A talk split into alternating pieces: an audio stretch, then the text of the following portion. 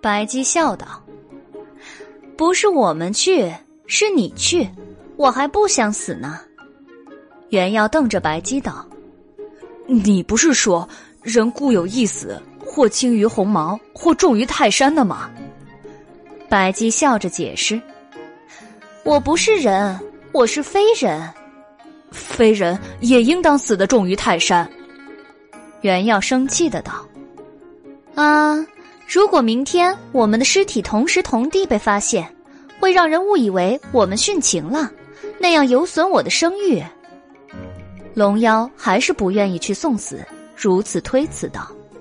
小书生嘴角抽搐，心中咆哮：“没有人会认为我们会殉情啊！”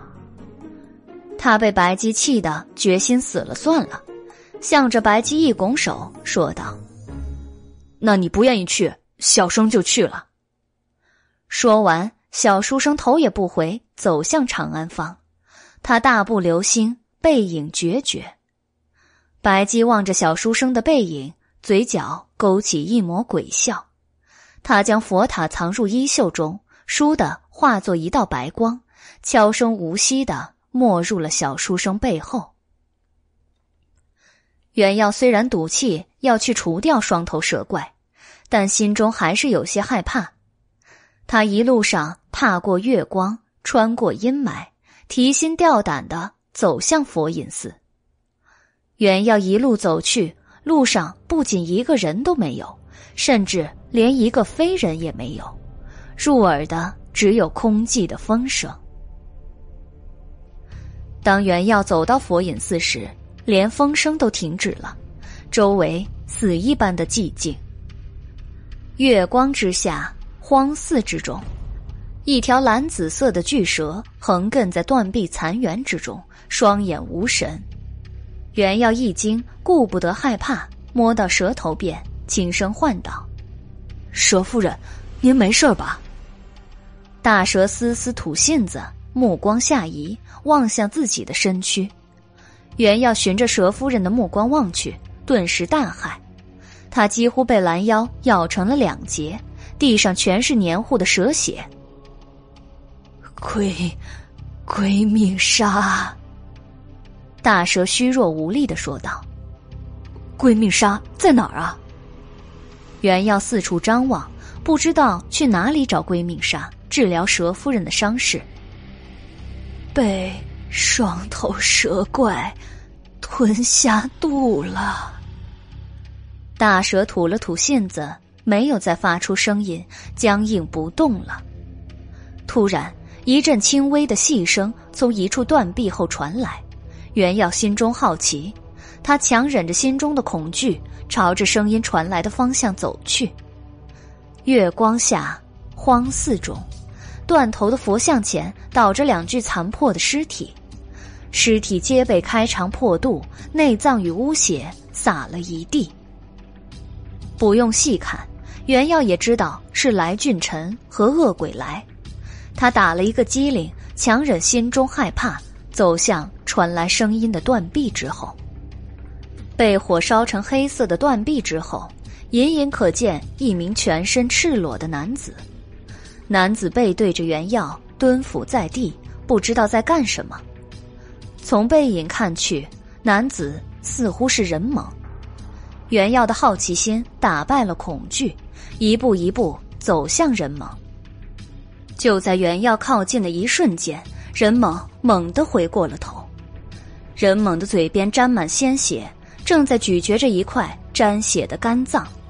他眼神迷茫，口中喃喃的念着：“不忠不义者杀，不仁不孝者杀。”一条黑色的双头蛇纹身在他身上窜动游走，从他手臂窜上脖颈，又从脖颈窜上他的脸，最后停在了他的左眼之中。袁耀猛盯着任猛眼中的双头蛇，只觉得头皮发麻。他想转身逃跑，但双脚仿佛被钉子钉住一般，完全迈不开步。任猛看见小书生，停止了咀嚼。起身朝他走来，任猛神色狂乱，赤须颤抖，双头蛇在他的眼珠之中乱窜。不忠不原耀无法动弹，眼看着任猛走了过来，贴近他，在他身边转环，吸动鼻翼，轻嗅着他，喃喃狂语：“杀，杀，杀！”原耀吓得瑟瑟发抖，生怕任猛突然杀了自己。可是任猛却只是围着小书生转圈，没有伤害他。小书生惊呆了。不知道该怎么办，突然他耳边响起了白姬飘渺的声音：“宣之，你还好吧？”听见白姬的声音，原耀的孤单和恐惧一瞬间消失了，他心中莫名的涌起一股温暖的感觉。太好了，白姬没有丢下他一个人送死，他一直陪在他身边。但是原耀嘴里却道。你不是不来的吗？又躲在哪儿看小生的笑话呢？白姬没有回答原耀的问题，只是笑着说：“宣之，和你商量一件事儿。什么事儿啊？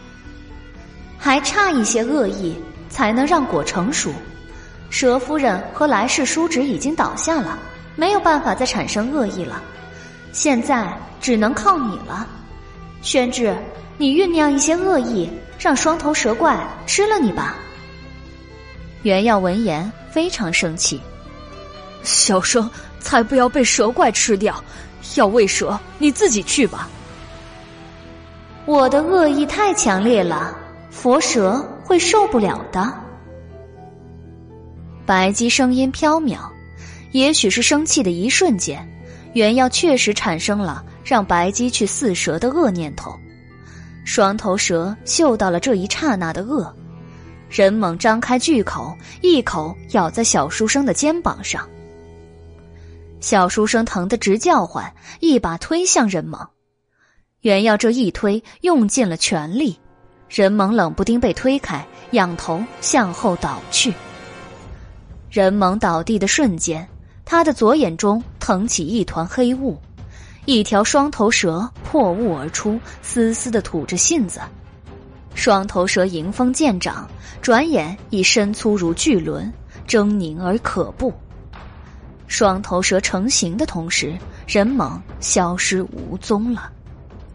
原耀望着月光下弓背直立的双头巨蛇，吓得忘了肩膀上的疼痛，失声惊呼道：“白姬，救命啊！”白姬的声音消失了，仿佛他从来没有出现过。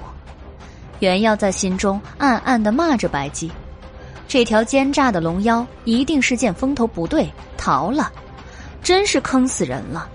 今晚他莫不真的要以身饲蛇了？也许是因为怀疑和责怪也是一种恶念。双头蛇嗅到恶，躬身扑向袁耀。小书生抬腿就跑。双头巨蛇追着他跑，原要飞快的跑，双头蛇在后面追赶。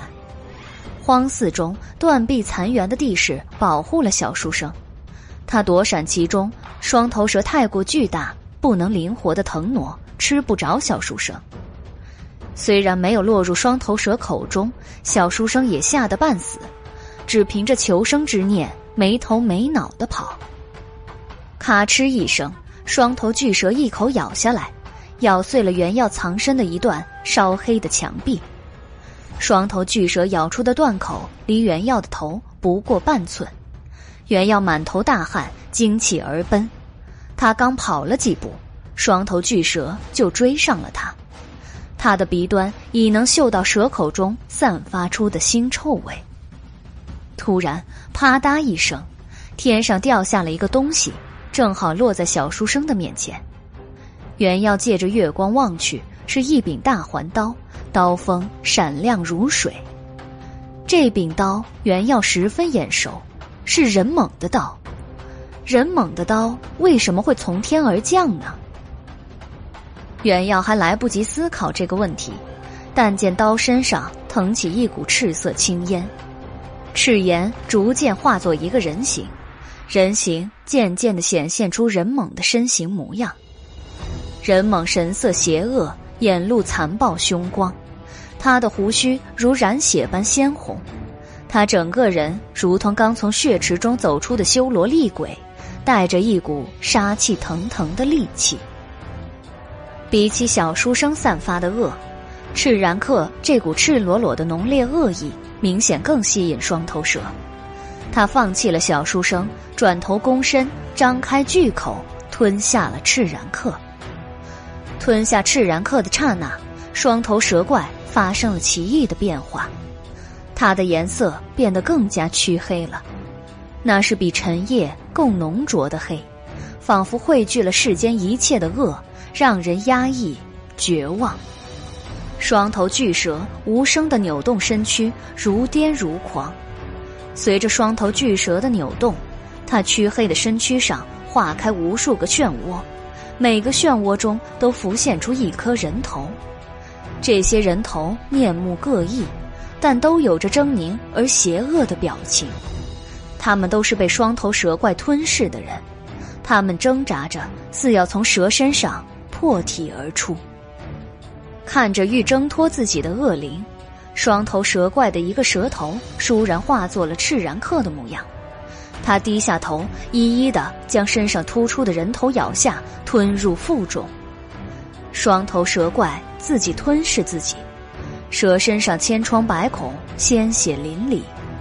随着双头蛇不断的反复吞噬恶意，它变得越来越巨大，颜色越来越黢黑。元耀吃惊的望着眼前的一切。不知道该怎么办。白姬的声音又出现了：“宣之，果快成熟了，现在我们必须马上从蛇腹中取出归命砂，否则来世叔侄会命归黄泉的。”元妖问道：“白姬，怎么取归命砂呀？”宣之看见大环刀了吗？拿起它斩蛇。原来。这从天而降的大环刀是白姬丢下的，不过问题也来了，小书生连杀鸡都不敢，哪里敢拿刀斩蛇怪呢？小书生推诿道：“啊，圣人有云，读书人不能妄自杀生。白姬，你既然有在那说话的闲工夫，还不如你自己动手呢。”白姬也推诿道：“我拿着佛塔，腾不出手啊。”宣之，别磨蹭了，时间不等人呢。袁耀没有办法，只好弯腰拾起大环刀。大环刀十分沉重，袁耀很吃力才能举起来。袁耀举起大环刀的一瞬间，那双头蛇怪仿佛感应到了什么，他停止了吞噬自己，转身向袁耀扑来。袁耀心惊胆战，几乎要松开大环刀。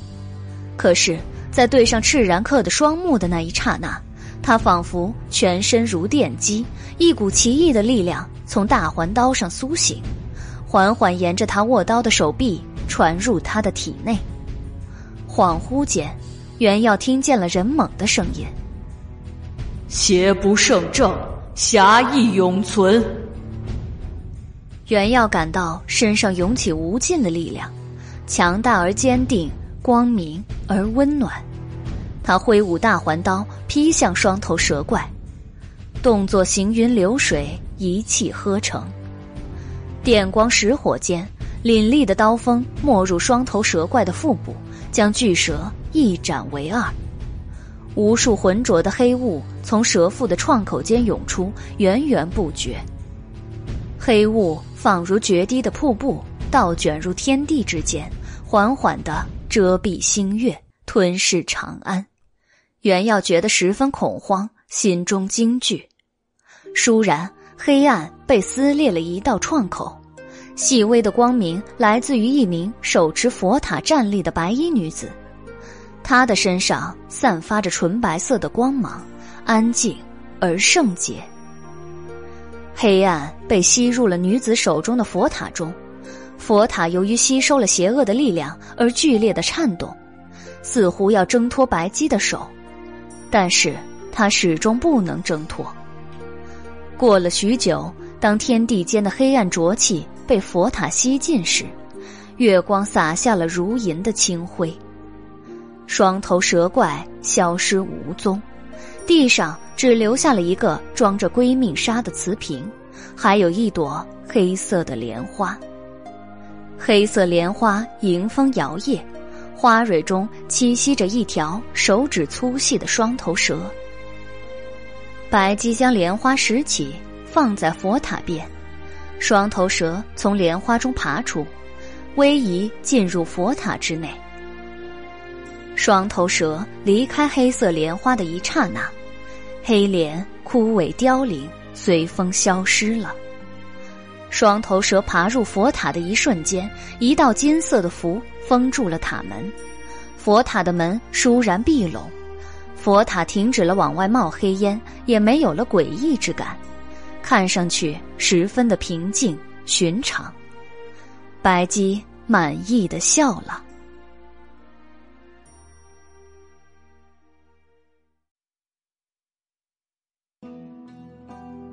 袁耀则从又累又怕之中解脱，一屁股坐在地上。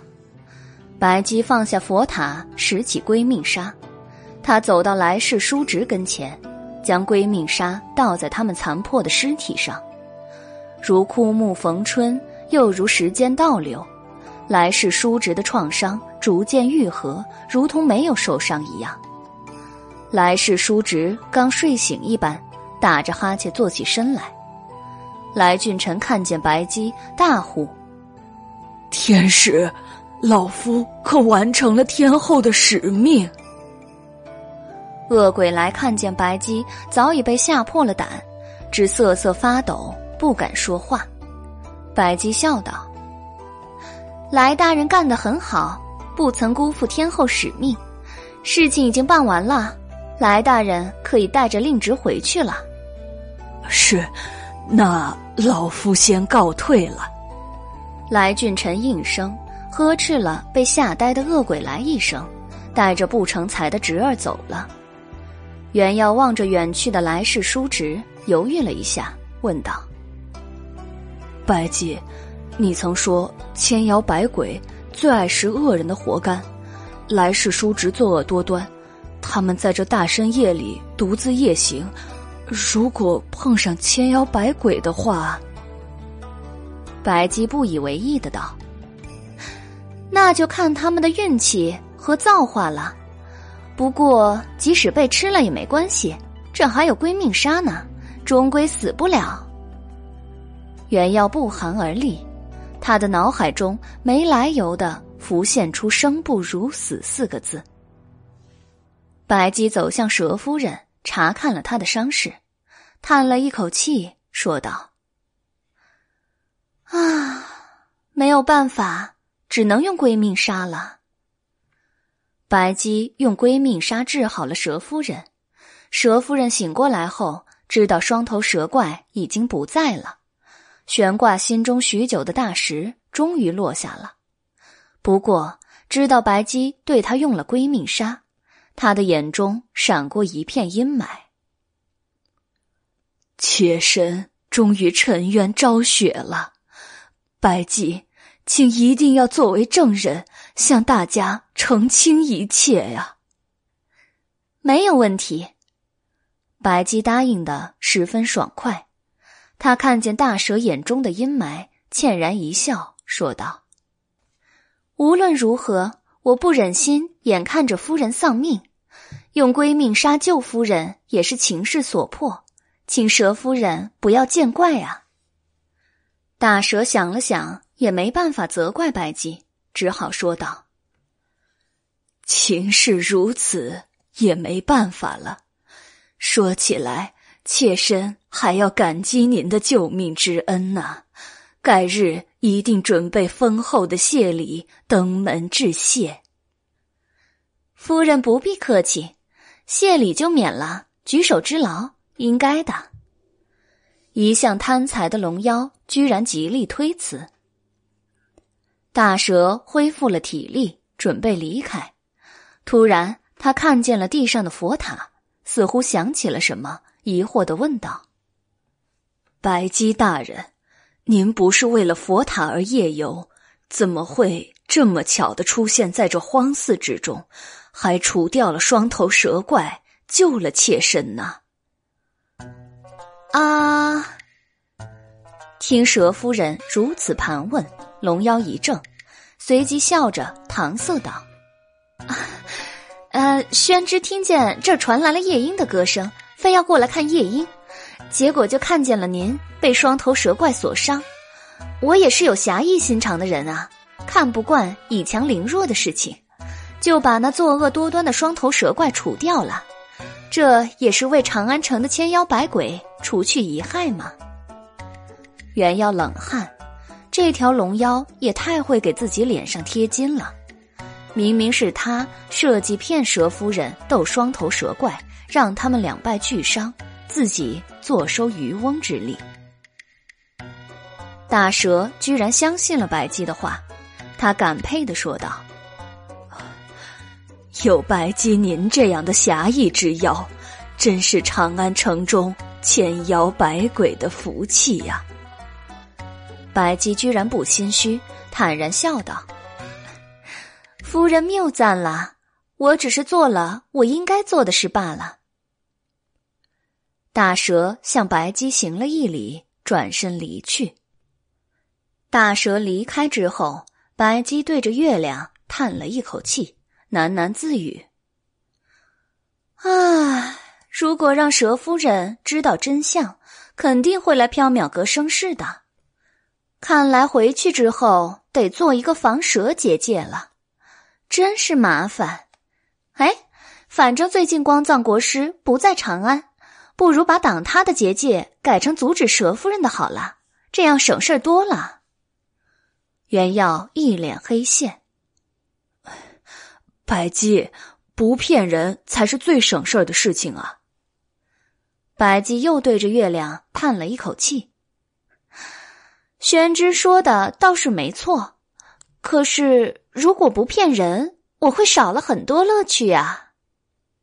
袁耀嘴角抽搐，见天色不早了，白姬让袁耀拿上佛塔、大环刀，一起回缥缈阁了。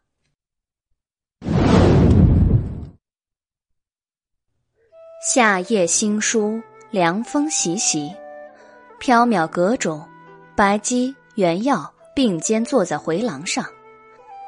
他们一边吃着用井水浸过的荔枝，一边闲聊赏月。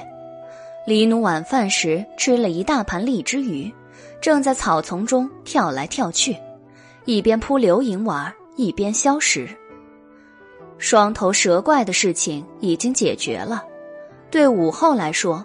对他称帝不利的谣言终止了，他可以继续做迁都称帝的准备。对长安城的百姓来说，没有了夜袭行人的强盗，大家都放下了一颗心；对于千妖百鬼来说，没有了乱吃非人的蛇怪，大家又可以放心大胆的夜行了。袁耀一边吃着荔枝，一边对白姬说：“白姬。”天后拿走佛塔，丹阳诚心向你道歉了。他送了这么多次荔枝来，你也该原谅他了。更何况天后已经把佛塔还给你了，双头蛇怪的事件也已经解决了呀。白姬吃下一颗晶莹剔透的荔枝，笑道：“等荔枝过季之后再原谅他吧。”原耀冷汗，宣之。在千妖百鬼的眼中，你成了大英雄了。大家都说是你为民除害，斩杀了双头蛇怪呢。哦，那是，哎，小生也不知道是怎么回事，总觉得当时挥舞大环刀斩蛇的人不是小生，而是任大哥呀。原要回想当时的情形，不由得感叹。那一刹那，人猛似乎与他近在咫尺，天人合一。他感受到了他身上的力量，那是侠义的光明，温暖而坚定。也许那是人猛借他的手斩断赤然客的恶，或许他迷失了二十年，回来长安的目的就是为了亲手终结自己的恶，用人猛的侠。终结赤然客的恶。白姬笑眯眯地说：“无论怎样，宣之很勇敢。宣之的心中有侠义存在。”白姬的称赞让袁耀脸红了，不过他的心中如蜜一般甜。袁耀笑道：“呃，真正的侠士是任大哥呀。”除掉双头蛇怪的第二天，袁耀向白姬讨要了任猛的大环刀。白姬一开始不肯给，打算拿去货卖，不过看小书生真心想要，还是给他了。当然，他没忘记扣他三个月的工钱。袁耀把大环刀埋在佛隐寺中，立了一个墓碑，写上“侠士任猛之墓”。他回想起和任猛交往的点点滴滴，袁耀十分伤心，在墓前大哭了一场。哭完之后，袁耀准备离去，说道：“陈大哥，小生改日再来看你。”袁耀转身的刹那。似乎听见任猛在身后说道：“袁老弟，下次记得带上好酒来。”哎，任大哥！小书生猛地回头，却只见一座孤零零的空冢。当小书生再次转头离去时，人猛的幻影浮现在坟冢上，对着小书生笑，笑容爽朗。白姬。这个世界上还是邪不胜正、侠义永存的。也许吧，白姬笑道。呃，对了，白姬，小生有一个疑问。宣之问吧。用了归命杀，究竟会怎么样啊？小书生记得，白姬用归命杀救了佘夫人的命。可佘夫人似乎并不高兴。白姬反问袁耀：“宣之，黎奴这几天挠你了吗？”“嗯，没有。”这几天黑猫再怎么生气也没有挠袁耀，只和他强词夺理的吵架。黑猫在一边插嘴道：“主人，黎奴也是书香之猫，要以德服书呆子。”那宣之这几天有受伤吗？嗯，昨天小生出门买菜，在路上被石头绊倒，跌了一跤。小书生撸起衣袖，他的手臂上有些轻微的擦伤，并不严重。以前跌倒倒也不怎么疼，不知道为什么这次格外的疼，仿佛剜肉一般剧痛，一直疼了一整天呢。哎。明明是小伤，却疼成这个样子，小生都怀疑是不是妖怪作祟呢。白姬笑道：“不是妖怪作祟，而是宣之之前用过少量的归命砂，这就是归命砂的果了。归命砂是逆天之物，它能让人的伤口迅速愈合，也能起死回生，但是作为代价。”使用它的人再次受伤的时候，会将痛楚放大。宣之用的少，这是轻的；来世叔侄和佘夫人用的多。将来不慎再受伤，哪怕只是微不足道的轻伤，也会感到蚀骨裂肉的痛楚。他们要一生如此，直到死亡。袁耀设身处地的想了一下，不寒而栗。啊！白姬，那小生以后受伤会一直这么疼吗？不会的，宣之用的太少了，过段时间就恢复如常了。过段时间是多久啊？三年五载吧。白姬眨了眨眼，一想到三年五载之内，黎奴轻轻挠他一下，他就会疼得满地打滚儿。袁耀不由得愁眉苦脸。开玩笑而已啦，宣之不要当真。宣之用的很少，最多半个月，你就会恢复正常了。小书生认为白姬在安慰他，还是愁眉苦脸。为了分散袁耀的注意力，白姬提议道：“如此良夜，正好酿诗啊！宣之写一首诗吧。”袁耀一听写诗，顿时抛开愁绪，思索起来。他想起人猛，想起赤然客，想起双头蛇怪，心中有感，不由吟道：“人生天地间，忽如浮游记。”灵犀通玄音，佛舌绕禅意。披发催为歌，拔刀正刚气。一襟豪侠志，天地化传奇。一阵风吹来，碧草低伏，佛如谁人的叹息呢？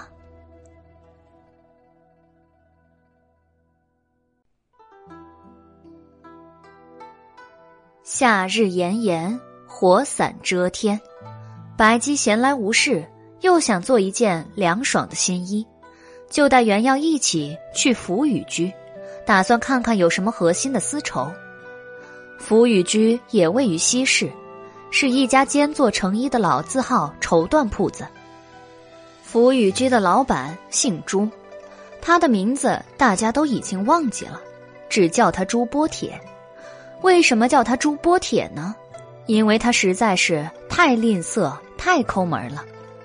大雁飞过眼前，他要拔根毛；一根缝衣针上，他也能剥出铁来。更不要说杀一只鸡，他也要从鸡嗉子里抠出来未消化的五谷杂粮了。因为朱波铁太吝啬，留不住伙计，府宇居里经常流水般的换人。大部分时候，只有朱波铁和他妻子朱陈氏打理着店铺。朱陈氏也看不惯朱波铁的抠门，时常劝他，但劝了几十年也没什么用。朱波铁虽然为人吝啬，但夫妻二人做衣服的手艺精湛，店里的绫罗绸缎也齐全，所以生意还不错。白姬常来光顾，是福宇居的熟客。白姬、袁耀走进福宇居的时候，朱波铁正在唾沫横飞的训斥一个面黄肌瘦的小伙计。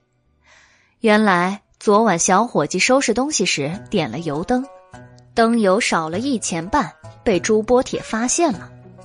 朱波铁十分心疼灯油，嚎道：“你这不是要我的老命吗？”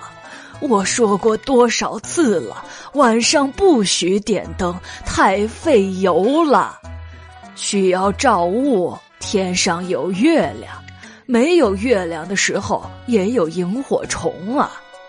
我冒着寒露去郊外捉了一笼萤火虫，就是拿来当灯火用的。有萤火虫，还需要什么灯？我花钱雇你是来干活的，不是来败家的。小伙计王元宝垂头耷耳的站着，不敢作声。朱陈氏隔着帘子在里间道：“别提你捉的那笼萤火虫了，你抠的连萤火虫也舍不得喂水时，早就死了一大半儿。用它照物。”伸出手，连有几根手指都看不清楚啊！朱波铁道：“萤火虫还要吃水食，这不是要我的老命吗？我捉他们是来当灯火用的，不是来败家的。”朱陈氏愁道：“这几天新月没有月光啊，有几件客人的衣服必须连夜赶制。”你又不让点灯，这怎么干活啊？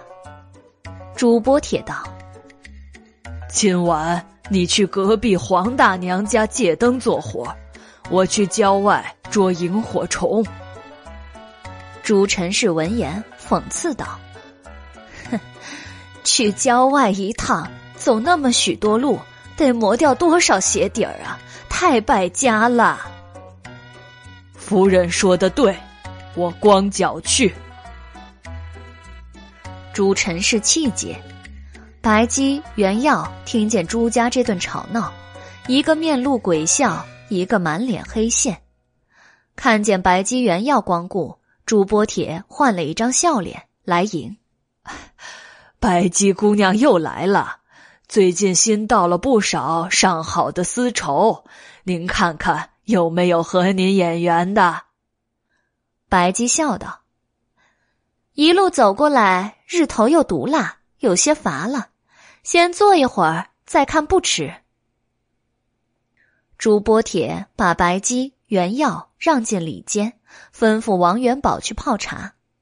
王元宝领命要去，朱波铁拉住他，压低了声音，密音不传六耳：“放一片茶叶，别放多了。”王元宝嘴角抽搐一下，低下头下去了。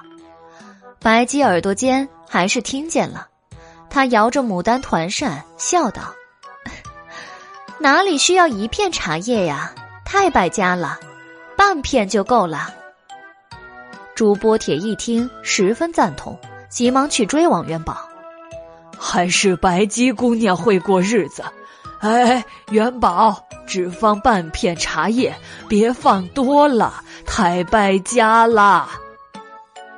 白姬好整以暇的坐着，嘴边浮出一抹鬼笑。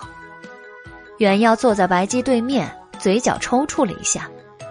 不一会儿，朱波铁亲自端着两杯茶上来了。他将两个素瓷杯子分别放在白姬、原耀面前。来，两位请用茶。原药逆目一看，杯子里果然只浮着半片茶叶。白姬伸手拿起茶杯，仿佛被烫了一下似的，倏地松开手。瓷杯掉在地上，啪嗒一声摔碎了。朱波铁见状，大惊失色，嚎道：“哎呦，我的杯子呀！”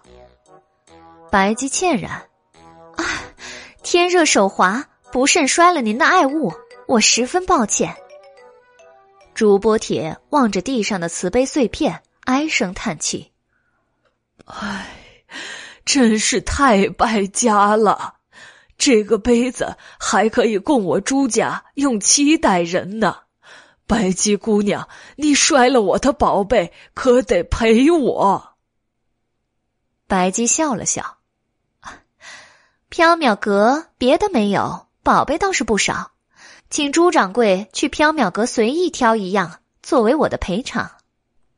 朱波铁知道缥缈阁值钱的宝贝多，一听白姬说让他随意挑选。认为占便宜的时机到了，他怕夜长梦多，白姬反悔，立刻就要去缥缈阁。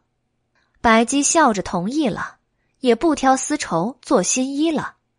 他带着朱波铁、原药回到缥缈阁。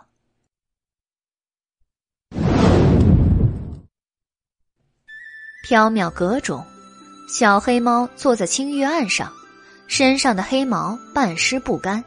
他气鼓鼓的望着一只月窑蜜色瓷荷花盏，蜜色荷花盏静静的放在青玉案上，里面的茶水都泼到了外面。天气炎热，李奴打算给白姬晾一杯凉茶消暑。白姬最近从仓库里翻出了这只蜜色荷花盏，因为夏天与荷花应景，打算用一整个夏天。可是。这只蜜色荷花盏性格倨傲，脾气不好。白姬在的时候，它不敢发作；白姬不在时，它不是嫌水太烫，就是嫌水太冷，或者嫌茶叶不是上品，总是不肯好好的被装茶。黎奴气的几次要砸掉它，都被原药给劝住了。哼，你还想怎么样？也已经换了上好的紫笋茶了。黑猫气鼓鼓的对蜜色荷花盏道：“蜜色荷花盏晃动了一下，嫌弃似的把盏中剩余的茶汤全部泼出去，说道：‘吾乃月窑蜜色瓷中的珍品，区区紫笋茶也配得上吾。只有天下第一的蒙顶茶才配得上吾的尊贵。’”黑猫生气的说。蒙顶茶都喝完了，没有了。那你去买。蜜色荷花盏颐指气使的道。黑猫气得抓起茶盏就要砸，茶盏吓得惊呼：“来人啊！救命啊！黑猫杀茶盏了！黑猫杀茶盏了！”黑猫和蜜色荷花盏正在闹腾，外边传来脚步声。白鸡、原药、朱波铁来了。黑猫愣了一下，竖耳倾听。蜜色荷花盏趁机逃脱。撒腿朝外面跑去，黑猫吓了一跳，急忙追出去。哎，你别乱跑啊！好像有客人。朱波铁走进缥缈阁，屈眼望去，大厅的货架上摆满了各种奇珍异宝，耀花了他的眼目。金银玉器之类的东西，朱波铁好歹还认得；更多的东西，他从来没见过，也没听说过，完全不认得。朱波铁看得眼花缭乱，想趁机挑一件最值钱的宝贝，可是却又不知道哪一件宝贝最值钱。他抬头四望，心念电转，十分苦恼，只恨不得把所有的宝贝都带走。白姬望向目光滴溜溜乱转的朱波铁，红唇勾起一抹鬼笑。就在这时，蜜色荷花盏撒腿从里间跑了出来。白姬眼尖，看见蜜色荷花盏没头没脑的跑出来，一个转身，用娇绡披帛罩住了他。黎奴跑出来，见蜜色荷花盏已经被披帛罩住，喵喵叫了两声。朱波铁只顾看着四周琳琅满目的珍宝，丝毫没有察觉异状。白姬弯腰拾起蜜色荷花盏，笑道。茶盏怎么掉在地上了？幸好没有破损。宣之，这只荷花盏太淘气了，我不用了，把它放进仓库里去吧。是。原耀从白姬手上接过蜜色荷花盏，应道：“蜜色荷花盏很不高兴，却又不敢出声反对。他在原耀手中挣扎，似乎不想回仓库。”原耀拼命的捏住蜜色荷花盏，不让它挣脱，向二楼仓库走去。原耀走到仓库前，打开仓库门，抓紧蜜色荷花盏走了进去。仓库里幽森而静谧，有微尘在阳光中沉浮，凝固了岁月，静止了流年。一排排木架上沉睡着各种古老的器物，有些暴露在尘埃里。有些被贴着护符的匣子封印着。袁瑶一路走过去，走到放置杯碗盘盏之类器具的地方，把蜜色荷花盏放在阁架上。蜜色荷花盏十分不高兴，对袁耀道：“吾又没做错什么，白姬为什么又要把吾关在这个死气沉沉的地方？”袁耀道：“呃。”你今天差点吓到客人，白姬肯定生气啊！不如你先休息几天，等白姬气消了，说不定又会拿你出去用了。蜜色荷花盏闷闷不乐，也只能这样子了，都是那只讨厌的黑猫害的。远耀又劝了蜜色荷花盏几句，才告辞离开了。安静而昏暗的仓库里。蜜色荷花盏闷头坐在木架子上，心情十分不好。突然，一只拳头出现在他眼前。蜜色荷花盏循着拳头向上望去，看见一个衣着破烂的少年。少年十分秀气，有一双明亮的眼睛。少年对蜜色荷花盏眨了眨眼，笑道：“ 不要不开心了，送你一件好玩的东西。”少年摊开拳头，手中出现了一粒黄金弹丸。昏暗的仓库里，黄金弹丸的颜色格外灿艳。蜜色荷花盏把黄金弹丸丢进自己的盏里，摇晃了几下，还是不开心。少年眼珠一转，又把握成拳头的手伸到蜜色荷花盏跟前，再次摊开，变戏法似的，他的掌心又多了一粒大珍珠。少年把大珍珠丢进蜜色荷花盏里，蜜色荷花盏晃了晃身子，黄金弹丸和大珍珠碰撞，发出悦耳的声音。蜜色荷花盏心情好了一些，对少年道：“小通，你在仓库里待了这么多年，不觉得闷吗？”少年在地上坐下，托着腮道：“哎，是挺闷的，可是我不像你。”每隔三五年还能出去替白鸡盛个茶，我一点用都没有，只能待在仓库，自己给自己变戏法解闷儿了。蜜色荷花展闻言嚎啕大哭。这次惹白姬生气，估计他不会再让吾出去了。吾也没有别的奢望，只希望。能在外面玩一个夏天，小童，看在做了这么多年邻居的份上，你去替吾向百姬求求情吧。小通看着伤心的蜜色荷花盏，觉得他有点可怜，说道：“好吧，我去试试。”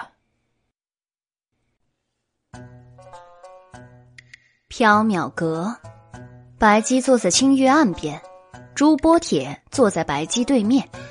袁耀按照白姬的吩咐，端了两杯清水上来，一杯放在白姬面前，一杯放在朱波铁面前。朱波铁望了一眼清水，觉得白姬有些无礼。白姬笑道：“ 我春天的时候往井里投了一片茶叶。”现在这水里还有一些茶香呢，过日子就得俭省，不能败家呀。朱波铁听了颇为受教，原来还可以这样，受教了。唉，我实在是太败家了。白姬红唇挑起一抹鬼笑，朱掌柜，请随意挑选宝物。朱波铁一口气喝光了茶杯中的水，也不客气。他站起身来，在里间四处寻找。货架上摆满了奇珍异宝。朱波铁一会儿看看鱼纹铜镜，一会儿看看八宝彩瓶，一会儿摸摸镶嵌着宝石的博山香炉，一会儿又嗅嗅名贵的西域香料。朱波铁十分为难，他什么都想要。恨不得把整个缥缈阁的宝物都搬空了，可是却只能挑选一样。看见朱波铁为难的样子，白姬笑了。如果里间的宝贝不合朱掌柜的心意，您可以去外面看看，好东西都在外面呢。朱波铁闻言，真的跑去外面挑选了。白姬坐在清月岸边，不知道在想什么。袁耀有些担心的说：“朱掌柜估计挑花眼了。”白姬笑道：“没有关系，总有适合他的。”就在这时，有人出现在里间。袁耀侧头一看，是一个衣衫褴褛的少年。袁耀有些奇怪，不知道这少年是干什么的。如果是客人，怎么会不在大厅停留呢？而是直接出现在里间，而且他小小年纪穿的那么破旧，总觉得有些可怜呢。白姬抬头望了一眼少年，笑了：“小通，你怎么来了？”小通十分有礼貌的向白姬作了一揖，正要开口说话，朱波铁突然进来了。袁耀眼看着，在朱波铁踏进里间的一瞬间，小通从一个瘦弱少年，倏地变成了一个瓦盆儿。瓦盆平凡无奇，看上去甚至有些粗糙。原来又是一个器物妖啊！袁耀在心中暗道。朱波铁走进里间，满头大汗，一脸着急。白姬姑娘。您这宝物太多，我实在不知道该选什么，愁死我了。白姬笑道：“不知道朱掌柜喜欢什么类型的宝贝啊？”当然是值钱的呀。要值多少钱的？当然是越值钱越好啊。白姬伸手指向地上的瓦盆，那就是它了。虽然瓦盆一直在地上，但是从朱波铁进来到现在，他根本就没有看见。他的眼里充满了贪欲，只注意金银珠宝。哪里看得见一个破瓦盆啊？朱波铁望着瓦盆，脸上露出不屑的表情。白姬姑娘，您在跟我开玩笑呢？这个破瓦盆能值多少钱呢？白姬红唇微挑。这是无价之宝，人世间没有比聚宝盆更值钱的东西了。朱波铁不相信。您别愚弄我了，我虽然挑花了眼，但还没糊涂。白姬没有说话，他走到聚宝盆边，从衣袖里摸出一文钱，当啷一声丢进了瓦盆里。这个时候，奇怪的事情发生了，哗啦啦一阵响，一文钱丢进瓦盆之后，瓦盆里迅速变出了一盆的铜钱。朱波铁望着聚宝盆，张大了嘴巴；袁耀也望着聚宝盆，张大了嘴巴。白姬笑道：“朱掌柜，不要小瞧了他，他可是聚宝盆，可聚集天下的财宝呢。”朱波铁一个箭步冲向聚宝盆，把它拾了起来，抱入怀里。他伸手去捞聚宝盆里的铜钱。想确定铜钱是不是真实的，然而那只是幻影，他根本就捞不出来。朱波铁很生气，他把聚宝盆摔在地上，恼怒的道：“这取不出来的钱财有什么用啊？”白姬笑了：“朱掌柜真是急性之人呐！我话还没说完呢，这是一件仙家的宝贝，凡人之手。”当然取不出财宝了。那谁能取出来？朱波铁急切的问。小通，出来吧。随着白姬话音落下，刚才消失的秀气少年又出现了。他爹坐在聚宝盆旁边，揉着肩膀，似乎被刚才朱波铁的一摔弄疼了。朱波铁又张大了嘴巴。白姬笑道：“朱掌柜，这是小通，是负责从聚宝盆里取出宝物的仆人。小通，把铜钱取出来。”是白姬。小通很听话的，把手伸进聚宝盆，取了一把铜钱，放在了青玉案上。奇怪的是，聚宝盆里的铜钱并没有变少，还是之前那么多。朱波铁奔向青玉案，伸手拿了一枚铜钱，想确定是真实还是幻影。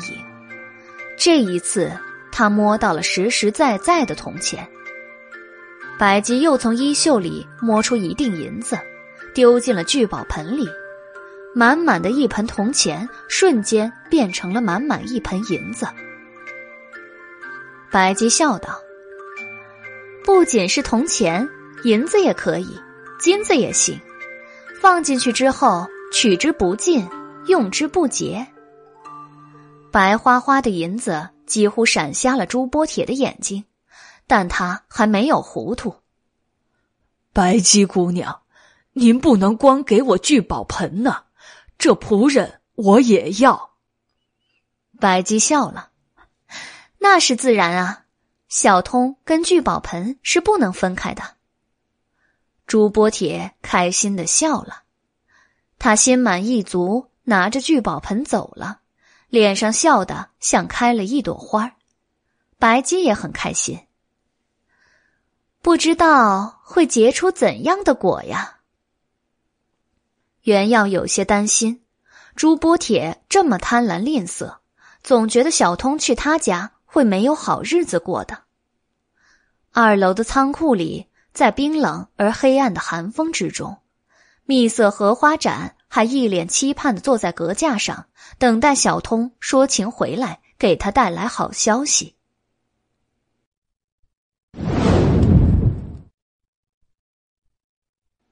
月朗星疏，院子里青草萋萋，鸣虫的叫声断断续续。白姬、原耀、黎奴坐在后院赏月，他们的面前放着一个大西瓜，大西瓜碧悠悠的，已经在井水中冰镇了一个下午，浸出丝丝凉意。对于酷暑的夏夜来说，只是想象一下西瓜的冰凉清甜。已是极大的诱惑了。白姬手拿胡刀切着西瓜，原耀、黎奴伸长了脖子围在旁边等着吃瓜。夏夜切西瓜一向是原耀或者黎奴的活儿，不知道为什么今天白姬抢着干。白姬把大西瓜一分为二，二分为四，四分为八，他拿出八分之一的西瓜切作大小不一的三块。白姬微笑着留下三块西瓜中最大的一块，把其余两块放在原药和黎奴面前。这是今天的份儿，宣之、黎奴，你们要好好品尝哦。原药懵了，呃，今天的份儿，黎奴也迷惑了。主人，其他的西瓜呢？留着以后吃啊。我思考了一下，以前缥缈阁的吃穿用度太败家了，我们得跟着朱掌柜学习俭省。一个西瓜分成八份四天吃一份就可以吃一个月了。夏天也就三个月，三个西瓜就够了。四天吃一次西瓜已经很败家了。原要冷汗，这。切开的西瓜放一个月早就馊了。再说，小生这一块西瓜也太小了吧，还没有巴掌大呢。黎奴也说：“黎奴这一块也很小啊，主人，您的那一块为什么那么大呀？”白鸡摸了摸黑猫的头，说道：“听说猫吃西瓜对肠胃不好，吃西瓜皮。”倒是有助于消化呢。黑猫吓了一跳，急忙咬了一口西瓜，说道：“黎奴讨厌吃西瓜皮，还是吃西瓜好。主人是长安城中法力最高深的黑人，吃大块的西瓜天经地义。”白姬满意的笑了。以后缥缈阁的饮食也要节省，这就交给黎奴你了。如果让我发现败家，你就天天吃瓜皮，是主人，黎奴一定不败家。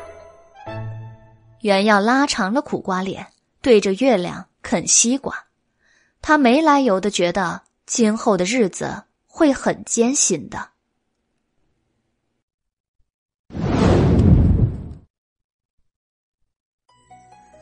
清风无力，苦夏难挨。这一天上午。袁耀感到酷热难当，他站在缥缈阁的大门口，希望有穿堂风为他带来一丝凉意。然而根本没有一丝的风。扇子已经被白姬收起来了，只有每天正午最热的时候才能拿出来扇一盏茶的时间。按照白姬的说法，扇子用久了会损毁，太败家了。离朱波铁拿走聚宝盆已经七天了，但他带来的噩梦才刚刚开始。白姬深受朱波铁的启发，决定过俭省的日子。黎奴上行下效，挖空心思裁减吃穿用度，原要苦不堪言。首先，缥缈阁从一日三顿饭变成了两顿，午饭变成了喝清水。因为黎奴觉得夏天苦热，本来就没有胃口，不如少做一顿饭。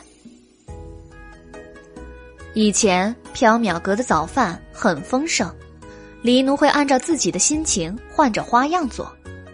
现在一律是喝面糊糊或者熟米粥，配菜是咸菜，而且一个人只能喝一碗粥，吃两块咸菜。晚饭稍微好一些，虽然不再有荤腥，大部分时候也是咸菜，但至少糊饼可以随意吃到饱。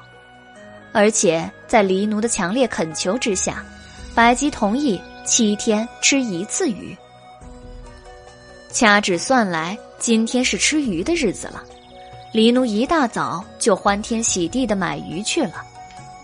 原耀感到十分炎热，肚子也饿得咕咕直叫。白姬从里间走出来，见小书生拉长了苦瓜脸站在大门口，笑道：“宣之怎么站在大门口啊？莫非在等着什么？”小生正在等正午呢，好用扇子。心静自然凉，宣之不能总是依赖外物啊。小生的肚子饿得咕咕叫，根本就静不下来啊。多喝水就好了，既能饱腹又能降暑。原要气节。正在这时，黎奴买鱼回来了。黎奴拎着一条瘦小的鲈鱼，不太开心，向白姬诉苦。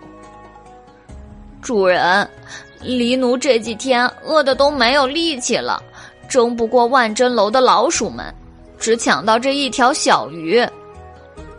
白姬笑道：“小鱼也是鱼，而且更便宜，不败家。”主人，李奴已经七天没有吃香鱼干了，总觉得不吃鱼干没有力气，能不能？白姬笑眯眯的打断李奴。多喝水就好啦。黑猫一溜烟儿跑去后院，真的去古井边汲水喝了。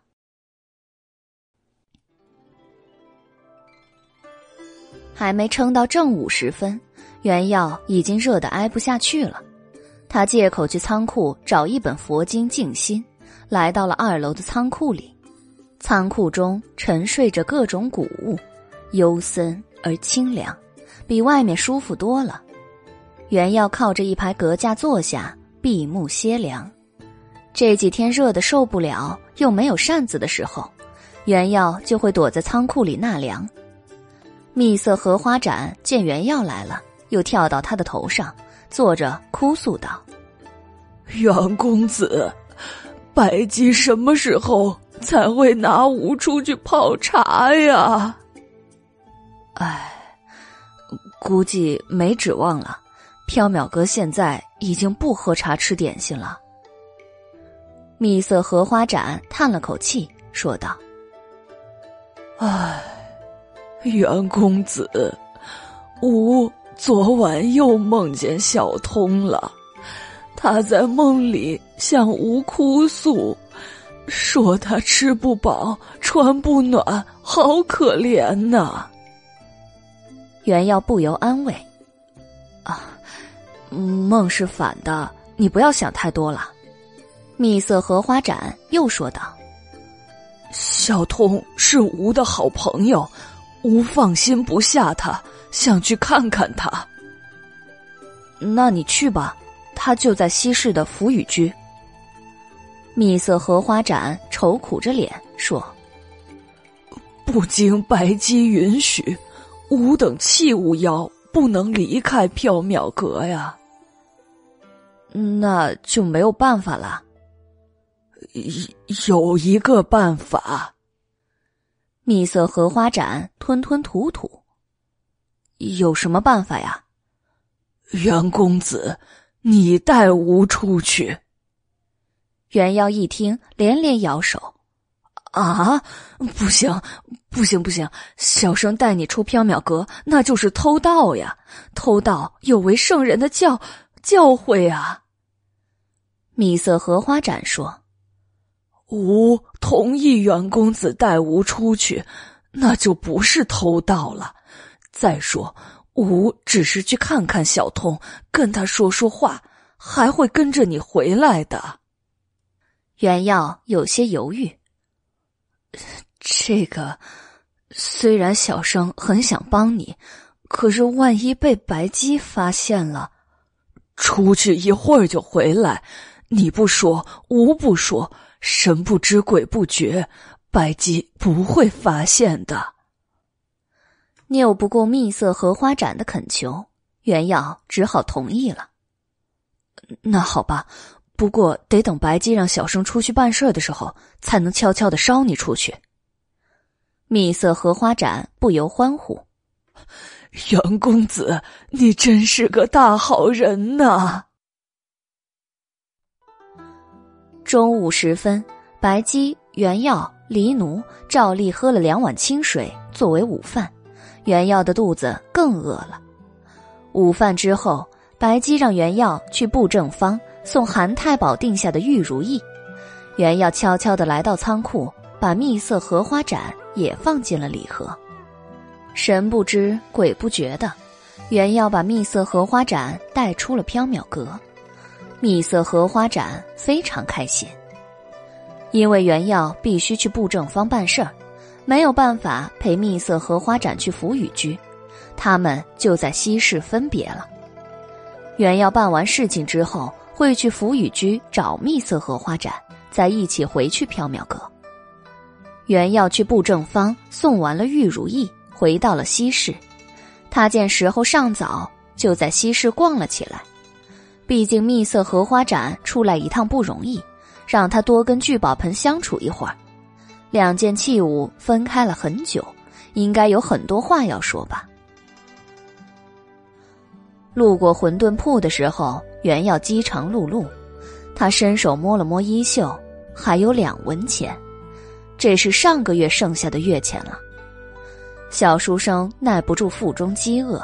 旋风般的卷进馄饨铺子，点了一碗虾肉馄饨。原要吃饱喝足之后，走出了馄饨铺。他见天色不早了，举步走向福雨居。福雨居没有做生意，大门紧闭，店门口挂了盘点的牌子。原要在福雨居门口大声喊道：“蜜色荷花盏，蜜色荷花盏。”不一会儿，一只茶盏妖从福雨居左边绕了出来。蜜色荷花盏一副心事重重的样子，双眼还有些红肿。袁耀忍不住问道：“茶盏老弟，你没事吧？”米色荷花盏哭道：“我没事儿，但是小通有事儿啊，袁公子。”你救救小通吧，他快累死了！啊，怎么回事啊？袁耀吃了一惊。蜜色荷花盏指着福雨居，哭丧着脸说：“小童被关在这里面的地窖里，没日没夜的捡铜钱、银锭和金条，这儿的主人太可恶了。”他不让小童休息，也不给他吃东西。如果捡慢了，还用皮鞭打他。哎呀，可怜的小偷啊！袁耀愤怒的说道：“朱掌柜，这也做的太过火了。”袁耀走到福雨居前，一边拍打福雨居的大门，一边喊道：“朱掌柜，朱掌柜！”袁耀想跟朱波铁理论，可是门里面半天都没有动静。袁耀没有放弃，仍然继续敲门。过了好一会儿，才有人出来开门了。来人的是伙计王元宝。王元宝怯生生的说：“是缥缈阁的袁公子，掌柜的说他不在。不不不，掌柜的不在。”袁耀一听，心知朱波铁肯定在家，叫得更大声了：“朱掌柜，小生知道你在里面，烦请出来听小生一言。”朱波铁心知躲不过，又忌惮袁耀在西市张扬聚宝盆的事情，只好出来相见了。朱波铁走到大门边，瞪了王元宝一眼，骂道：“没用的东西！”什么事儿都干不好，养着你简直败家，还不快滚进去！王元宝唯唯诺诺，急忙退了进去。朱波铁也不请袁耀进去，他站在门口，居高临下的说道：“不知道袁公子有什么指教啊？”袁耀说道：“朱掌柜，白姬虽然把聚宝盆给了你，你成了聚宝盆的主人，可是也请你善待小通啊！器物有灵，也会劳累，也会伤心呐。”哼，我怎么对待我的东西是我的事情。不劳袁公子费心了。朱波铁不耐烦的说完，袁耀还想继续劝说，朱波铁懒得再听，他砰的一声关上了大门。袁耀虽然生气，但也没有办法。他见天色已晚，怕错过下接鼓的时间，只好带着蜜色荷花盏回去了。袁耀回到了缥缈阁。悄悄地把蜜色荷花盏放回仓库里。他刚走下楼，黎奴已经做好了晚饭，叫他去吃。白姬、原耀、黎奴围坐在石案边，石案上放着一条清蒸鲈鱼、一盘梨菜、一盘货叶。梨货又叫贫贱之菜，都是生长在荒地里的野菜，味道也并不可口。即使是贫穷人家，也只在饥荒时节才会吃梨货填肚子。黎奴为了不败家，每天都去金光门外的驿路边拔梨货作为菜肴，反正梨货不要钱呢。白姬望着雪白的鲈鱼，眼睛都直了；黎奴望着雪白的鲈鱼，口水都要流出来了。原耀望着雪白的鲈鱼，并没有什么感觉，他已经吃了一大碗的虾肉馄饨。并不饥饿，而且他心里想着聚宝盆的事情，没有胃口。白姬离奴风卷云残的吃鱼，原要不为所动，小口小口的啃着胡饼。白姬笑道：“宣之今天怎么没有胃口啊？”小生有心事。宣之有什么心事呢？小生听说。小通被朱掌柜苛待，为他感到伤心。白姬的红唇挑起一抹危险的弧度。哦，宣之是怎么听说的呢？小书生不会撒谎，就把跟蜜色荷花盏的勾当一五一十的招了。白姬倒也没有生气，只是笑道：“宣之不用担心。”晚上我跟你去福雨居走一趟，正好我也该看看果怎么样了。听见白姬这么说，袁耀的心情才好了一些。他胡乱的吃了些晚饭。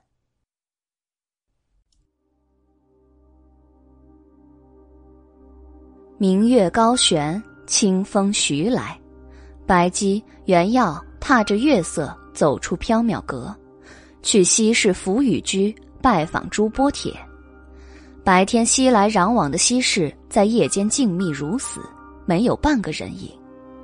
街道边林立的各种店铺虽然已经歇业，但是居户倒还亮着灯火。白姬、原耀来到福雨居外，只见福雨居大门紧闭，但隐约可见店铺后面的院落里亮着灯火。原耀抬手要敲门。白姬阻止了他。宣之，大半夜的，这样突然造访会吓到朱掌柜。都是街坊邻居，不能让人坐实了。缥缈阁里有妖怪呀！原耀冷汗。嗯，那该怎么办？白姬从衣袖里掏出一张纸符，蘸了一些唾沫，贴在原耀的额头上，笑说：“因为福雨居很近。”今夜宣之不是生魂，而是真人，所以贴个隐身符，生人就看不见你了。袁耀明白了，白姬打算偷偷进去福雨居。想起以往夜行的经历，袁耀指着福雨居后院围墙的方向，苦着脸说：“又要小声翻墙进去啊，然后给你开门，对不对？”白姬笑道。绕道去后院翻墙多麻烦呀，还是直接从店门进去快一些。这一次嘛，我给宣之开门。”说完，白姬化为一道光，闪进了福雨居。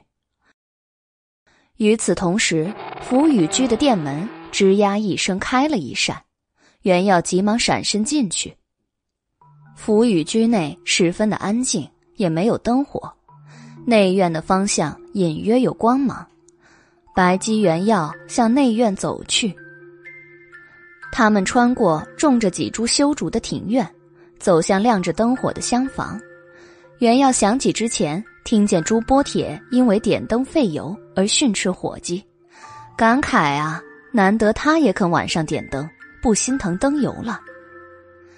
厢房的门紧紧闭着，但是因为天气闷热，窗户开着。原耀、白姬透过窗户向厢房里面望去。厢房挺大，南墙边有一张罗汉床，西北角有一面落地铜镜，四周悬挂着一些剪裁到半成衣模样的绫罗绸缎，看样子应该是朱波铁和朱陈氏的卧房了。此时此刻，卧房里只有三个人：朱波铁、王元宝还有小通，并没有看见朱陈氏。朱波铁坐在罗汉床上，一边喝水一边擦汗。他穿着一身半新不旧的短打，为了方便干活，衣袖和裤脚都高高的挽起。可能是得到聚宝盆太兴奋，连夜睡眠不足的缘故。朱波铁清瘦了不少，而且脸色很差。小童跪坐在地上，闷闷不乐的从聚宝盆里面取铜钱。自从来到了福雨居，在朱波铁的要求之下，小童就没有停止过从聚宝盆中取东西。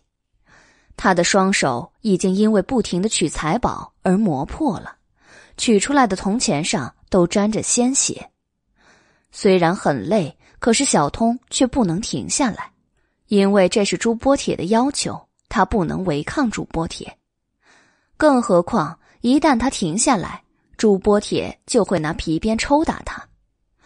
不过不知道为什么，小通的嘴角竟然挂着笑意，明亮的眼睛里也闪烁着愉悦的光芒。小童把取出来的铜钱放在地上。地上的铜钱已经堆得跟小山一样高了。王元宝负责用笸箩将地上的铜钱装起来，走到罗汉床边的地窖边，把笸箩里的铜钱丢进地窖里。丢完之后，他再拿空笸箩回来装铜钱，然后再走到地窖边往地窖里丢铜钱。王元宝已经很累了，他的小腿都已经肿了。可是却不敢偷懒，因为一旦偷懒，朱波铁就会拿皮鞭抽他。朱波铁一边喝水一边自言自语：“地窖中已经差不多装满了，看来要在院子里重新挖一个地窖了。死老婆子居然害怕的躲回娘家去了，我一个人可没办法挖地窖。”雇人来挖又得费钱，而且人多口杂，恐怕走漏了聚宝盆的风声。唉，该怎么办呢？小通和王元宝都不敢答话，一个皱着眉继续从聚宝盆里取出铜钱，一个苦着脸继续搬运铜钱。呼啦一声，突然油灯灭了。厢房里陷入一片黑暗，朱波铁生气的道：“油灯怎么灭了？”王元宝小声的说：“没有灯油了。”朱波铁大声的道：“那就去厨房里拿呀。”厨房里也没有了。朱波铁没好气的道：“哼，什么呀？”我三天前才打的二两灯油，这么快就用完了。掌柜的，您每天整晚整晚的点着灯折腾，半斤灯油也不够用啊！太败家了，太败家了！唉，以后不点灯了，我明天去捉萤火虫，不能因为手头宽裕一些就败家。王元宝小心翼翼的问：“掌柜的，现在没有灯，又没有萤火虫，我们能不能去休息了？”给我摸黑干活，少打懒主意！朱波铁吼道。同时，黑暗中响起了皮鞭声和惊叫声。小通、王元宝同时哀嚎起来。朱波铁三人继续摸黑干活，吵吵闹闹。白姬叹道：“唉，小通的日子过得还真是糟糕啊。”袁耀十分担心。那你还不赶紧劝一劝朱掌柜啊！小生都看不下去了。听见里面的皮鞭声，白姬笑着推辞：“我一个女子，怎好在深更半夜抛头露面呢？会被人说闲话的。不如宣之你去吧。”袁耀看着乌漆抹黑的厢房，也不敢进去。这皮鞭无眼，小生也不敢进去啊。白姬红唇微挑，对着黑暗的厢房说道：“果也快熟了，再忍耐一阵子吧，你很快就自由了。”袁耀不解：“谁要自由了？” 秘密。袁耀知道追问了白姬也不会说清楚的，他干脆不问了。白姬、袁耀踏着月色。又静静的回去了缥缈阁。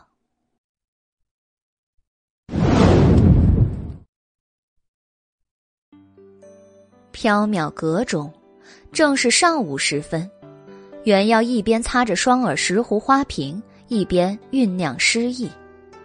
最近，他打算写一套四时歌，记录一年四季待在缥缈阁的时光。然而，因为肚子很饿。小书生根本提不起诗兴，小书生苦着脸对正举着一面海兽葡萄镜簪花的白姬说道：“白姬，小生好饿呀。”白姬笑眯眯的道：“宣之忍耐一下，还不到吃午饭的时辰呢。”小书生苦着脸：“到了吃午饭的时辰也没有用啊，反正又是喝水。”白姬，就不能吃点什么可以填饱肚子的东西吗？白姬想了想，笑眯眯的道：“可以吃土啊，土可以填饱肚子。饥荒的年月，人类都是这么撑过来的呢。”袁耀十分生气，不想再理会这条被朱波铁荼毒而减省成疯魔的龙妖了。他甩袖走向后院。白姬不由问道：“哎，宣之要去哪儿啊？”小生吃土去。袁耀没好气的道：“外面土多，宣之要吃土，去外面吃啊！吃自家的土实在是太败家了。”龙妖如此道，袁耀只好出去找土吃。袁耀来到西市，他摸了摸衣袖。这个月的月钱只剩下一文钱了。虽然说缥缈阁管吃住，可是按照白姬最近减省成疯魔的吃穿用度，一个正常人早就饿死了。袁耀这个月和上个月的月钱都已经拿来补贴他的吃喝了。如果这种日子再继续下去，他觉得自己肯定是活不下去了。一文钱吃不了虾肉馄饨，袁耀只好跑去碧螺的铺子买了两个芝麻碧螺。他拿起一个，大口大口的啃了起来。袁耀一边吃芝麻碧螺，一边在西市闲逛。在路过一家鱼干铺的时候，他不经意的一瞥，看见一只黑猫蹲在店铺不远处的青石台上。狼吞虎咽的吃一大包香鱼干黑猫看起来很眼熟，不是黎奴又是谁呀？黎奴老弟，袁耀远远的喊了一声，黑猫正在陶醉的吃香鱼干，没有听见。袁耀只好走过去，干咳了一声。黎奴老弟，黑猫冷不丁的听见有人喊他，吓了一大跳，鱼竿差点卡在喉咙。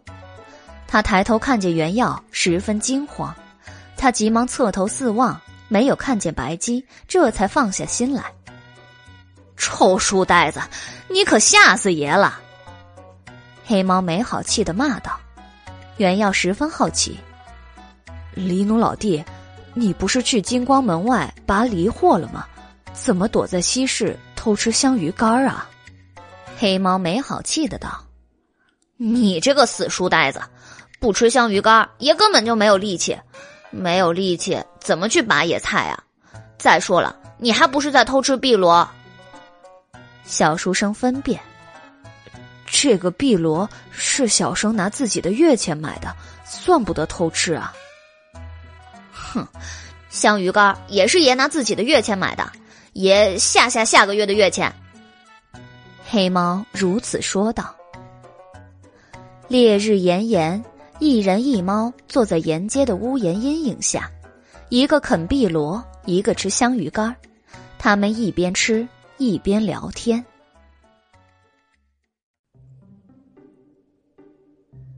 烈日炎炎，一人一猫坐在沿街的屋檐阴影下，一个啃碧螺，一个吃香鱼干他们一边吃一边聊天李奴老弟，这日子没法过了，你能不能劝一劝白姬，不要再这样下去了呀？哎，书呆子，爷爷想回到随意吃鱼的日子呀，可是能听得进劝告？那就不是主人了，得等他自己想通，不想再过这种日子，我们才能回到随意吃喝的生活呀。那白姬什么时候才会想通啊？小生真的快撑不下去了。唉，谁知道呢？爷爷撑不下去了。黎奴也熬不住了，不像以前从来不管。白姬最近对菜钱查问的颇为仔细，他不敢天天偷拿菜钱买香鱼干吃，否则会对不上账的。这么多年来，黎奴的月钱基本月月花光，都拿来买香鱼干吃了，没有攒下可以应急的积蓄。再这样下去，黎奴也担心自己会被饿死呀。突然，黎奴眼珠一转，想到了什么，哎，有了！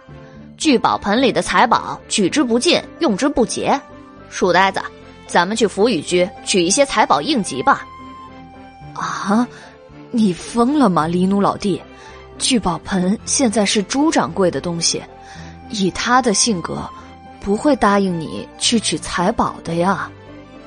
嘿，聚宝盆确实是朱掌柜的，但是有小通在啊，爷跟小通的关系不错。让他悄悄的借爷一点钱财应急嘛。袁耀不同意黎奴的提议，觉得不妥当。黎奴打算自己去，袁耀又担心黎奴一个人去会挨朱波铁的皮鞭，只好同意一起去了。出了事儿好照应他呀。于是吃饱了之后，一人一猫顶着烈日炎炎，走向了福雨居。西市福雨居，福雨居的大门紧闭着，大门口依旧挂着盘点的字样，里面隐约传来妇人的啼哭声。袁耀心中有些疑惑：福雨居里怎么会有妇人的哭泣声呢？这妇人是谁？难道是朱陈氏？她为什么要哭泣呢？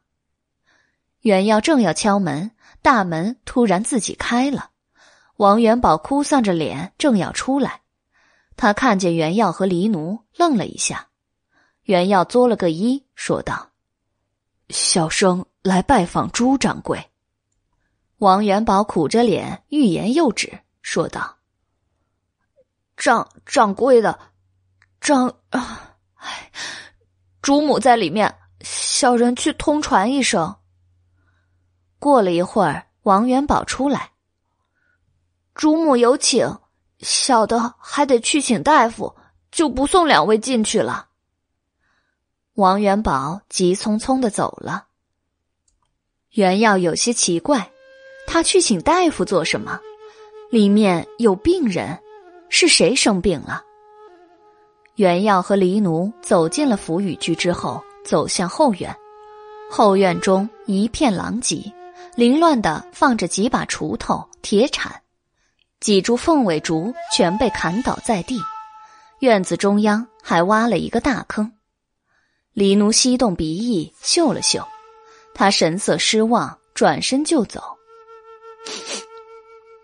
唉，小童已经不在了，新的气灵还没有断气，拿不到财宝了。啊！袁耀大惑不解，李奴也不解释，转身走了。唉，书呆子，爷还得去城外拔野菜，就先走了。你待会儿自己回缥缈阁吧。黎奴走后，袁耀站在庭院之中，不知道是该回缥缈阁去，还是该去厢房见见朱陈氏。他有些好奇发生了什么事儿，想了想，还是举步走向厢房。厢房中光线昏暗。几件半成衣在空中飘荡，地上洒落了不少金银铜钱。朱陈氏坐在罗汉床边哭泣，朱波铁直挺挺的躺在罗汉床上。袁耀四处张望，看见聚宝盆放在一张木案上，聚宝盆里空荡荡的，居然没有钱财，也不见小通的踪迹。袁耀望向躺在罗汉床上的朱波铁，不由得吓了一跳。如果不是穿着朱波铁的衣服，袁耀简直认不出来那就是朱波铁了。只见他面色灰白，双目凹陷，整个人仿佛被什么吸干了似的，只剩下一张人皮裹着一副骨架。朱波铁静静躺在床上，生不如死。朱陈氏看见袁耀，停止了抽泣，起身道：“袁公子，你来的正好，我正好想问公子一些事情。”“呃，朱朱夫人，请问。”不知道为什么，袁耀有些心虚。朱陈氏哭道：“自从这死老头子……”从缥缈阁拿回什么聚宝盆，他就仿佛入了魔一般，无法厌足的去拿金银珠宝。我虽然是妇道人家，也知道聚宝盆是邪魅之物，世间哪有取之不尽、用之不竭的财宝呢？即使是有，毫无节制的索取。也会让人堕入魔途啊！我劝这死老头子好多次了，可是他总是不听。现在好了，落得这个下场啊！朱波铁得到聚宝盆之后，疯魔似的获取钱财，毫无节制。朱陈氏劝他无用，一气之下。回去了娘家。前几天，朱波铁派王元宝去接朱陈氏，朱陈氏以为丈夫悔改了，也放心不下店铺，就回来了。谁知道朱波铁接朱陈氏回来，竟是因为在院子里挖地窖缺人手，不方便雇请外人，才让他回来帮忙的。看见丈夫不但没有节制，反而更加贪婪。朱晨是既生气又担心，他眼看着朱波铁越是获取聚宝盆里的财宝，人就越瘦，精气神也就越差，总是担心他会出事儿的。今日上午，朱波铁在挖地窖的时候，突然一头栽倒在院子里，无论朱陈氏、王元宝怎么叫，朱波铁都没有反应。眼看着丈夫一副病入膏肓的样子，朱晨是十分着急。让王元宝去请大夫，自己则伤心落泪。朱陈氏指着墓案上的聚宝盆，对袁耀说道：“袁公子，这到底是什么邪魅之物，害得我家老头子变成了这样啊？”袁耀也不知道，只好说：“朱夫人，这只是一个聚宝盆呢。”突然，朱波铁睁开了眼睛，他望着虚空，双手乱抓。聚宝盆，聚宝盆，我的聚宝盆呢！朱陈氏闻言，既生气又伤心。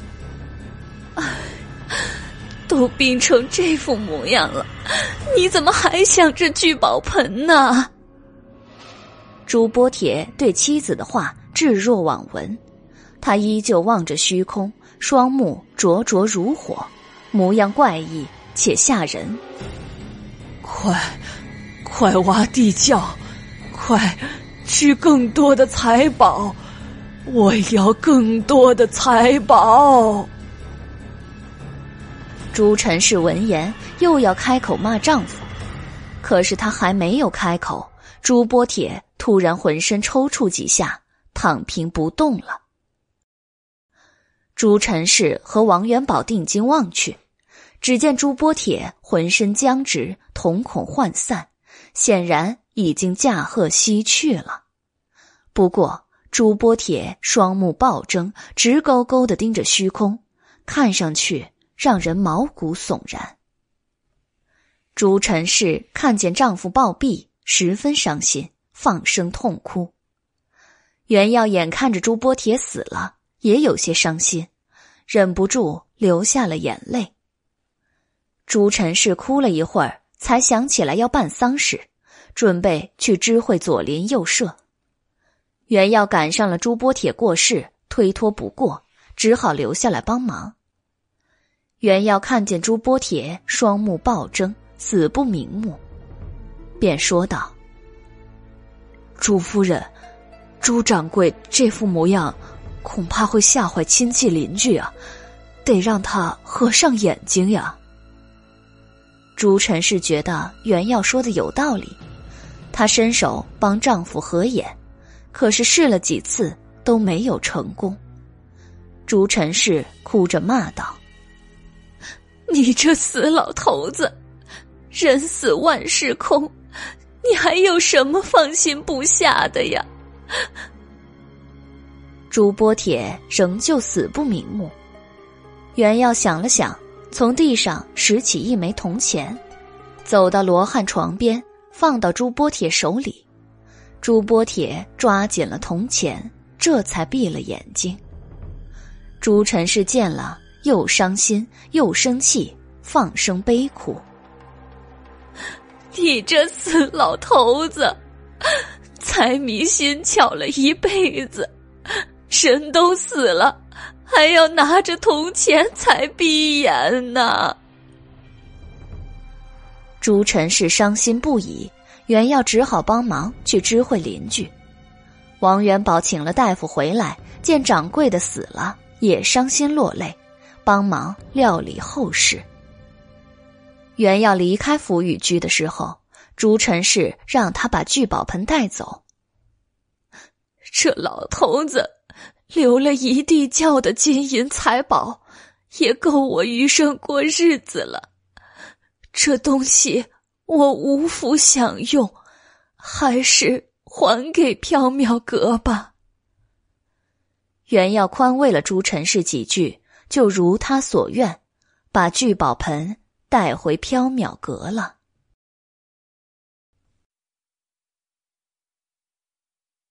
袁耀回到缥缈阁时，已经是下午光景了。白姬不在，不知道干什么去了。黎奴在厨房洗野菜，准备做晚饭。袁耀把聚宝盆放在青玉案上，心情复杂。突然，一只茶盏妖跳上了袁耀的肩膀。袁公子，你回来了。袁耀转头一看，是蜜色荷花盏。袁耀奇道：“哎，茶盏老弟，你怎么从仓库跑出来了？”蜜色荷花盏说道：“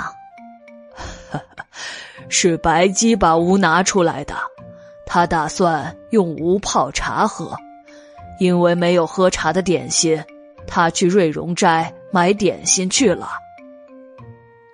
袁耀更奇怪了，白姬最近很节俭。已经不喝茶吃点心了呀。蜜色荷花展笑道：“ 袁公子有所不知啊，中午小通回来了，他来向白姬辞行，也来向吾告别，因为他自由了。小通走了之后，白姬看见吴，突然就想喝茶了，一想到喝茶。”他就想吃芙蓉糕了，因为袁公子不在，他就自己买点心去了。袁耀感到十分奇怪，小通自由了，这又是怎么一回事儿啊？吾也不知道，反正就是小通可以离开聚宝盆了。哎呀，吾也好想离开这个破茶盏呐。带着这个茶盏走路都不方便，生怕摔碎了。蜜色荷花盏抱怨道：“白姬的声音突然响起，你可不能离开茶盏啊！你跟小通不同，你是器物妖。”袁耀回头一看，但见白姬一袭血色云纹长裙，披着半透明的娇绡披帛。袅袅挪挪走进里间，手里拎着一包点心。蜜色荷花盏看见白姬，十分高兴，他欢呼雀跃：“点心买来了，可以泡茶了！泡茶，泡茶，快泡茶呀！”白姬笑着坐下。快到吃晚饭的时辰了，现在喝茶吃点心。一会儿会吃不下晚饭的，还是等晚上赏月时再喝茶吃点心吧。蜜色荷花盏闷闷不乐的坐下。唉，还要等到晚上。袁耀十分好奇，问白姬：“白姬，小通难道不是聚宝盆的器物妖吗？”白姬笑道：“当然不是啦。”小通是被囚禁在聚宝盆里的亡魂，他生前也是人呢。啊！袁耀吃惊。说起来，小通生前还是一个挺出名的人呢。宣之听说过邓通吗？袁耀张大了嘴巴。你你说汉朝那位开铜铸钱、富甲天下的邓通，他就是小通？百姬笑眯眯的：“是的。”蜜色荷花盏忍不住插嘴：“小通去哪儿了？他还会回来吗？”小童不会回来了，被聚宝盆囚禁了那么多年，去地府轮回往生是他的心愿。蜜色荷花盏说：“吾也要去轮回往生。”你是器物妖，没办法轮回往生啊！一旦摔碎了，你就消失了。所以你要待在缥缈阁，不要到处乱跑啊！吾不要消失，以后吾一定乖乖待在缥缈阁，哪里也不去。蜜色荷花盏失声惊呼道：“白姬满意的笑了。”袁耀平复了一下震惊的心情，忍不住问道：“白姬，邓通怎么会被囚禁在聚宝盆里呢？”白姬想了想，说：“年深日久，我也忘了小通的因果了，只记得他拥有天下的财富，最后却饿死了。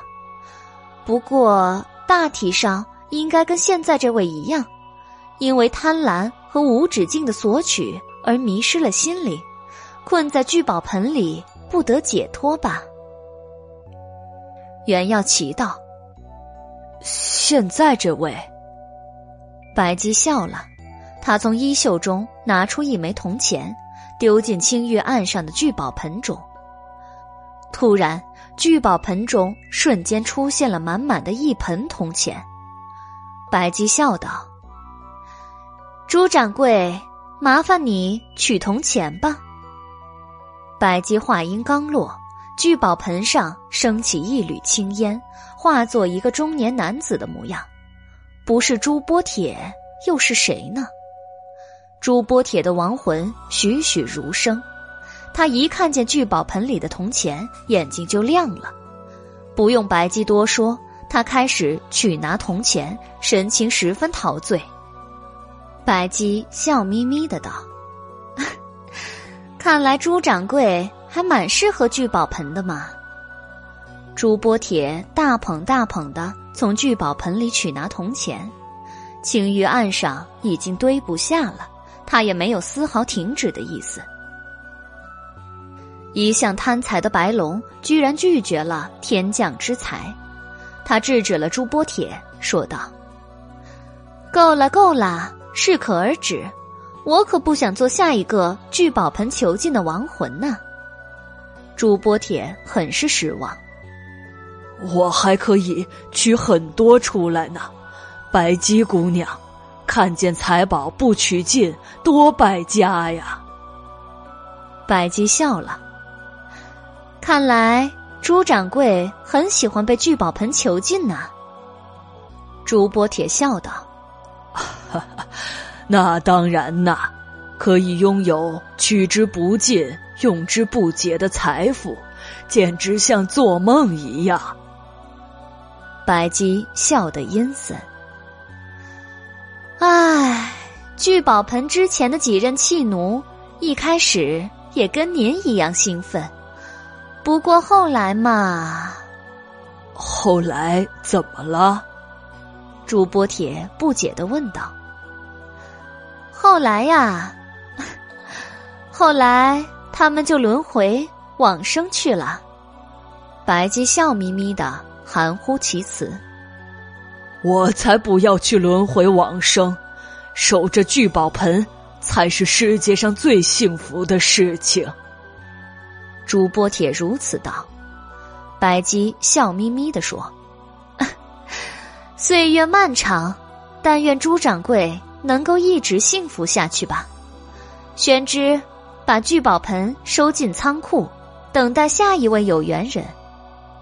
原耀正要拿聚宝盆，黎奴却跑进来说：“主人，书呆子，吃晚饭了。”袁耀的肚子已经饿得咕咕叫了。央求白姬：“白姬，小生能不能先去吃晚饭，等晚上再把聚宝盆拿进仓库啊？”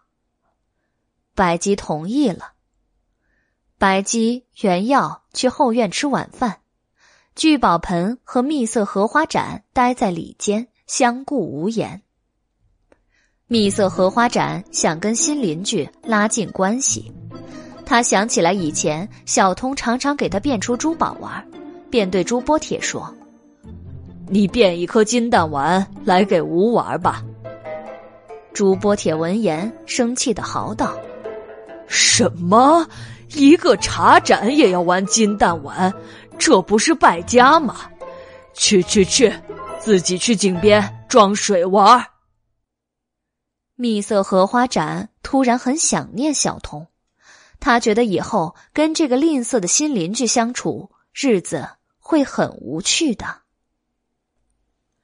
缥缈阁后院，白姬、原耀、黎奴正在吃晚饭。今天的晚饭是梨货杂汤配糊饼。白姬盯着桌案上的食物，不知道在想什么。原耀一下午都在福雨居帮朱陈氏料理朱波铁的丧事。他又累又饿，此时虽然粗茶淡饭，但也吃得香甜。黎奴白天在西市吃香鱼干，吃撑着了，现在没有什么胃口，但又怕被白姬发现，于是拿了一个胡饼，装模作样的啃着。袁耀感叹道：“唉，白姬，小生还是不敢相信，朱掌柜就这么过世了。”白姬回过神来说道：“宣之也可以当他没死啊，反正他一直会在二楼的仓库里，死了跟活着也没什么区别嘛。”白姬，你在想什么呀？你怎么一口胡饼都没吃啊？白姬轻咳一声：“ 宣之，你不觉得这离货杂汤连家畜都不会吃吗？缥缈阁为什么要吃这种东西啊？”袁耀还未回答，黎奴吓了一跳，插话道：“主人，离货不要钱啊！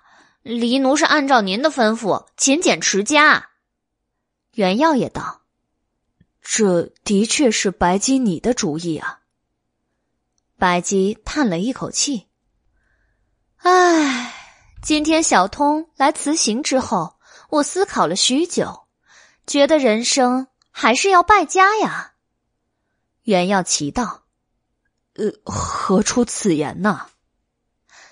朱掌柜一生俭省，积蓄财富，可是死了之后，福宇居的财富他却没法带走。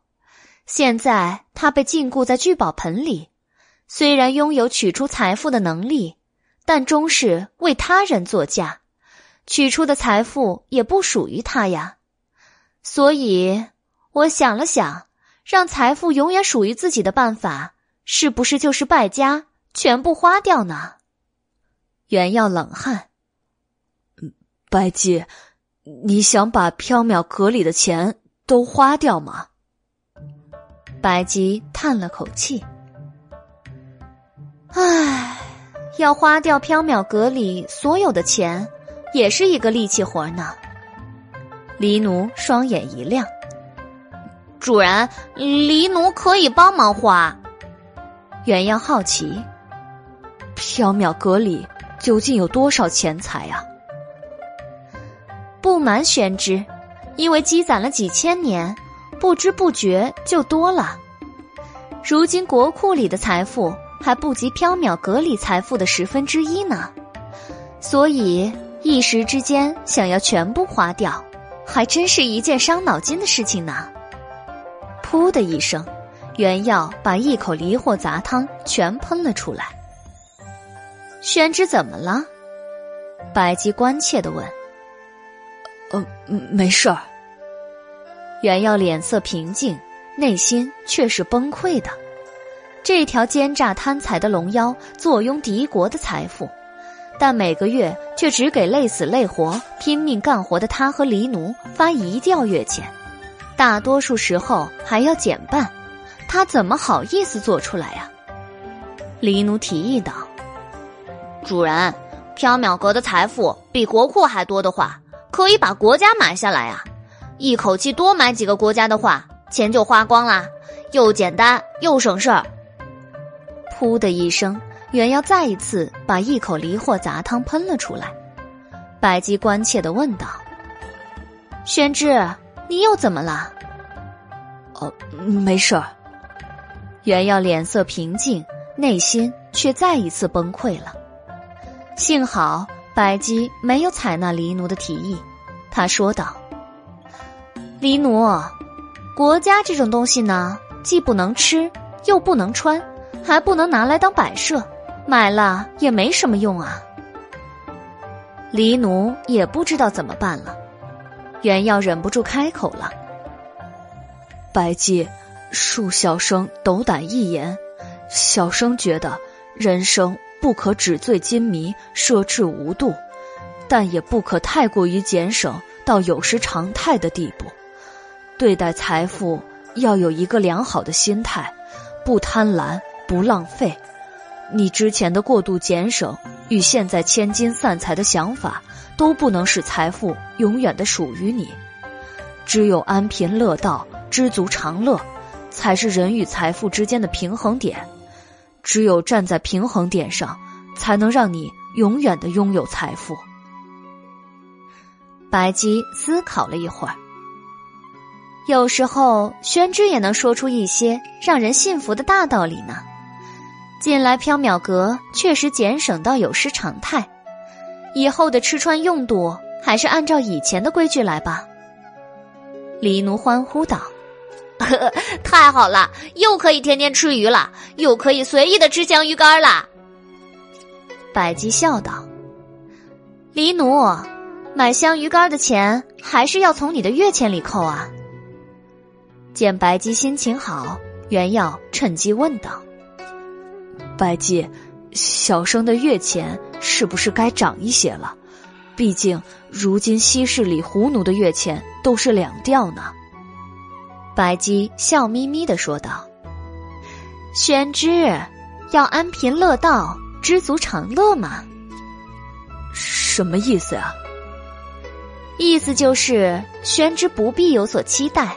我是不会给你涨工钱的，白姐，你太过分了！一阵风吹来，严铃叮叮当当，仿如铜钱在聚宝盆中碰撞的声响。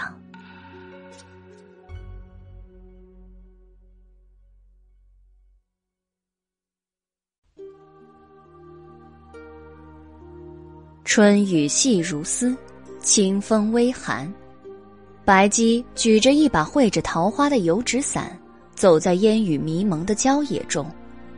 她一袭白衣，身姿绰约，美如画中仙人一般。袁耀烟头搭脑的跟在白姬后面，他右手举着油纸伞，左手提了大包小包的东西，因为拿不过来，脖子上也挂了不少小包袱。白姬回过头来。笑盈盈的问道：“哎呀，宣之，你怎么越走越慢了？”原耀拉长了苦瓜脸：“小生提了那么多东西，哪能走得快啊？”昨晚，白姬和原耀受邀而来到郊外参加绿桥翁，也就是长安城外年龄最大的一棵柳树的寿宴。赴宴的客人都是一些山精树怪。他们跟白姬叙旧言欢，十分融洽。今天早上临走时，山精树怪们送了许多东西给白姬，说是没有白姬就没有他们。这些山野特产虽然不值钱，但聊可尝鲜。白姬没有推辞，全都接受了。现在是春天，山野中万物蓬生，这些都是好东西呢。东西市上很难买到，回头让黎奴做了吃。宣之辛苦一些，走上官道，运气好的话就可以搭车啦。白姬笑着继续往前飘，原要嚎道：“ 白姬，你倒是帮小生拿一点儿啊！”哎呦，白姬笑道：“ 我一个柔弱女子。”肩不能扛，手不能提，哪里拿得动这些东西啊？袁耀嘴角抽搐。作为一条力拔山兮气盖世的天龙，你请不要如此谦虚啊！选之，我真的拿不动啦！狡猾的白龙打着哈哈糊弄。就在这时，草木分伏，三个大汉突然冲了出来。拦在白姬、原耀身前，他们一个胖，一个矮，一个瘦，都长得凶神恶煞，手中的剖刀森寒如水。为首的胖子瞪着铜铃眼，恶声恶气的说道：“哼，此山是我开，此树是我栽，若要从此过，留下买路财。”袁耀吓了一跳，心知。遇上了劫匪，白姬打量了三个劫匪一眼，笑道：“此言差矣呀！这山上有这些树木时，你们都还不知道在哪儿呢。而且这山中有不少老树，都是我当年栽的呢。”三个劫匪面面相觑，脸色迷茫。原耀苦着脸说：“白姬，他们要打劫。”你跟他们讨论栽树的问题有什么用啊？胖劫匪呵斥道：“少啰嗦，乖乖留下钱财。老子心情好的话，饶你们一命。白姬没有理会劫匪的话，反驳袁耀：“谁说没用的？按照他们的说法，谁栽树谁打劫，那打劫的人应该是我呀。”三个劫匪互相望了一眼，交换了一个狠毒的眼色，一起拿刀劈向白姬。袁耀不忍心看，闭上了眼睛。在心中替劫匪们念佛。细雨迷蒙，长安郊外的官道上，白姬、袁耀打着伞，轻快的走在前面。三个灰头土脸、因为恐惧而浑身战栗的强盗，拿着大包小包跟在后面。白姬、原耀在官道上拦了一辆贩卖货物去西市的马车，坐了上去。三个劫匪在越下越大的春雨中，拿着大包小包，一步一步艰难的跟在马车后面。袁耀担心的问白姬道：“白姬，你让他们搬东西，他们是劫匪，会不会半路带着东西溜走啊？”白姬笑道：“宣之放心，他们只看得见，也只能走。”在去缥缈阁的路上，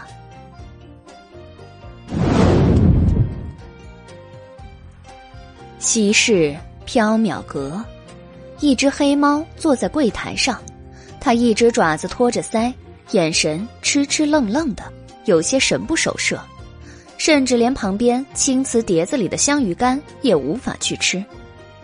白姬原要走进缥缈阁时，黑猫都没有察觉。还沉溺在自己的世界中。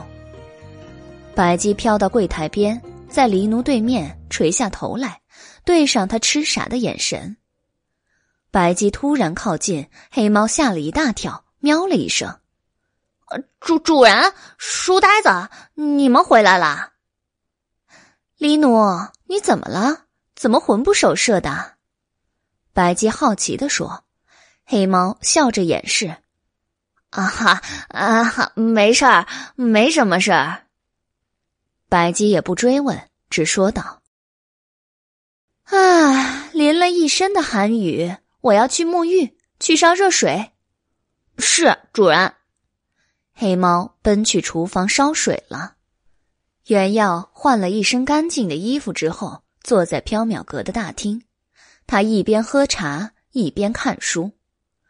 不一会儿。之前被马车扔下的三个强盗提着大包小包出现在缥缈阁门口，他们气喘吁吁，神情十分的惊恐。袁耀站起身来，礼貌的把三个强盗让进了缥缈阁。有劳三位壮士了，东西放在这儿就好。因为思量三个强盗赶路已经很劳累，不好意思再麻烦他们把东西放进厨房。原要让他们放在大厅里，三个强盗战战兢兢的把大包小包放在原要指定的位置，转身飞快的夺门而逃。原要追出去，大声喊道：“天气寒凉，又淋了冷雨，三位壮士喝一杯热茶再走啊！”然而，三个强盗早已一溜烟跑得没影了。袁耀只好又回去坐下，继续喝茶看书。突然，从缥缈阁外飞进来一只鸟，鸟儿不过巴掌大小，羽色艳丽，头顶翠绿，胸口有一点红，如同进出胸口的血。相思鸟飞进缥缈阁，兜兜转转的乱飞一通，有一个一人高的青瓷曲径瓶拦住了它的去路。他居然如幻影一般从花瓶中穿了过去。听见啾啾的鸟鸣，袁耀才抬起头来。他看了一眼正在转圈飞的相思鸟，站起身来笑道：“啊，客人是来买东西的吗？”缥缈阁有太多飞禽走兽之类的客人，袁耀已经习惯了。相思鸟啾啾晚鸣，循着袁耀的声音而飞。最后，它停在了货架上的翡翠如意上，他用婉转的女声口吐人语：“听说缥缈阁中能够实现任何愿望。”原来是来买欲望的客人呢。这种客人，原要做不了主。他不由说道：“哦，是的，不过请您稍等，小生去唤白鸡来。”相思鸟点点头，安静的停在翡翠如意上。他暗淡的眼睛中有化不开的忧伤。原耀在楼上没有找到白姬，在后院中也没有找到。他转目一望，见白姬静静的站在厨房门口。原耀走到白姬身边，见她还穿着打湿的衣服，望着厨房里，他不由得顺着她的目光望去。黎奴坐在厨房里，正在给白姬烧热水。他不断的往面前的柴堆里添加柴火，但是他只顾着添柴，却忘了点火。黎奴浑然不觉，仍旧不断的往没有火的柴堆里加柴。他的表情十分诡异，眼神迷茫，神思恍惚，不时的还咧嘴一笑。黎奴老弟。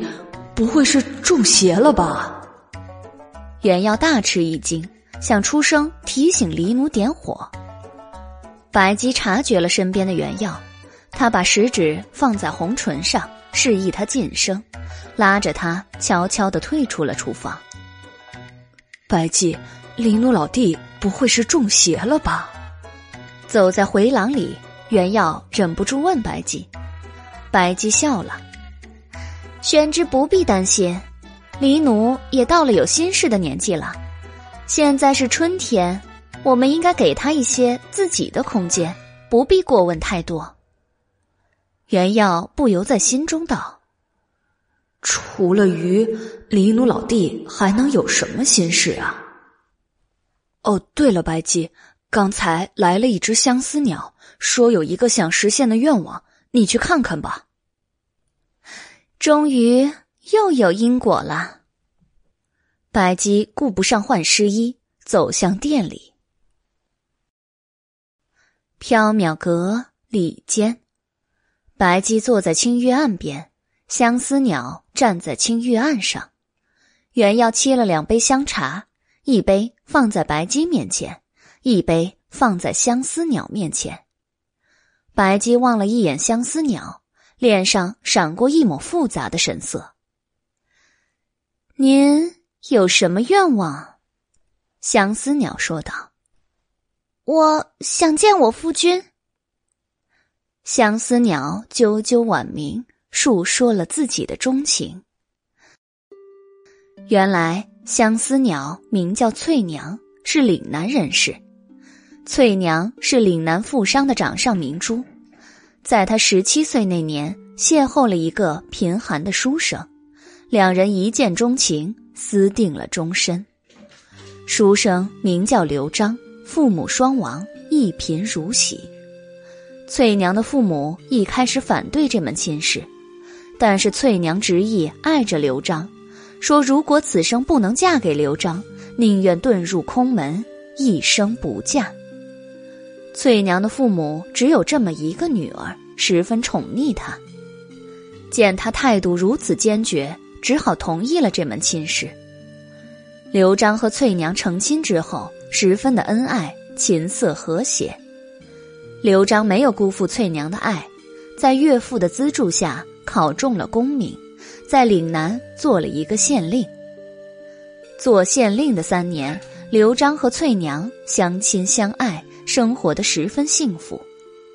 刘璋廉政爱民，功绩传到了长安，得到了朝廷的赏识。武后调他去京城为官。刘璋本来打算带翠娘一起去长安，可是翠娘刚生了一场病，身体虚弱，需要调养，不方便长途跋涉。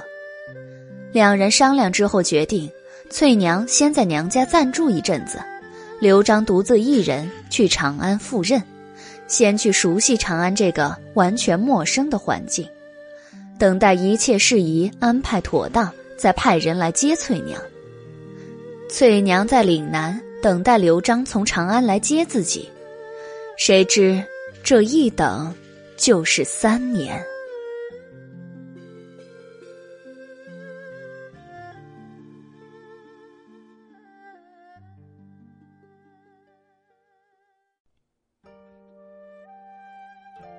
谁知这一等就是三年。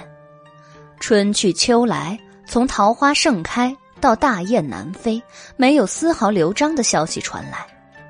翠娘的父母派人去长安打听，去的人每来回一次就得半年，都没有刘璋的消息。翠娘十分思念刘璋，整日以泪洗面，人也越来越消瘦，越来越憔悴。她相信丈夫会来接她，她痴痴的等待。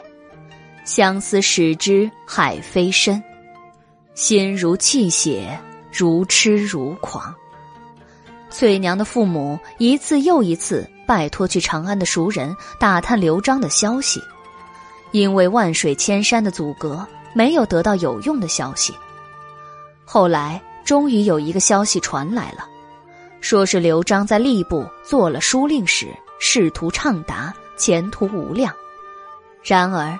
带信的人还传来了另一个消息：刘璋在两年前已经娶了中书侍郎裴宣玉的女儿。翠娘不相信这个消息，翠娘的父母也不敢相信这个消息，因为已经得知了刘璋的所在，他们派遣家仆日夜兼程的去长安寻找姑爷。在家仆离开的日子里，翠娘相思成狂。她时时回想起与刘璋恩爱的点点滴滴，那些记忆如此美好，如此难忘。一思量到消息如果是真的，刘璋忘恩负义，抛弃了他，另娶了别人，他又心如刀割，似在滴血。家仆三个月后才回来，他带回的消息让翠娘陷入了绝望。家仆到了长安，也找到了刘璋。刘璋确实做了书令史，也确实娶了中书侍郎裴宣玉的女儿。刘璋似乎早已忘了翠娘，甚至连见都不愿意见家仆，只叫下人告诉家仆，他已经休了翠娘，另娶了美妻，叫翠娘和他一家别再来长安打扰他现在的生活了。家仆十分的愤怒。说休妻总要有个理由，他家小姐没有任何过错，何故无端的被抛弃呢？刘璋说不需要理由，就把家仆赶走了。家仆大骂刘璋忘恩负义、狼心狗肺，气愤的回来了。翠娘本已相思成疾，听到这个消息，她一口鲜红的血吐了出来。从这以后。翠娘卧病在床，不思茶饭，整日以泪洗面，最后眼睛都哭瞎了。翠娘的父母唉声叹气，只悔恨当时错信了刘璋。翠娘的身体日益衰弱，但相思却日益深重。她还是不相信刘璋抛弃了自己，她不相信，她想去长安找刘璋。他一定要去找他。翠娘的执念让他化成了一只鸟儿，离开秀阁，飞往长安。翠娘的眼睛哭瞎了，相思鸟什么也看不见，她只能凭借灵敏的听觉飞往长安，寻找她要找的人。万水千山，沧海浮云，凭着坚定的执念与对爱人的相思，相思鸟。终于来到了长安。然而，相思盲鸟没有在长安城找到他要找的人。他从千妖百鬼口中听说了缥缈阁，于是来请求白姬实现他的愿望。白姬听完相思鸟的叙述，笑道：“如果见到刘璋是您的愿望，我会替您实现。不过，您的愿望……”只是见到他吗？他辜负了您，背叛了您，害您哭瞎双目，生魂化为飞鸟，跋涉千里。您不恨他，不想报复他吗？相思鸟漆黑的眼睛更加暗淡了。说我心中没有怨，没有恨，那是假的。我好恨，好痛苦。可是我想见他，我想听他亲口对我说出不爱我，那样我的相思才能停止。我病入膏肓，只有他能医治我，哪怕他是一个贪慕荣华、背信弃义的小人。不。不，我还是不相信他是那样的人。我不相信。世间有多少痴男怨女被一个情字所困，被一个爱字所误？袁耀在心中叹息，他十分同情翠娘的悲惨遭遇，十分气愤刘璋的始乱终弃。白姬说道：“我会让您见到刘璋。”长安城中千妖百鬼伏聚，您没有自保的能力，恐怕遇见危险，暂时先留在缥缈阁吧。相思鸟同意了，它震动翅膀，飞向不远处的绿釉麒麟兔玉双耳瓶，停在了花瓶中插的一枝桃花上，以喙轻轻的梳理着羽毛。白姬接下了这桩买卖。才想起来衣裳还是湿的，他走去后院厨房外一望，发现黎奴还在痴痴的往没有生火的炉灶里添加着木柴。白姬死了沐浴的心，转身回到了大厅。白姬笑眯眯的对刚坐下开始看书的小书生说道：“宣之，趁热打铁，我们去打听刘璋的消息吧。”袁耀道。外面在下雨，怪冷的。反正刘璋在吏部做书令使，一时半会儿又跑不掉，不如等雨停了再去吧。白姬笑眯眯的说道：“正是因为在下雨，所以才要现在去啊。”原耀不解：“这是什么意思呀？”反正我的湿衣未干，索性再淋些雨好了。袁耀这才注意到白姬还穿着半湿不干的衣服，有些心疼，大声吼道：“你快去换一身干衣服呀，这样会着凉的。”白姬飘去二楼，换了一身白底云纹的窄袖胡服，因为下雨天穿男装比较方便行动。袁耀这才同意跟白姬一起出门办事。白姬。袁耀撑着紫竹伞，走在烟雨迷蒙的长安城中。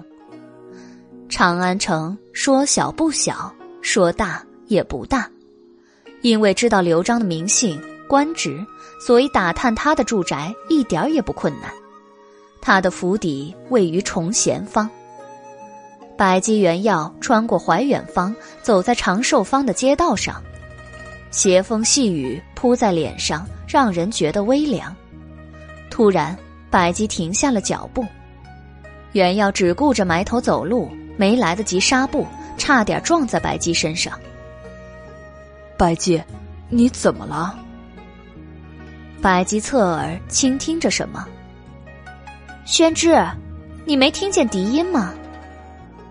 原要侧耳细听，确实听见了一缕悠悠的笛音，笛声飘渺如风，似真。又似幻，十分的悲哀。小生听见了，应该是哪一位风雅之士在吹笛消遣吧？只是这个笛音，未免也太悲伤了。白姬若有所思的道：“悲伤的，仿如鬼月一般呢。”袁耀和白姬走过一座石桥，看见了吹笛之人。吹笛之人是一位男子，约摸二十来岁。他站在一株垂柳下避雨，穿着天青色阔领如衫，戴着黑色蒲头，面如冠玉，一派斯文。正好一曲笛音终了，男子抬头望着天空，眼神十分的迷茫。袁耀见男子也是一个读书人，有些惺惺相惜，他见垂柳根本无法遮雨，绵绵春雨还是淋湿了男子的蒲头和衣衫，不由得有些看不下去。袁耀走到男子跟前，把手中的雨伞递给他，说道：“这位兄台，这春雨一时半会儿也停不了，与其站在这淋雨，不如拿小生的雨伞行路吧。”男子迷茫的望着袁耀，喃喃自语。行路，我该去哪里呢？袁耀道：“呃，自然是兄台你想去的地方呀。”男子十分迷茫，我不知道我想去什么地方。原耀挠头，不知道该怎么接话。白姬站在石桥上，不耐烦的说道：“宣之。”你在磨蹭什么呢？时辰不早了，我们还得去办事儿呢。听见白姬的催促，原耀来不及多想，他一把将紫竹伞塞到男子手上，说道：“兄台，慢慢在此思考要去的地方吧，只要不淋雨就好了。小生还有事情，就先告辞了。”袁耀抱着头，冒着雨跑向白姬。白姬本来不想分袁耀一半的伞。但是又怕袁耀淋雨生病之后还得花钱给他请大夫，只好跟他共撑一把伞。走下了石桥之后，白姬回头望了一眼柳树下眼神迷茫的男子，嘴角勾起一抹意味深长的笑容。崇贤坊刘宅，刘宅朱门耸立，石狮蹲伏，看上去十分的气派。白姬、原耀走上台阶，白姬在屋檐下收了纸伞，原耀开始敲门，朱门马上打开了，一个门仆探出头来，他打量了一眼原耀和白姬，问道：“你们是谁啊？有何贵干？”白姬想了想，正要说话，老师的小书生已经答道：“哦，我们受翠娘之托来见你家主人。”翠娘是你家主人的发妻啊！听到翠娘的名字，门仆一愣，二话不说，直接砰的一声关了门。显然，刘璋已经吩咐过门仆，有翠娘相关的人来访，一律不睬不见。袁耀心中生气，还要再敲门，白姬制止了他：“宣之，省点力气吧，人家不见和翠娘相关的人呢。”嗯，那该怎么办啊？见不到这个忘恩负义的刘璋，回去怎么跟翠娘交代啊？白姬想了想，说道：“今天恐怕是没指望了，明天再来吧。反正刘璋也跑不了。如果只有我们两人，明天恐怕又要吃闭门羹了。不如去找韦公子做引荐人。韦公子在凤阁任职。”也是朝廷官员，说不定认识刘璋呢。袁耀觉得也只能如此了。白姬、袁耀离开了刘宅，准备去找韦燕。白姬、袁耀离开刘宅，准备去找韦燕。他们刚走到街道的拐角处，就看见三个鬼鬼祟祟的身影。袁耀定睛望去。竟是之前在城外打劫他和白姬，结果反被白姬驱使做苦力搬运东西回缥缈阁的那三个强盗。三个强盗躲在一棵大树后窃窃私语。胖强盗说：“你没看错，真的是他。”瘦强盗说：“化成了灰我也认识，绝对是他。”矮强盗说：“当年干了那笔买卖之后。”他突然不辞而别，没想到竟然到了长安了，还混得这么好。胖强盗咬牙：“哼，咱们三个过着风餐露宿、把脑袋别在裤腰上的日子，他倒是发达享福了，不能放过他。”瘦强盗还要再说话，但他眼尖，看见了白姬和原耀，吓得一跃而起。胖强盗和矮强盗循着瘦强盗的目光望去，也看见了白姬和原耀。他们三人仿佛踩到了滚烫的火炭一般，惨叫一声，拔腿跑掉了。原耀挠着头说：“白姬，这三个强盗好像很害怕你啊。”白姬笑道：“ 我一身浩然正气，强盗当然怕我了。”是一身妖气吧？原耀在心中说。白姬、原耀到达韦府时，已经是下午光景了。原耀经常来韦府做客，韦府的门仆们都认得他，知道他是大公子的挚友，一个飞跑进去通报，一个带他们去韦燕住的然西楼。韦燕的娈童南风在然西楼外迎接。带着白姬和原耀去韦燕的房间。南风一边引路一边笑道：“公子前两天淋了春雨，着凉了，正躺着养病呢。”原耀担心的问道：“丹阳病了，不严重吧？”“一点风寒，大夫说不碍事的，休养几天就会好。对了，裴将军也在，他是来探病的。”袁耀高兴的说道。啊，仲华也来了，很久不见他了。白姬沉默的走着，在听见韦燕生病时，他伸手从盆景的桃花树上折了一枝半开的桃花。南风领着白姬、原耀进入韦燕的卧房。韦燕的房间分为内外两室，中间隔了一架水墨画的屏风。韦燕的喜好比较诡异。屏风上既没有绘花草，也没有描美人，而是画了一幅地狱十殿图，狰狞而恐怖。韦燕躺在罗汉床上，鄙视的望着正在落地铜镜前正衣冠的裴仙。裴仙字仲华，是韦燕的表哥，现任金吾卫大将军。他与韦燕从小一起长大，但是非常合不来，是冤家对头。裴仙不喜欢韦燕，却很喜欢袁耀，和袁耀交好。另外，裴仙之前在提灯鱼与青叶图的事件中，对白姬一见钟情，产生了爱慕之心。然而，他倾诉了两次衷肠，白姬也不为所动。刚才裴仙听见家仆报告说白姬来了，急忙整衣结冠。打算以玉树临风的形象与自己倾慕的女子见面。袁耀跟裴仙见过礼，直奔韦燕的床边嘘寒问暖。韦燕很是感动，指着裴仙说道：“哎，还是宣之好，不像这个家伙，说是来探病，其实是来嘲笑我体弱，给我添堵。”裴仙不理会韦燕，看见白姬，笑道。哈，白姬姑娘，我们又见面了，真是缘分呐。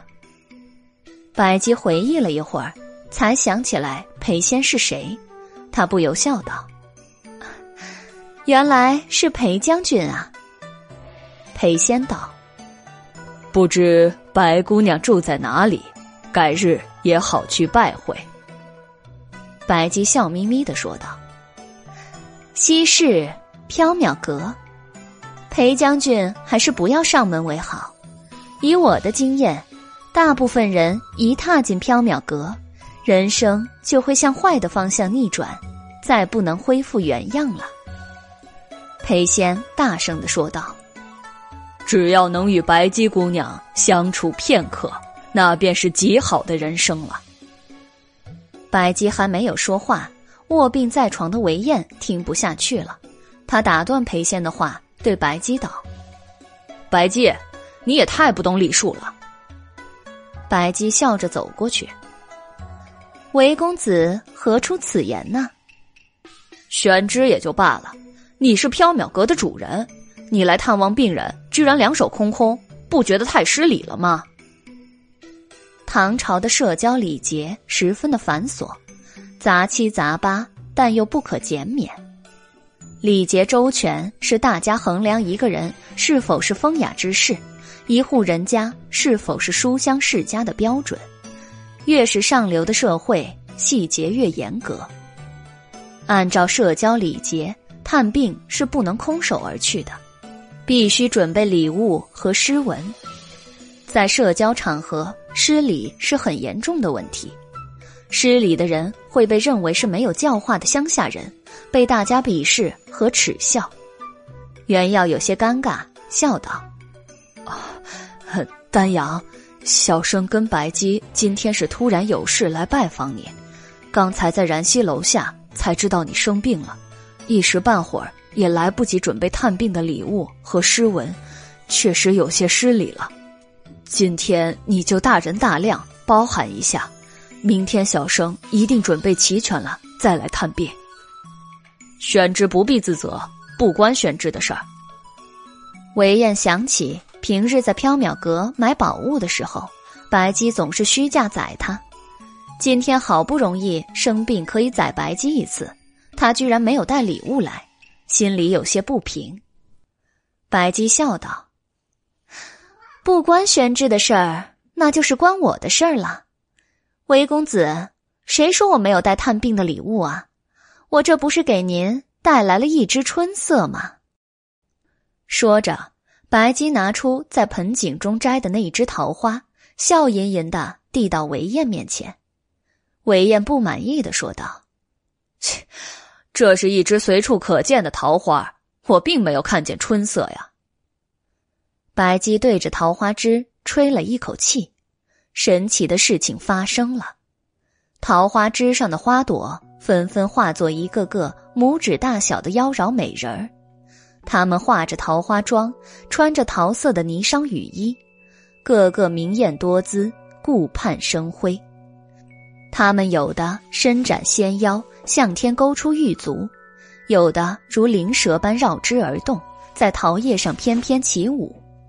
他们姿态绰约，性感魅惑，让人浮想联翩。韦燕吃惊的张大了嘴巴，垂死病中坐了起来。从白姬手中接过了花枝，白姬笑道：“韦公子卧床养病，未免枯燥无聊。这支春色送给您解闷儿，把这支春色插在花瓶里，用清水供养，一直可以观赏到桃花凋落呢。您看，我给您送了这么有趣的探病礼物，您还觉得我失礼吗？”韦燕态度大变。笑道：“不失礼，不失礼。白姬，你的礼数最周全了。”白姬笑说：“其实啊，我今天来是有事情想拜托韦公子。”韦燕心情好，一边吩咐南风去拿花瓶，一边笑道：“嗨，大家都是老友了，有什么我能出力的事情，我绝不推辞。”我因为一些事情必须去拜会吏部书令使刘璋，可无奈我只是一个微不足道的女子，刘大人不肯屈尊相见。韦公子您交友广阔，想必认识刘大人吧？还烦请您做引荐人呢。韦燕想了想，说道：“这个，我在凤阁任闲职。”吏部与凤阁虽然都是朝中官署，但是并没有什么交际往来。我好像听说过刘璋这个名字，但没什么印象，更没有来往了。你让我做引荐人也不是不可以，但总觉得有些勉强。刘璋未必会因为我而见你啊。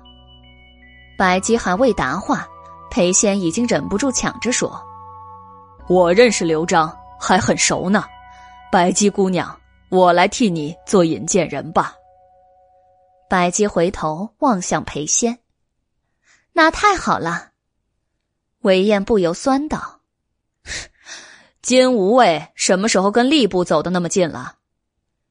裴仙笑道：“ 哈，刘璋的岳父裴宣玉是家书，他是我的堂妹夫，我来做引荐人，他一定不会推辞不见的。”那就有劳裴将军了。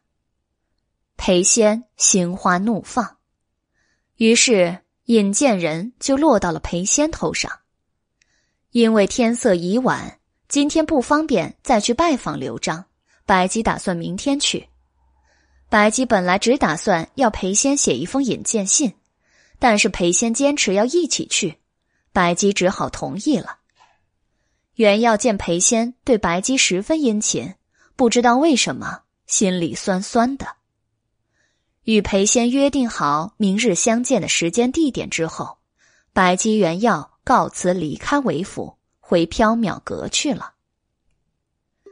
夕阳西下，春雨早已停了。白姬走在前面，袁耀拿着紫竹伞走在后面。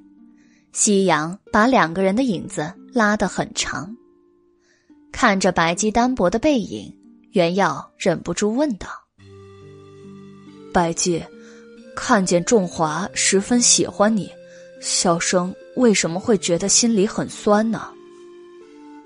白姬停步，回过头来，夕阳在他清丽的侧脸上勾勒出虚无的轮廓，让他仿如幻影一般不真实。宣之。我没有心，我怎么会知道呢？白姬，什么是相思啊？从字面上理解，应该是一个人很想念另一个人。那白姬，如果有一天小生离开缥缈阁了，你会想念小生吗？不会。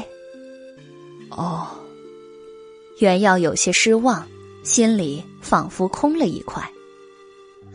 我不会想念宣之，我会去把宣之找回来，无论天涯海角，无论碧落黄泉。袁耀流下了眼泪，他空落的心被一股温柔的暖意填满，整个人感到很幸福。他也不明白为什么白姬的一句话。能让他一瞬间从天堂堕入地狱，又从地狱升上天堂。宣之，你哭什么呀？小生太感动了，白姬，你居然如此有情有义。宣之不必感动，我去找回你，只是因为你还得干活还债呢，不能逃走不干活呀。听了这话。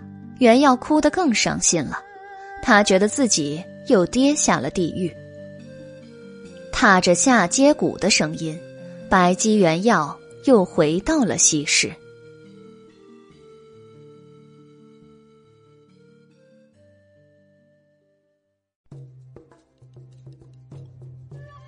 踏着下阶鼓的声音，白姬、原耀回到了西市。他们刚走进巷口。远远的就看见翠娘在缥缈阁外飞来飞去，似乎十分焦急。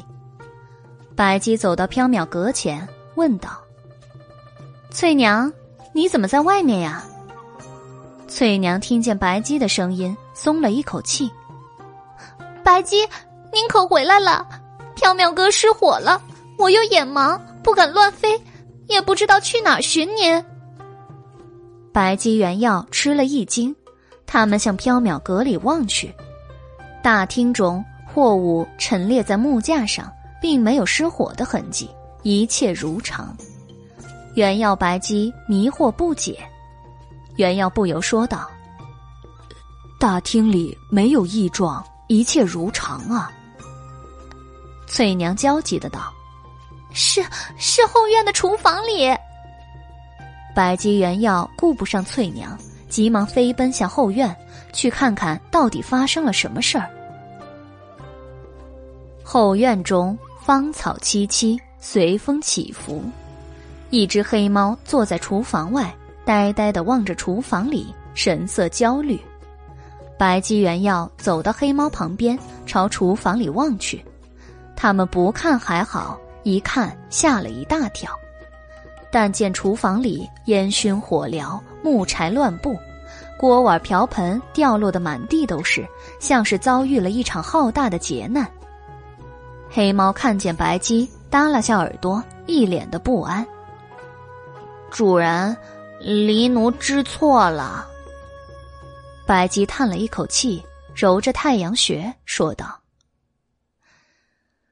啊这是怎么回事儿？黎奴惭愧的道：“呃，都是黎奴的错。黎奴生火的时候走神了，木柴堆的太多，火烧的太大。黎奴打算浇水灭火，又错把一桶松油当成水浇了上去，结果火势呼啦一下就窜起来了。还好黎奴反应快，拼了猫命的灭火，这才控制住火势。”没有酿成大祸。事已至此，责怪也无用。白姬也只好说道：“唉，没出大事就好，烧一烧，今年的生意更兴旺。啊，是啊，是啊，是烧一烧更好啊！不，不对，主人，黎奴以后再也不敢了。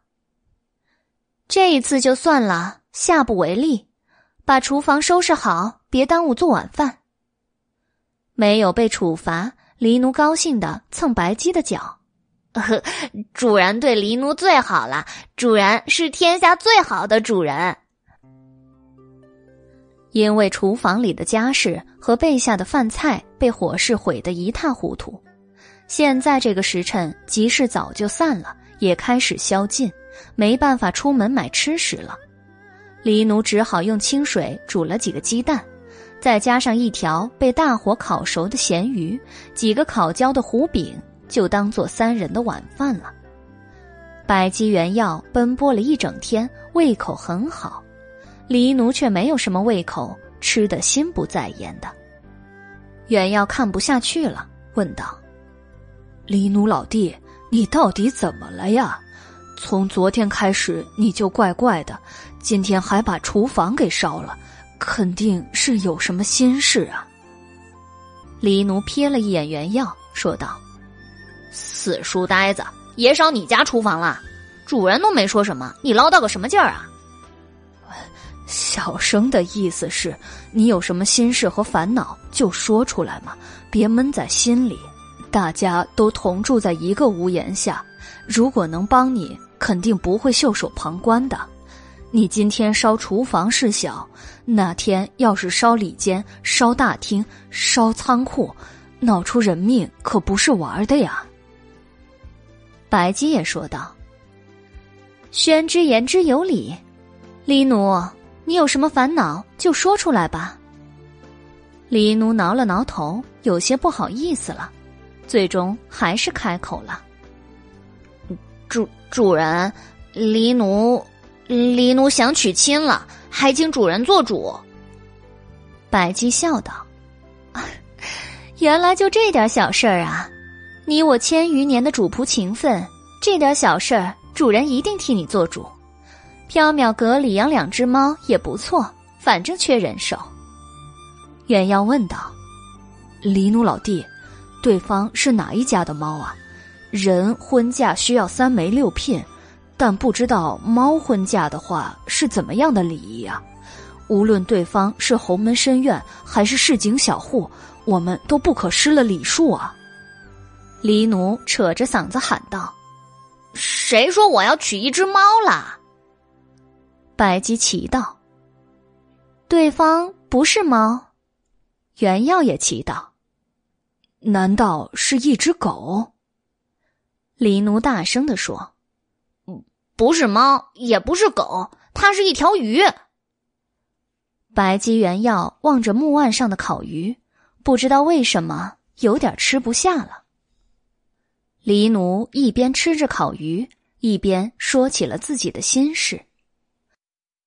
自从玉面梨事件之后，黎奴找到了儿时的玩伴阿鼠，他们偶尔会聚在一起玩。黎奴为阿鼠攒了一千多年的帽子。阿鼠虽然嫌弃黎奴的审美眼光，但还是被他的友情感动。掐算着黎奴的生日快到了，阿鼠打算送黎奴一份生日礼物，因为黎奴特别喜欢鱼，阿鼠就打算送给黎奴一条鱼。昨天，阿鼠约黎奴一起去挑鱼，黎奴早早的等在集市卖活鱼的摊子边，谁知被阿鼠嘲笑了一顿。说他只知道吃，阿鼠带着黎奴在西市上七拐八绕，来到了一家异族人开的卖观赏鱼的店铺里。黎奴放眼望去，看见大大小小的琉璃缸、水晶盆中游曳着各种各样的颜色鲜艳、姿态美丽的鱼儿。大的有红色的锦鲤、银龙鱼，小的如神仙鱼、花罗汉、凤尾鱼，更多的是叫不出名字的艳丽鱼儿。这些小鱼儿在李奴眼前游来游去，散发着袅娜迷人的气息。唐朝的时期，赏鱼也是长安贵族阶层展示风雅的消遣方式。谁家新修了池塘，会高价买锦鲤、罗汉鱼之类的淡水鱼，投放其中以作观赏。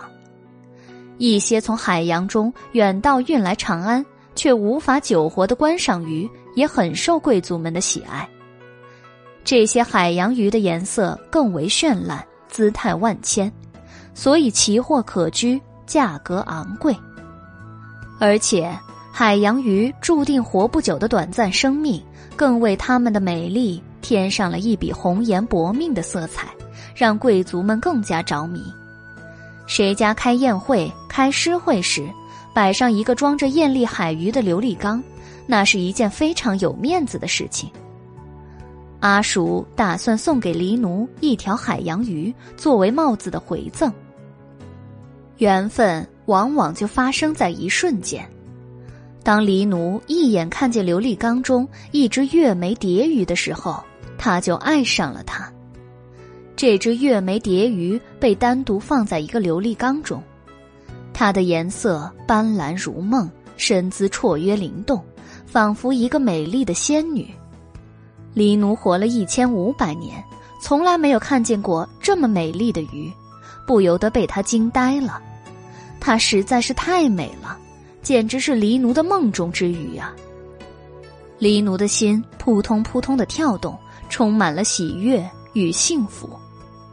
当月眉蝶鱼对上自己的眼神时，黎奴觉得他也爱上了自己，他害羞而甜蜜。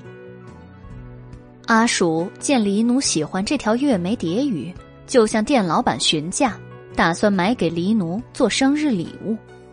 店老板说道。哎呀，客官好眼光啊！这月眉蝶是小店中最漂亮的鱼了，客官想必也是懂行之人，我也就不虚价了，一百两金子。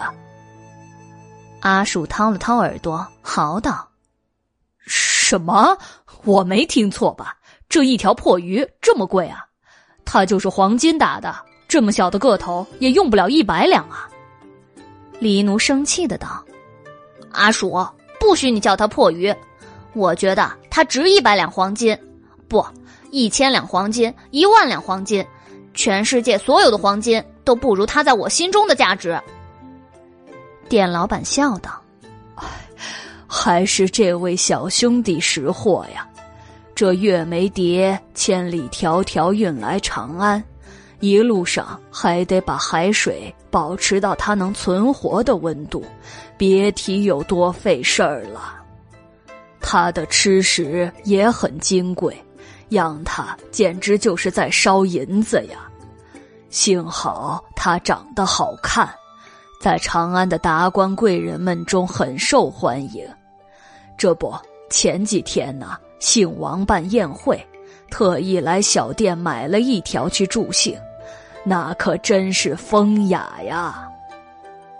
阿鼠咬了咬牙，问道：“老板，一百两银子卖不卖啊？”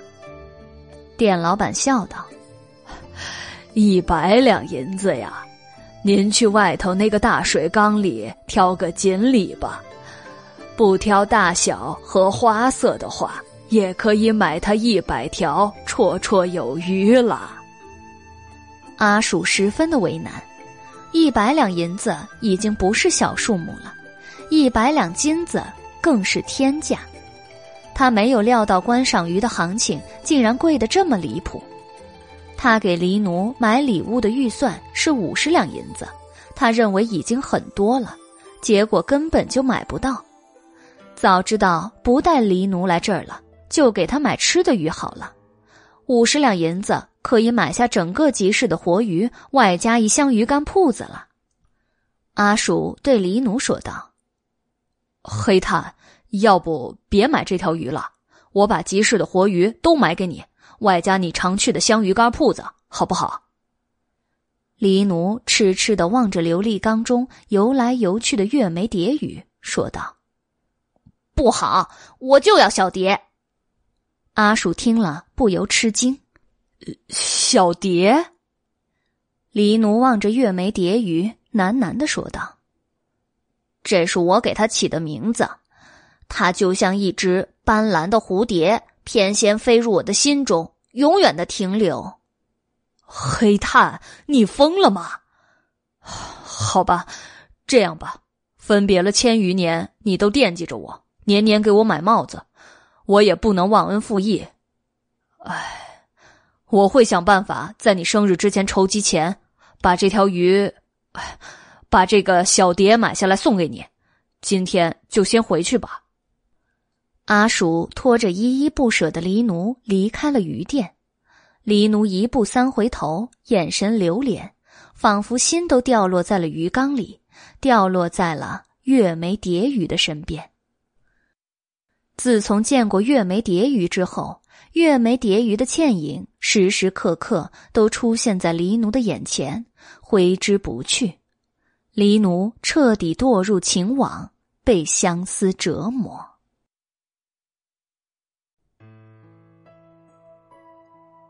白姬听完了黎奴的叙述，停止了吃鸡蛋，说道：“黎奴，你真的要娶小蝶？”黑猫坚定的道：“是的，主人，黎奴已经爱上了他。”原要放下筷子，黎奴老弟，小生总觉得哪里不对劲啊！黑猫生气的道。死书呆子，你根本就不懂什么叫相思。小书生讷讷的说：“好吧，小生是不懂，小生闭嘴总可以了吧？”黎奴哀求白姬道：“主人，黎奴好不容易明白了相思是什么，求主人成全黎奴的相思之意。”白姬一边吃着胡饼，一边说道。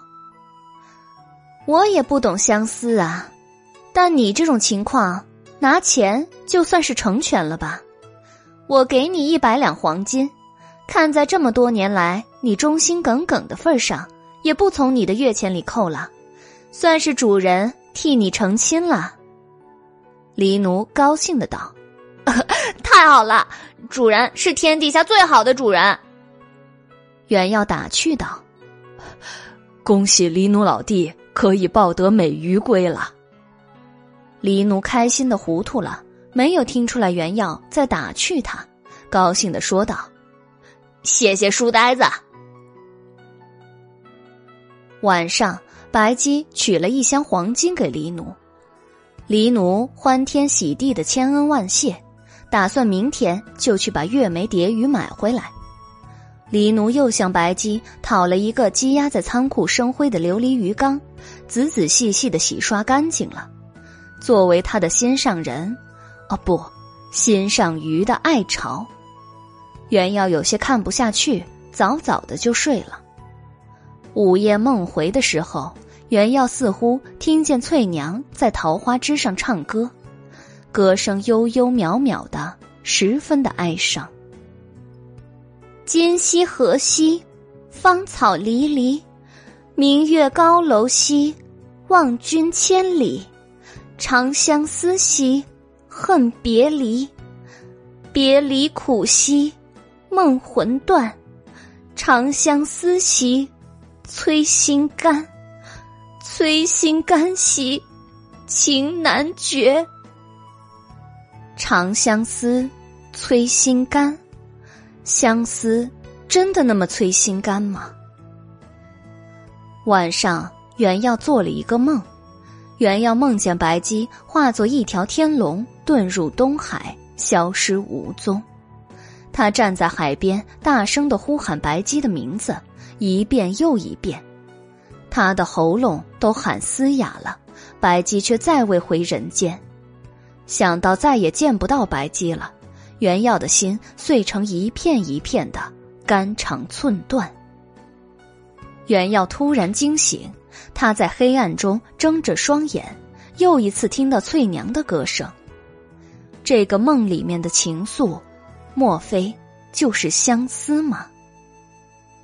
里间中，一只黑猫露出肚皮，四爪朝天的睡着，它在说着梦话：“啊，小蝶，小蝶，我喜欢你。”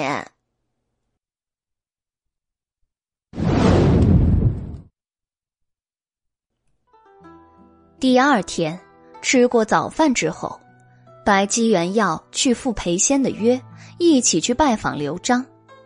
黎奴在街上换了两只毛色干净的野猫，将它们幻化成猫仆，替他抬着黄金箱。他自己则特意梳洗了一番，欢天喜地的带着猫仆去买月眉蝶鱼了。翠娘留在缥缈阁看店。他是濒死之人的生灵，已经没有多余的力气在人世跋涉，故而留在缥缈阁中养息。白姬答应他会把刘璋带来缥缈阁见他的。白姬，一只盲鸟怎么看店啊？去见裴仙的路上，袁耀对白姬道：“他总觉得有些不放心呢。”白姬笑道。宣之不放心的话，就回去看店吧。袁耀一想到自己回缥缈阁，白姬和裴仙就变成孤男寡女了，不知道为什么，他心里一万个不乐意。呃，小生都走到这里了，再回去也麻烦。黎奴老弟买鱼也用不了多久，很快就会回去的，应该不会出什么事情。白姬原要走出西室，远远的就看见裴仙在约定的路口等待。裴仙今天特意打扮了一番，他穿着一身青色鸟兽纹交领大袖蓝袍，衣袖上以金银线绣着山形纹，精心梳好的发髻油光水滑，脸上敷了香粉，嘴上抹了口脂。这是唐朝上流社会的男子流行的装扮。裴仙看见白姬，高兴的迎了过来。白姬笑道：“让裴将军久候了。”“是我太兴奋，来的太早了。”裴仙从衣袖中拿出一支堂地花，递给白姬，笑道：“我出门的时候看见这堂地花开得正好。”忍不住摘了一只，拿来给白姬姑娘供赏。白姬掩唇笑道：“裴将军，这堂地花应该送给宣之才对呀。”裴仙不解的问道：“为什么呀？”《诗经》之中，堂弟指的是兄弟友爱，堂弟花是送给兄弟的花。裴将军跟宣之才是兄弟，应该送给他呀。裴仙恍然，不好意思的说道：“哦，我是个武人，没读过多少诗书，不懂堂弟花还有这层含义，真是唐突了家人呐。”宣之，来，这个送给你。袁耀只好接过堂弟花，说道：“啊，多谢仲华兄了。”白姬笑了：“事不宜迟。”我们去拜访刘大人吧。裴仙同意了。白姬、袁耀、裴仙走在去崇贤坊的路上。裴仙问道：“不知道白姬姑娘找我堂妹夫有什么事情啊？”白姬笑了：“我是替缥缈阁中的一位客人去拜访刘大人，那位客人是刘大人的故人。”哦。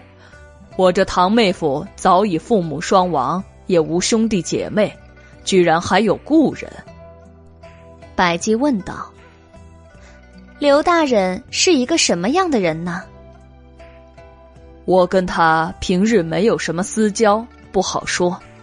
大体印象中，他性格孤僻，沉默寡言，没有什么朋友。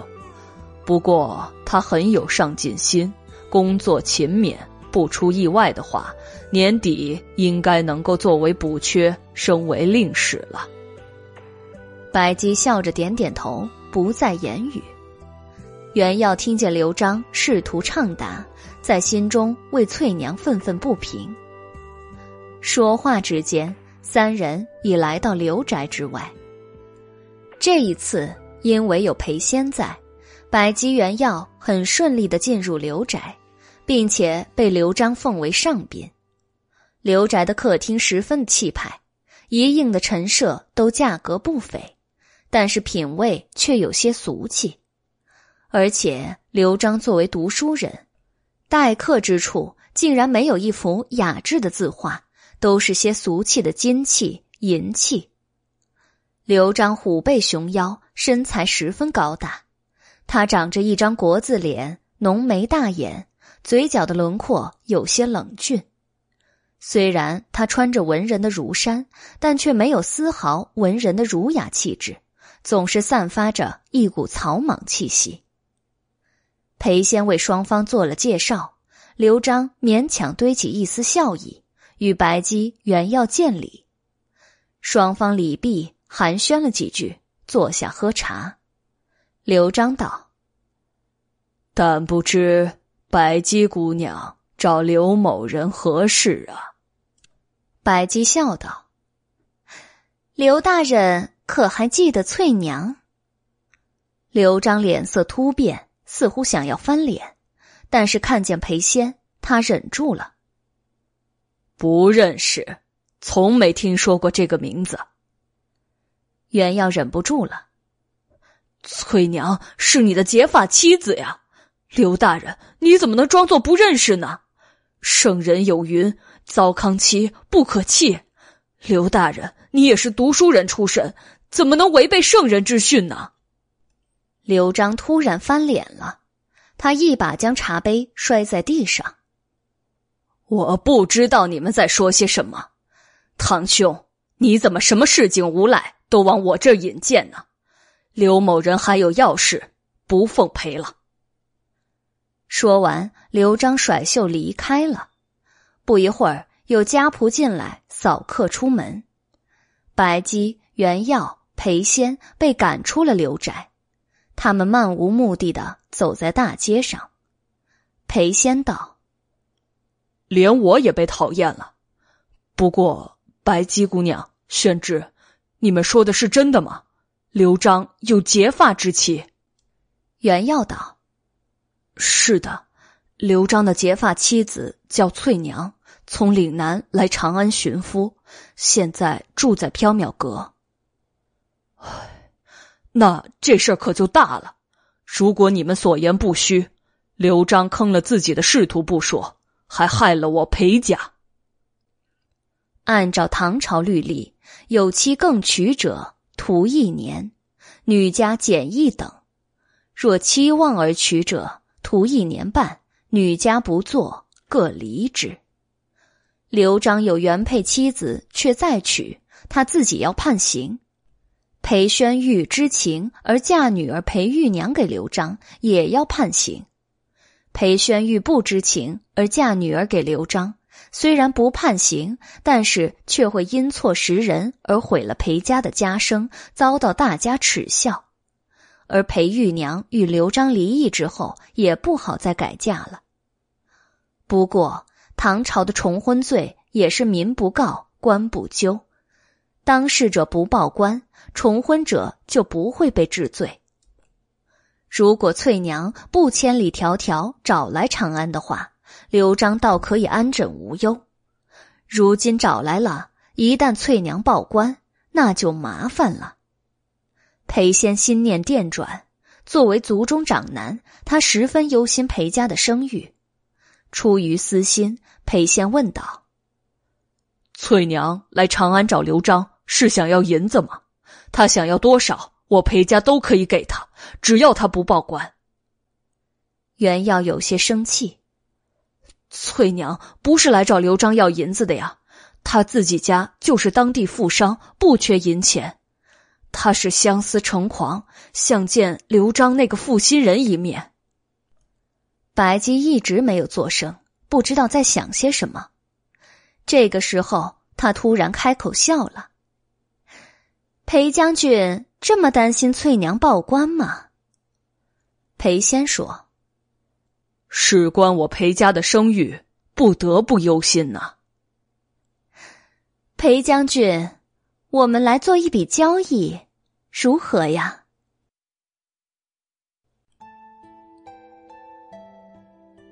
白姬笑道：“裴将军，我们来做一笔交易，如何呀？”裴仙问道：“什么交易啊？”看刘大人今日的态度，我跟宣之是没办法再见到他，说动他去见翠娘了。但是无论如何。我得让他跟翠娘见一面，所以有劳裴将军再做一次翠娘的引荐人。作为交换，我向裴将军保证，翠娘不会去报官。有什么隐情，我们都可以私下解决。裴仙松了一口气，说道：“这样再好不过了，让翠娘与刘璋相见的事情就包在我身上。我也想知道。”刘璋这小子到底是一个正人君子，还是一个始乱终弃的伪君子？双方既定，白姬准备回缥缈阁。裴仙不想这么早便与白姬分开，借口要去缥缈阁买宝物，同白姬一起回缥缈阁去了。因为刘璋的事情还必须拜托裴仙，白姬没有拒绝，带裴仙回到了缥缈阁。裴仙第一次来到缥缈阁，兴致盎然。他东看看字画，西瞅瞅古董，只觉得到处都是有趣儿的东西。因为黎奴还没有回来，袁耀去沏了一壶阳羡茶，给白姬和裴仙端了上来。裴仙笑道：“哈哈，白姬，翠娘在哪儿啊？可否请她出来一见？我没有别的意思。”只是事关我裴家声誉，想多问一些与刘璋有关的消息。白姬望了一眼不远处的绿釉麒麟、吐玉双耳瓶，相思鸟正站在瓶中插的一只桃花上，以喙梳理着美丽的羽毛。翠娘是生灵，裴仙看不见她。白姬掩唇笑了，男女有别，不方便相见。还是等裴将军请来刘大人，我再让翠娘出来相见吧。裴仙同意了。裴仙又问：“恕我冒昧，白姬姑娘，你为何至今独身一人呢？”因为尚不懂相思之意。裴仙还要再说话，突然外面传来了脚步声和哭声。白姬示意原药出去查看。原要跑出去一看，是黎奴垂头丧气的回来了，正坐在地上哭泣。黎奴一看见袁耀，就嚎啕大哭起来：“ 书呆子，爷的命好苦啊！”袁耀小声的问他：“黎奴老弟，发生什么事情了？” 小蝶。被人买走了，爷再也见不到小蝶了，爷好伤心啊！原耀也不知道该怎么安慰黎奴，只好说道：“啊，天涯何处无美鱼啊！黎奴老弟，你不要太过伤心了，还是保重身体要紧呢。”黎奴一听，悲从中来，哭得更大声了。白姬在里间听到黎奴的哭声，坐不住了，出来看一个究竟。裴仙也跟了出来。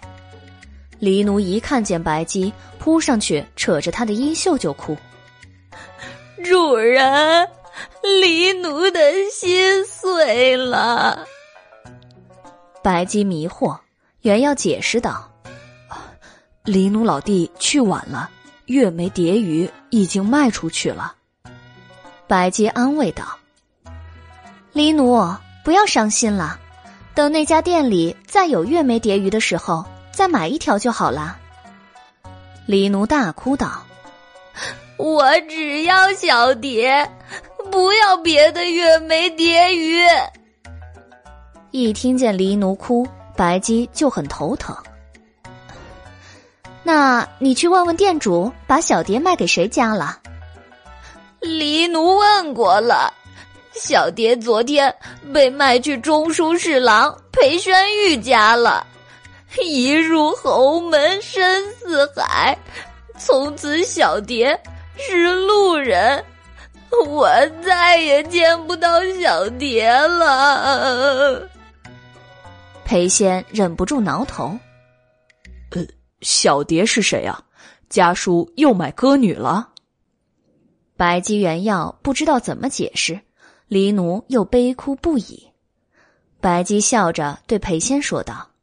啊这次的事情还真是处处跟裴将军有缘法。小蝶是一条鱼，我这家仆爱鱼成痴，喜欢这条鱼，还请裴将军去向裴大人求一个人情。这月眉蝶鱼能不能卖给我缥缈阁？价格不是问题。裴仙一口应承下来。愿为白姬姑娘效劳。正好我也得跟家叔谈一谈刘璋的事情。白姬笑了，有劳裴将军了。翠娘的事情也拜托了。裴仙坐了一会儿，告辞走了。白姬沉默的坐着，不知道在思考什么。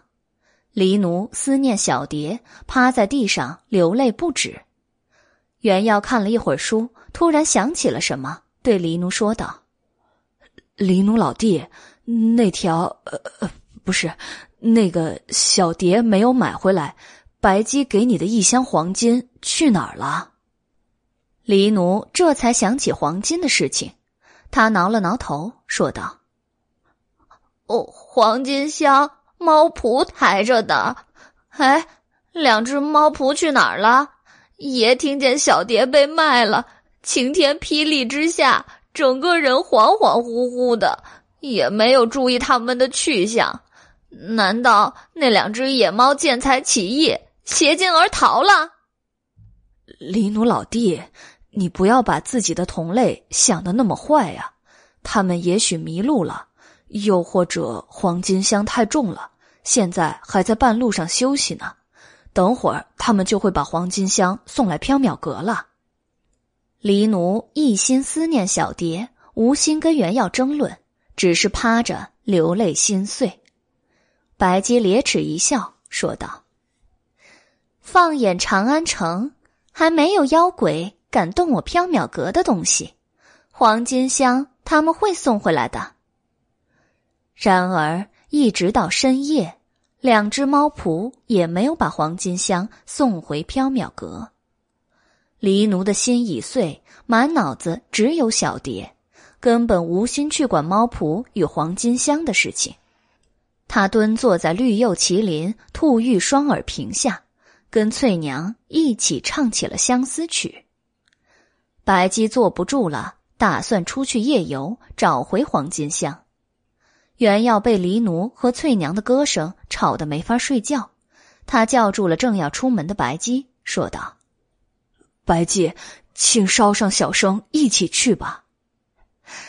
难得宣之主动要求跟我一起去夜游呢，那就走吧。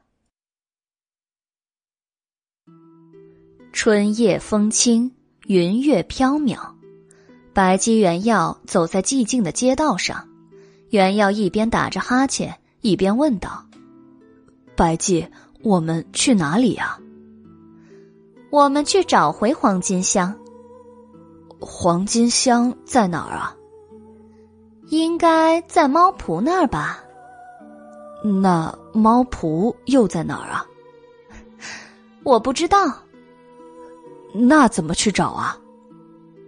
可以问呐。原要好奇，问谁啊？宣之认为长安城中谁的耳目最多？袁耀想了想，摇头：“嗯，不知道啊。”白姬又笑着问道：“宣之认为，这长安城中什么东西无处不在呢？袁耀想了想，又摇了摇头。嗯，不知道。宣之，我们现在走的这条街道上，什么东西最多呢？袁耀抬头望了一眼笔直而宽阔的街道，街道上空旷无人，也没有活物，但两边种了许多树。小书生一下子开窍了。哦，长安城中无处不在的，莫不是花草树木啊？白姬笑了。宣之答对了，长安城中树木无处不在，无所不知。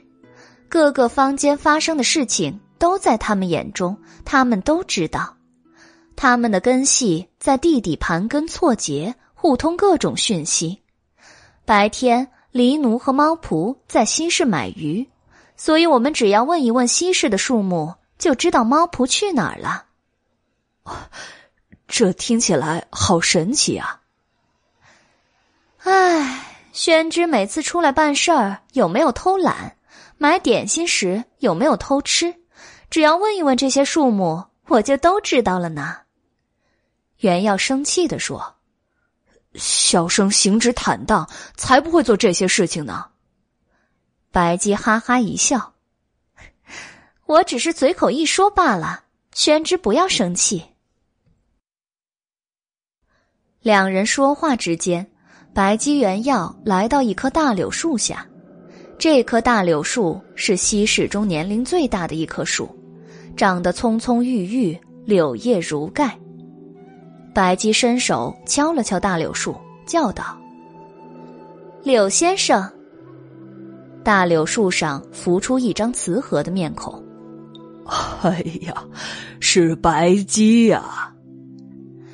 柳先生，白天你有没有看见我家狸奴和两个抬着箱子的猫仆在一起啊？”大柳树说：“哦，看见了。”白天发生了什么事情？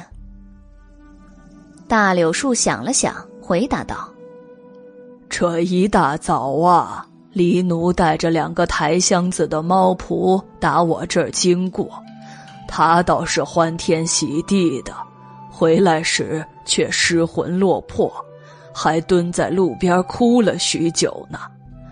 两只猫仆看见黎奴恍恍惚惚的，合计了一下。”抬着箱子跑了。他们现在在哪儿？我目之所见，只知道他们跑出西市了。至于去了哪儿，您稍等，我问一问其他街坊内的朋友。白姬笑道：“麻烦柳先生了。”大柳树闭上双目，沉默不语。夜风吹过柳树，柳叶纷拂，柳絮飞舞。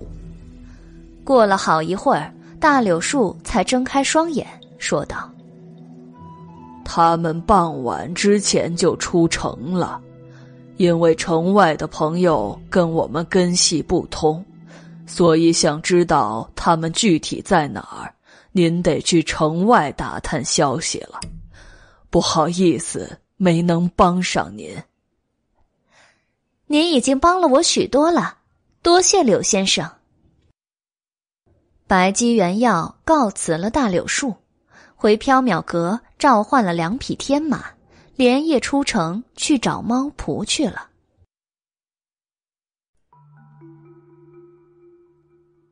白姬从城外的树木口中打探到了消息，他和袁耀在荒野的一座破寺中找到了两只猫仆。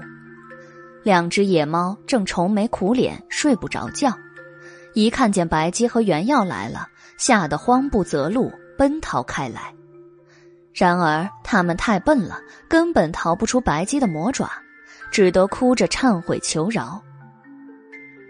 黑梨花猫哭道：“小的们一时鬼迷心窍，才会盗走黄金箱，求白鸡大人饶命。”白鸡冷冷地说。鬼迷心窍不是为偷盗脱罪的理由。黄花狸猫哭道：“小的们冒丑，没有人肯收养，流浪辛苦，经常挨饿，才会被黄金诱惑，做出偷盗的事情。求白姬大人饶命啊！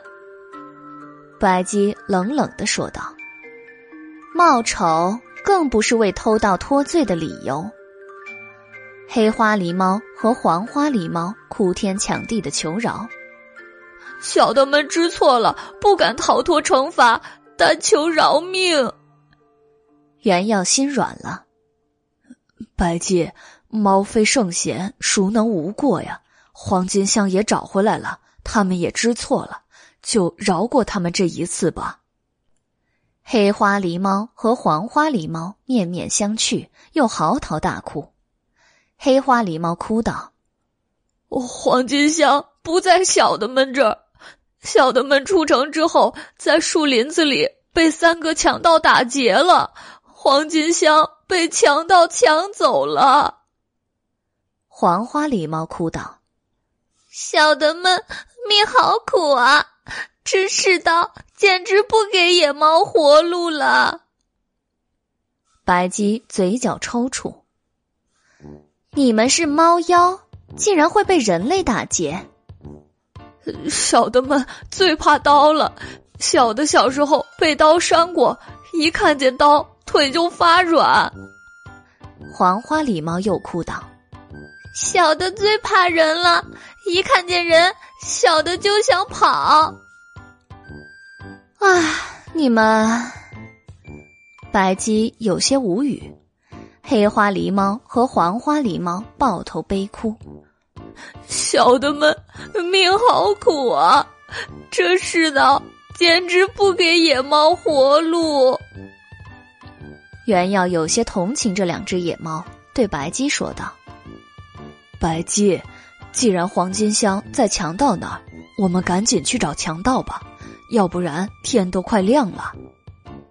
白姬道：“我累了，懒得再奔波了。黄金香是他们俩弄丢的，得他们俩去找回来。妖怪被人类打劫，简直是天大的笑话。”黑花狸猫和黄花狸猫连连摆手：“强盗十分可怕，杀猫不眨眼，小的们不敢去啊。”白姬瞪着两只野猫，眼神锋利如刀，不怒而威。黑花狸猫哭道：“白姬大人饶命，小的去就是了。”黄花狸猫哭道：“小的拼全猫命，也会把黄金香抢回来。”白姬限黑花狸猫和黄花狸猫三天之内把黄金香送回缥缈阁。两只野猫哭着答应了。折腾了一个晚上，眼看着天也快亮了，白姬元耀骑着天马回缥缈阁了。这一天又是春雨蒙蒙，天街小雨润如酥。白姬在二楼补觉，快中午了还没有起床。黎奴趴在青玉案上，伤心的不肯做饭。翠娘忧思无限，在桃花枝上婉转的唱着歌。原耀的肚子饿得咕咕直叫，他不敢催黎奴做午饭，只好央求翠娘帮着看店，自己去西市买吃食。原耀买了他和白姬一天份的吃食，又寻思着黎奴意志消沉，得让他振作。他又绕了一段远路去给黎奴买香鱼干。袁耀提着一大包吃食，举着紫竹伞走在西市中，在路过一家首饰铺子的时候，他看见了一个熟悉的身影在店里买首饰。那人虎背熊腰，身材十分高大，长着一张国字脸，浓眉大眼，嘴角的轮廓有些冷峻，不是刘璋又是谁呀？袁耀十分好奇，他悄悄地走到首饰铺子外，偷偷向里面望去。刘璋正在挑选女人戴的步摇，他仔细地挑选着，神色十分温柔，嘴角微微上扬。他的目光依次扫过各种样式的步摇，最后拿起一只金枝点翠步摇，他温柔的笑了笑，也不问价钱，就让店老板包起来。店老板笑道：“刘大人又给夫人买首饰了，刘夫人嫁给您可真是好福气啊。”刘璋笑了：“娶了玉娘才是我的福气啊。”没娶她之前，我不知道人生可以如此阳光，如此温暖。她给了我家，给了我人生目标，让我如同在世为人呐。店老板又恭维了几句，才把用素锦包好的布摇递给刘璋。刘璋把步摇放进衣袖中，转身离开了。袁耀急忙闪去一边。才没跟刘璋撞上，刘璋满心欢喜，也没有注意到躲在一边的小书生。袁耀看着刘璋远去的背影，心中十分的愤怒。他对裴玉娘一往深情，却对翠娘无情无义。这种喜新厌旧、见异思迁的人，简直是太无耻无德了。袁耀愤愤不平的回缥缈阁了。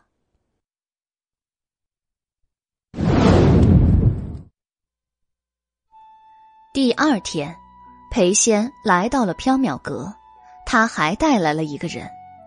来人是一名年轻少妇，她梳着时下流行的堕马髻，气质温婉娴静，正是刘璋的妻子裴仙的堂妹裴玉娘。那一日，裴仙回去之后，将刘璋的事情告诉了他的叔父裴宣玉。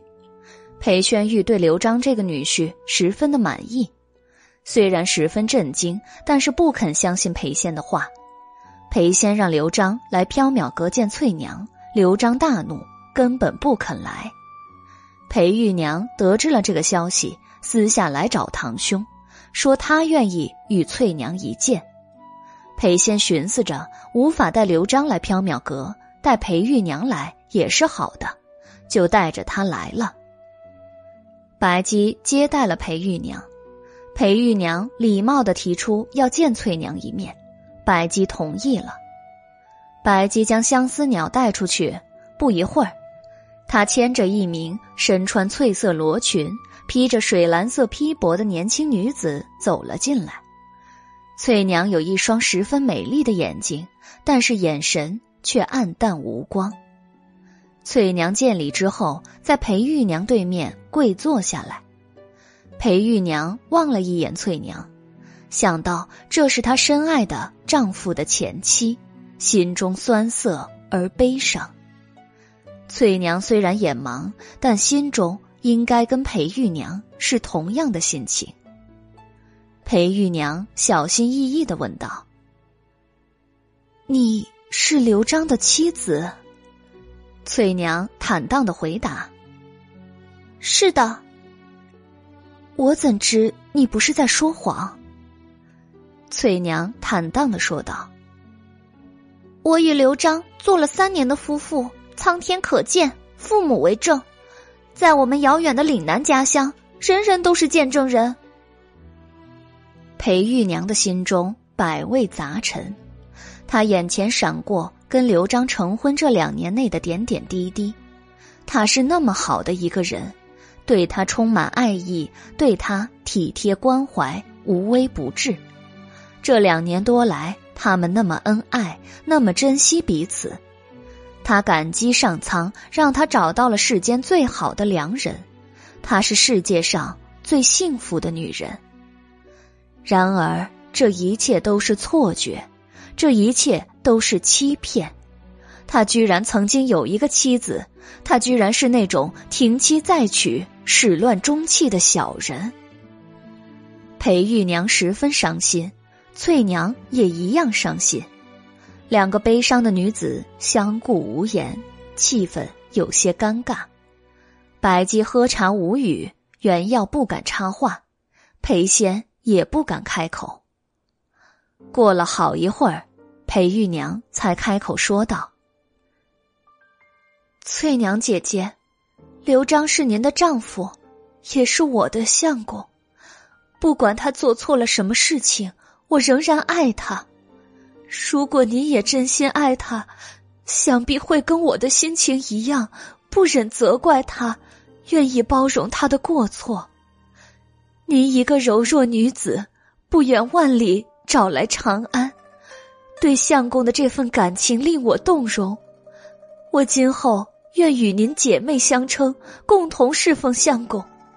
还望姐姐宽宏大量，不要去官府告发相公，一切以相公的前程为重。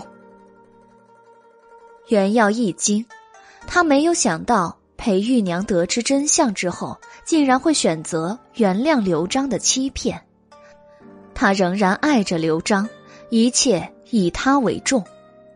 为了他的前程，他这个高贵的士族千金。竟然肯在商女出身的翠娘面前放低姿态，提出与翠娘共享她挚爱的人。这种宽容到忘我的爱，莫非也是一种深沉的相思吗？袁耀想起昨天在首饰铺看见刘璋为裴玉娘挑选步摇的情形，他觉得刘璋也是发自内心的挚爱着裴玉娘，毫无虚情假意。有那么一瞬间，虽然很对不起翠娘，袁耀竟然觉得刘璋与裴玉娘之间并没有翠娘的位置，他似乎显得有些多余。然而，不知相思为何物的小书生也只是迷惑了一瞬间，他还是站到翠娘这边。世间万事总讲究一个先来后到，人情百态也有一个礼义廉耻。刘璋始乱终弃，绝对是一件有违圣人教诲、让人唾骂的事情。刘璋与裴玉娘再相爱，也改变不了他们伤害了翠娘的事实。翠娘愣了一下，她心中百味杂陈，眼泪不断的流出眼眶。她深爱着刘璋，但她的爱与裴玉娘不一样。她只想与刘璋。在天比翼，在地连枝，他不能接受与别人分享他。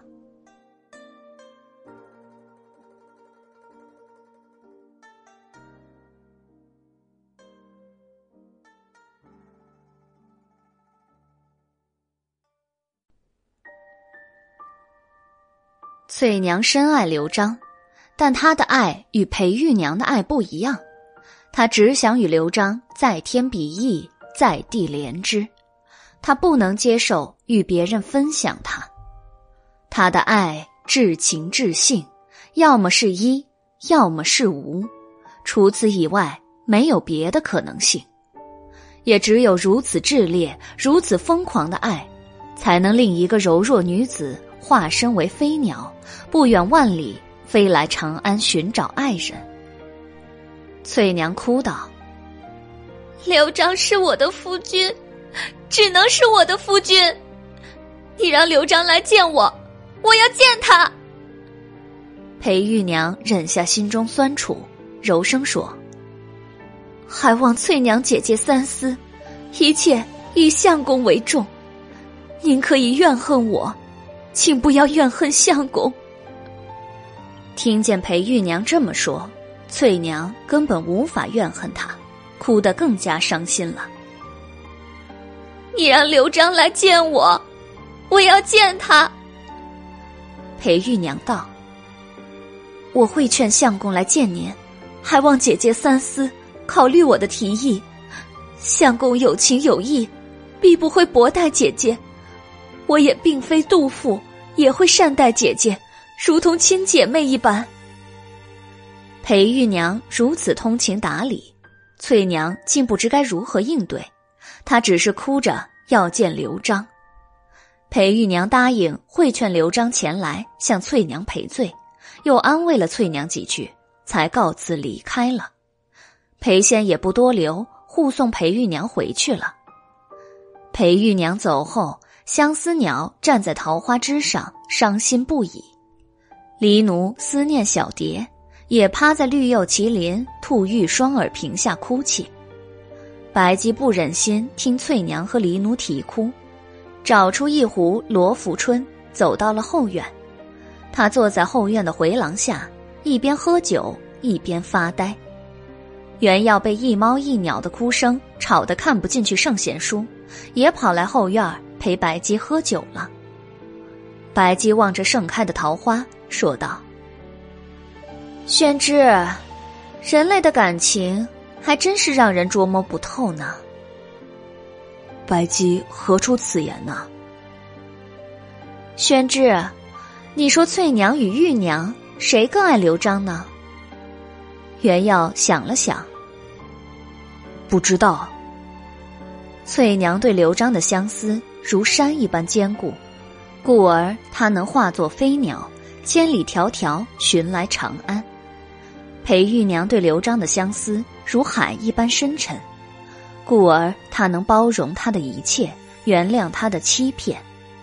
这两种相思都让人钦佩，没有办法做出比较。宣之，你说刘璋？更爱翠娘还是玉娘呢？玉娘，袁耀毫不迟疑的答道。白姬喝了一口素瓷杯中的罗浮春，说道：“宣之为什么这么肯定啊？”袁耀把昨天偶遇刘璋为裴玉娘买首饰的事情说了出来。刘璋那时所表现出来的温柔，绝对是挚爱之人用情至深的自然流露。白姬叹了一口气，说道：“唉，人心呐，真是幽微善变，情感的变迁让人无奈啊。”袁耀也叹了一口气：“唉，小生总觉得翠娘好可怜，刘璋实在是可恶。”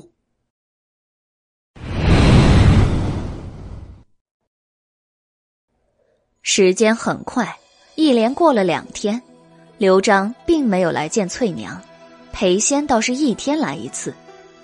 据裴仙说，无论裴玉娘怎么劝说，刘璋也不肯来见翠娘，更不肯接受裴玉娘的提议，接翠娘去刘宅。他说他此生只有裴玉娘一个妻子，此心无转移。刘璋托裴仙转告翠娘，他愿意赠送翠娘黄金珠宝。只希望翠娘回岭南去另觅良人，再不要来长安干涉他的生活了。翠娘一听到这个消息，万分的悲切，情急之下飞出了缥缈阁，不知道去了哪里。翠娘离开缥缈阁已经一天一夜，也没有回来。白姬元耀十分的担心她。宣之，你出去找一找翠娘。白姬对袁耀说道：“袁耀道，外面下着大雨呢，你自己怎么不去找啊？”懒得出去淋雨的白龙望了一眼趴在地上伤怀的黑猫，说道：“相思令人成狂，一个人陷入相思之中，不知道会做出什么傻事儿呢。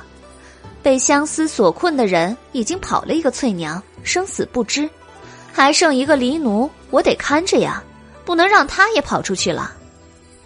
小书生无法反驳白姬的话，只好撑了一把紫竹伞，冒着大雨出去找翠娘。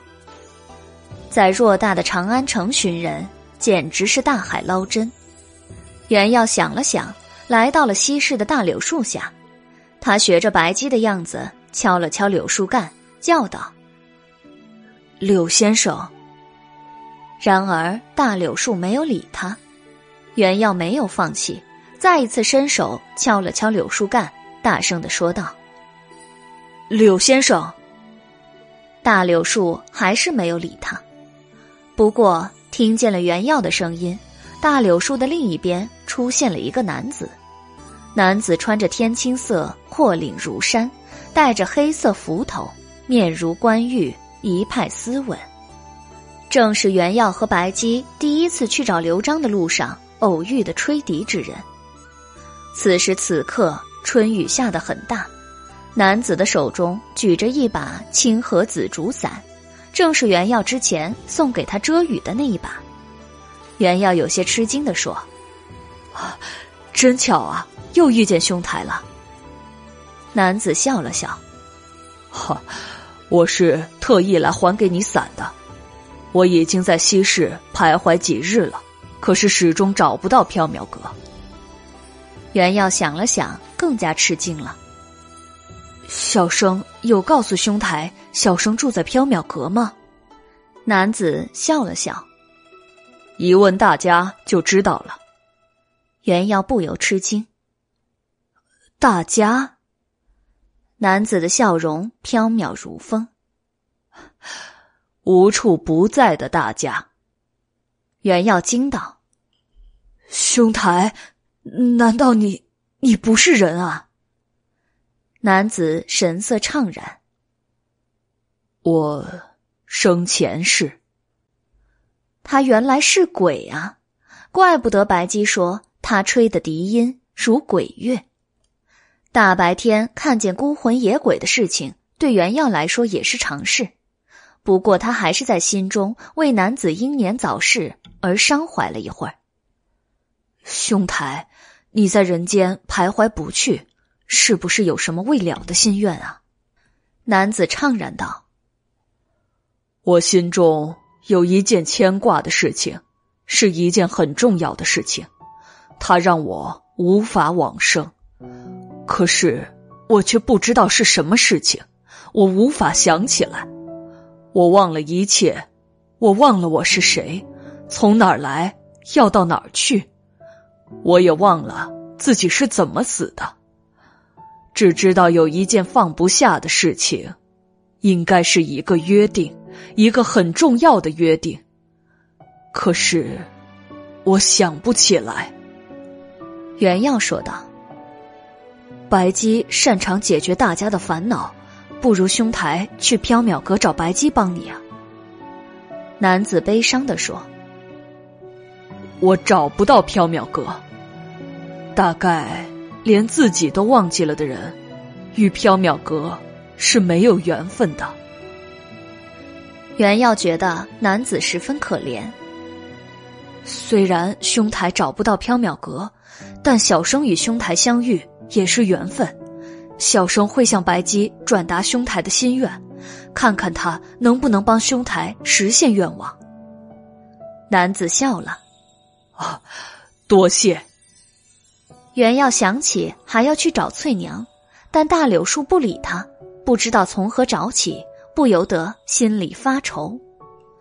男子见袁耀愁眉苦脸，问道：“你有什么心事啊？”袁耀愁了：“唉，小生要去找一只相思鸟，但不知道去哪里找啊。”男子笑了：“相思鸟。”是不是这一只啊？男子举起衣袖掀开给袁耀看，袁耀定睛望去，但见一只翠色的小鸟安静的睡在男子的衣袖中，他已经睡熟了，神色十分安宁。外面风雨交加，相思鸟在男子的庇护下却没有淋湿，而且似乎在享受着某种令人安心的温暖。袁耀笑了，这就是小生要找的相思鸟，它怎么会在兄台的衣袖里啊？男子温柔的望着相思鸟，说道：“也许是缘分吧。”男子为了还原耀雨伞，这几日都在西市附近徘徊。昨天他正在柳树下发呆的时候，看见这只相思鸟从某个巷子中冲出来。不知道为什么，他被它吸引了。相思鸟眼盲又不识路，它四处乱飞，处处碰壁。他的神情十分的悲伤，眼神绝望。相思鸟几次从男子眼前飞过，却看不见他。看见相思鸟拼命的飞，却找不到方向，飞不出西市。男子触动了心伤，有一种惺惺相惜之感。他忘了前尘后世，孤身在世间徘徊，明知道有一件重要的事情，却找不准现实的方向。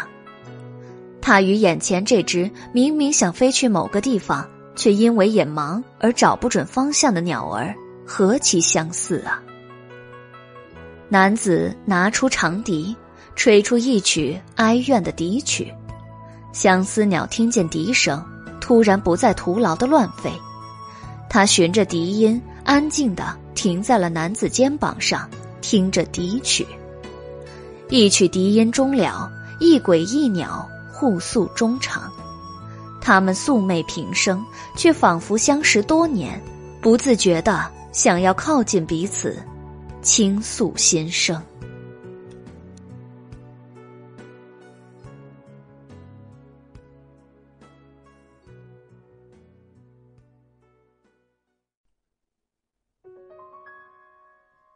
翠娘向娘子诉说了自己的悲苦与迷茫，因为相思不远万里，跋涉千山万水来到长安。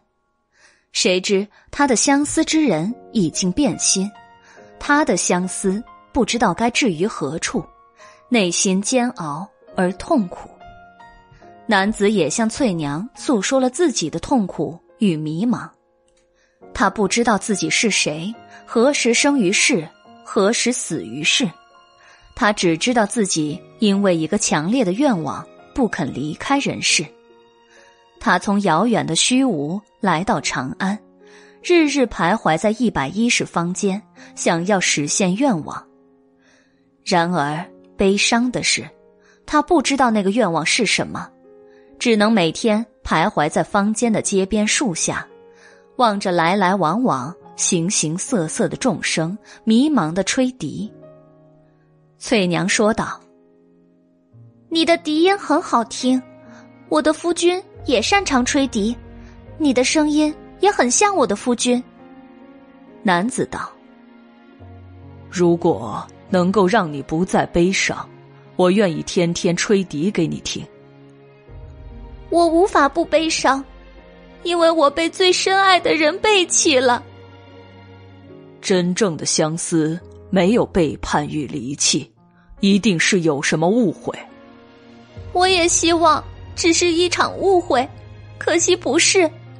他已有娇妻美眷，我的存在只是多余。我带你去找你的丈夫。长安城的路我很熟悉，毕竟我在这座城中徘徊三年了。翠娘摇头。我很想见他，但又不敢见他，我的心情很矛盾，也很混乱，所以我从缥缈阁中飞了出来。男子说道：“如果没有想好要去哪儿，你可以先留在我这儿。”翠娘同意了。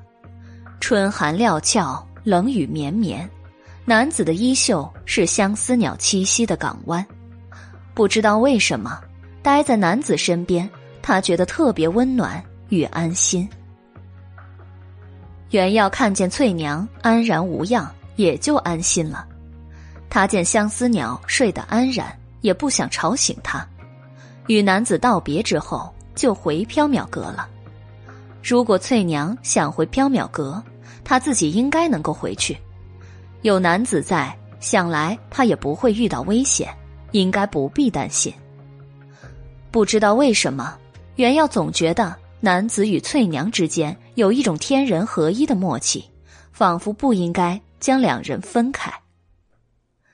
袁耀回到缥缈阁，他刚收好雨伞，走进里间，就看见白姬愁眉苦脸的趴在青玉案上，唉声叹气。袁耀奇怪的问道：“白姬，你这是怎么了？”白姬叹了一口气。道：“唉，宣之，我被相思所困，不知道该怎么办才好啊。”袁耀笑了：“ 别胡说了，你能有什么相思啊？”白姬不高兴了：“宣之，这话我不爱听，为什么我就不能有相思了？”好吧，好吧，你有相思，说吧，你到底怎么了？白姬愁道：“啊，黎奴跑了，说要去见小蝶，我拦都拦不住。这件事儿因相思而起，虽然是黎奴的相思，说起来也算是我正被相思所困。原耀坐下来道：“哪能这么算呀？黎奴老弟跑了，你也不去追啊？外面下着大雨呢，我怎么追呀？哎，愁死我了！黎奴被相思所困，万一闹起来跟小蝶殉情了，可怎么得了？”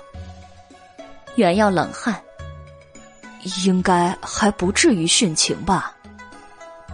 白姬翻了翻青玉案上的一本坊间传奇小说，那这些小说上都这么写着呢：富家小姐与私生私定终身，侯门歌姬与幕僚夜奔之类的，最后大多数都殉情了。袁耀大声地说：“哎，不要再看这些不入流的坊间读本了，白姬。”你要多读圣贤书啊！不论是圣贤书还是坊间读本，不都是人类写的文字吗？我觉得读起来都差不多嘛。袁耀大声的道：“这两者还是有很大的区别的。”白姬和袁耀正犹豫着要不要冒雨去找黎奴，突然外面的大厅里响起了一片喧哗之声。白姬和袁耀急忙出去看发生了什么事情。缥缈阁中进来了两只猫，三个人，他们推推攘攘，吵吵闹闹，看上去十分的热闹。袁耀定睛一看，两只猫，三个人，他都认得。两只猫是黑花狸猫和黄花狸猫，三个人是那日在春雨中打劫白鸡和他不成。反被白鸡使唤做苦力的强盗。小书生心里纳闷儿：他们五个怎么凑到一块儿去了？白姬望了一眼三个强盗，嘴角勾起一抹深不可测的笑意。三个强盗一看见白姬，顿时失魂落魄，也不敢跟两只猫妖推攘吵闹了。黑花狸猫大声的对白姬道。白姬大人，小的们不辱使命，把打劫小的们的三个强盗捉来了，希望能够将功赎罪啊！黄花狸猫说道：“也是苍天怜猫，小的们不眠不休，找了他们两天都没有找到，今天居然在街上碰见了，小的们立刻将他们捉来缥缈阁，让白姬大人发落。”白姬笑得深沉：“ 你们是在哪儿发现他们三人的？”黑花狸猫道：“在崇贤坊刘宅外面。”黄花狸猫道：“他们在那里徘徊。”三个强盗垂下了头，青紫色的脸上表情变得有些可怕。白姬凝望着三个强盗，不知道在想些什么。袁耀笑道：“啊，两位猫仙辛苦了，找到了债主，事情也就了了。外面刮风下雨的。”小生去沏一壶茶来，三位壮士也喝一杯暖暖身子吧。大家有什么误会，一边喝茶一边说呀。黑花狸猫欢呼道：“太好了，有热茶喝了。”黄花狸猫欢呼道：“小的长这么大，还从来没有喝过茶呢。”白姬阴森一笑：“宣之，拿两个杯子就够了，死人。”是不需要喝茶的。原耀没有明白白姬的意思，白姬指着三个强盗说道：“宣之，难道你没看见，他们都是已死之人的亡魂吗？”袁耀定睛望去，才发现三个强盗脸色青紫，神情怨戾。透过他们半透明的身体，依稀可以看见他们身后的货架。他们显然已经不是生人，他们已经死了。黑花狸猫笑了：“他们如果不是鬼啊，小的们还不敢捉他们来缥缈阁呢。”黄花狸猫也笑了：“小的们怕人，但不怕鬼。妖鬼妖鬼，怎么说？我们妖也排在鬼前面，比鬼厉害。”袁耀望着三个强盗，心情复杂。明明几天前他们还是人，现在居然成鬼了，到底发生了什么事情？看他们怨气冲天的模样与神情，似乎不是正常死亡。是谁杀了他们呢？为了平复心情，袁耀去厨房沏了一壶陆安茶，端来给大家喝。但是当袁耀把陆安茶端上来的时候，两只猫仆和三个强盗都不见了，只留下白姬坐在大厅之中。白姬怔怔的望着虚空，不知道在想什么。袁耀忍不住问：“白姬，他们都去哪儿了？”白姬没有回答袁耀的话，反而问道：“宣之，该怎么去找一个人呢？”这还不简单啊！去问花草树木呀。花草树木没有办法找到一个死人呢。袁耀疑惑的说：“你要找谁啊？”刘璋。刘璋是死人。白姬愁闷的道：“是的，刘璋早就死了。”袁耀惊疑且恐惧。刘璋居然是鬼吗？看起来完全不像啊！怎么看他也是一个活生生的人呢？袁耀尚未将心中的疑惑说出口，白姬突然站起身来说道：“宣之，我出去一趟，办些事情，你留下来看店。”袁耀点头同意了。白姬走后，袁耀坐在青玉案边，一边喝茶一边看书。想到翠娘与刘璋的事情，他心中无限唏嘘；想到黎奴去找月眉蝶羽的事情，他的脑中又一片烦乱。虽然捧着圣贤书，也没怎么读进去。不知道过了多久，缥缈阁里又来人了。袁耀听见响动，起身去大厅查看，发现是黑花狸猫和黄花狸猫回来了。黑花狸猫和黄花狸猫扛着一个大箱子，气喘吁吁的。黑花狸猫看见袁耀，笑了：“哈，按照白姬大人的吩咐，小的们从强盗的窝点把黄金箱拿回来了。袁公子，你数数，小的们分文未动，原物奉还。”黄花狸猫笑了：“强盗的窝点居然还有不少好东西，看来他们生前真是没少干坏事儿。”他们都死了，也用不着金银俗物了，小的们就消受了。今年可以吃饱穿暖啦。黑花狸猫伸爪，狠狠的拍了一下黄花狸猫的头，吼道：“你胡说些什么呀？长得丑也就罢了，脑子也不好使，嘴上没个把门的。”黄花狸猫不高兴了，回骂道：“说我长得丑？哼，你也没好看到哪儿去。你要是长得可爱。”能当吃不饱穿不暖的流浪猫吗？黑花狸猫还要吵架，被袁耀劝住了。好了好了，两位猫仙都少说一句，和气为贵啊！白姬出门未归，你们如果没有急事的话，坐下喝杯茶，等一会儿吧。等白姬回来交接了黄金箱，你们便可自去了。听见袁耀这么说，黑花狸猫和黄花狸猫。都高兴的同意了，黑花狸猫笑了，最好有点心，米糕、乳酥都行。小的今天还没吃东西呢。黄花狸猫笑了，太激动了，猫生第一次喝茶。原要给黑花狸猫和黄花狸猫端来一壶鹿安茶，一盘羊乳酥，一盘芙蓉糕。黑花狸猫和黄花狸猫道谢之后。很开心的喝茶吃点心。袁耀心中迷惑重重，看不进去书，只好陪着黑花狸猫和黄花狸猫喝茶，说着闲话。不一会儿，缥缈阁外飞进来一道黑影，有什么东西掉了下来，摔在缥缈阁的门口。掉下来的东西发出惊叫声。袁耀和黑花狸猫、黄花狸猫急忙跑到门口查看，但是什么也没有看见，疑心刚才是幻听。还是黑花狸猫眼尖，指着地上说：“哎，这有一只蜗牛。”袁耀定睛望去，只见一只蜗牛翻倒在一滩积水之中，口中吐着白沫。袁耀认出蜗牛是穿梭在长安一百一十坊间给大家报信的信使，十分担心他的安危。蜗牛老弟，你没事吧？蜗牛挣扎着翻了一个身，伸出柔软的触角，说道：“摔死俺了！该死的燕子，飞那么快干啥？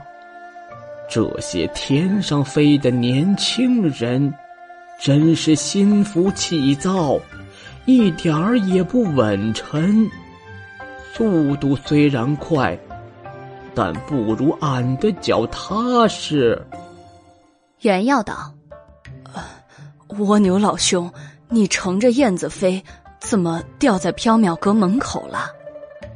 蜗牛回答道：“俺是受白姬之托，来缥缈阁给袁公子你报信的。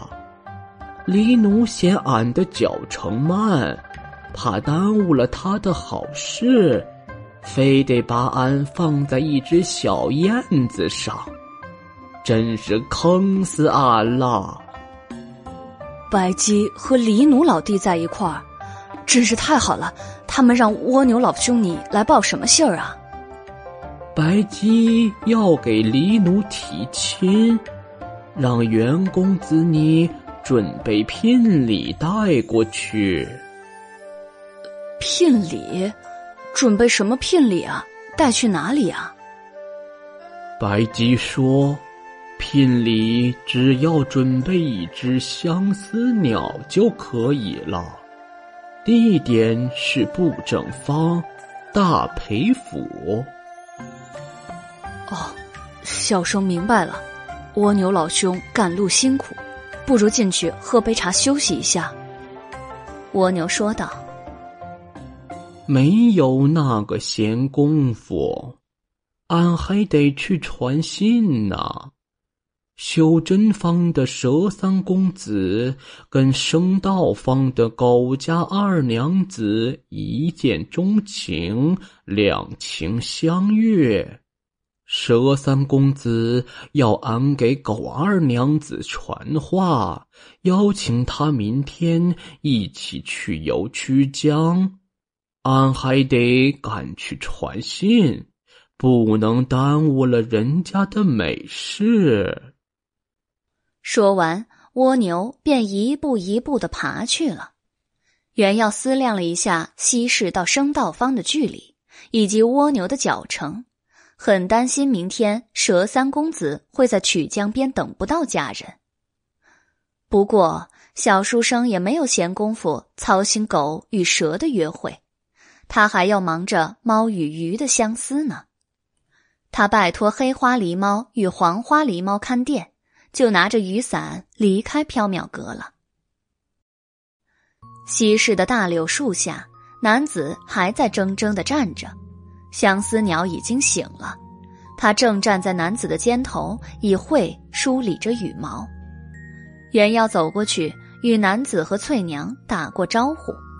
他不好意思说要拿翠娘做聘礼，只说白姬传话在布正方的裴府等待，让他带着翠娘一起过去。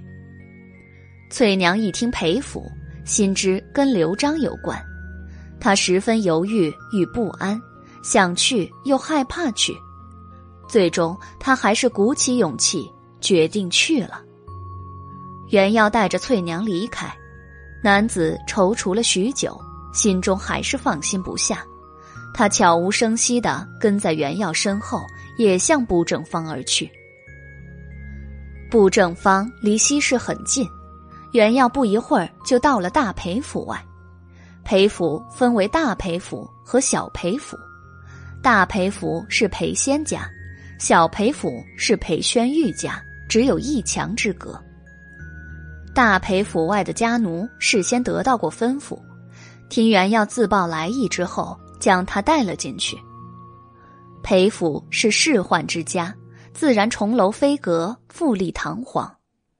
家奴带着袁耀来到裴仙居住的小楼，袁耀带着相思鸟走进客厅，裴仙、白姬、黎奴三个强盗的鬼魂都在。白姬坐在罗汉床上，正在认真的摆弄一副龟甲，不知道在占卜什么。裴仙坐在白姬对面，痴痴的望着他，一副沉溺于相思之中的状态。黎奴愁眉苦脸的坐在窗边，望着刚升起的一弯新月。三个强盗的鬼魂静静的站在墙角，一脸怨戾与狰狞，不知道裴仙看不看得见他们呀？白姬看见袁耀来了，不由笑道：“宣之来的还挺快的。”袁耀与裴仙见过礼，便问白姬到底发生了什么事情。白姬把下午发生的事情告诉了袁耀。黎奴思念小蝶，跑去小裴府见小蝶。当时裴宣玉正在书房里一边赏鱼，一边酝酿诗意。黎奴一路跑进书房，看见裴宣玉望着月眉蝶鱼的眼神充满了痴恋之意，他不由心中由妒生恨，幻化出猫妖的形态，把裴宣玉吓晕了。黎奴打算把小蝶带走，可是小蝶却已经在琉璃缸中奄奄一息。月眉蝶鱼是海鱼，在陆地上无法存活太久，哪怕被温暖的海水和精致的鱼食环绕，哪怕人们再精心细致的照顾它，裴宣玉痴怜的眼神正是感怜月眉蝶与短暂的生命。他想起裴家祖辈中有不少征伐沙场、英年早逝之人，自古美鱼如名将，人间不许见白头。谁知道这眼神却被黎奴误会了，将他吓晕。黎奴向小蝶倾诉了衷肠，希望小蝶跟他走，谁知小蝶不肯。黎奴打算强行带小蝶走。小蝶急得拼尽全力跃起来自杀，黎奴不敢强迫，只好哭着跑了。黎奴伤心欲绝，在裴府外的大树下放声大哭，正好遇见白姬和三个强盗的鬼魂。白姬听了黎奴的哭诉，眼珠一转，安慰他说：“小蝶是一条矜持的鱼，不肯私奔，那就是要按礼数来了。”还是要先提亲再说呀。蜗牛正好经过，白姬让蜗牛给原耀传话，准备聘礼来提亲。黎奴嫌蜗牛走得慢，捉了一只在树叶间避雨的小燕子，把蜗牛放了上去。裴宣玉被猫妖惊吓的消息传到了裴玉娘的耳中，她急忙跟丈夫一起回娘家探望父亲。此时此刻。裴玉娘跟刘璋正在与大裴府一墙之隔的小裴府之中，在白姬丢龟甲占卜的时候，应白姬的要求，裴仙早已派人前去请刘璋夫妇了。这个时候，有家仆来报告说刘璋夫妇已经在楼下。裴仙望了一眼白姬，白姬点点头。裴仙吩咐家仆带刘璋夫妇上楼。白姬望了一眼原要肩头的相思鸟，说道：“翠娘，我想让你见一个人。”相思鸟啼音婉转：“是我的夫君吗？”白姬没有回答，只说：“你见了就知道了。”裴仙见白姬对着虚空说话，感到十分的奇怪。昼与夜的界限。早已昏昧，另一个世界缓缓的醒来。一个错眼间，裴仙看见袁耀的肩头站着一只美丽的鸟儿，而白姬正在与他对话。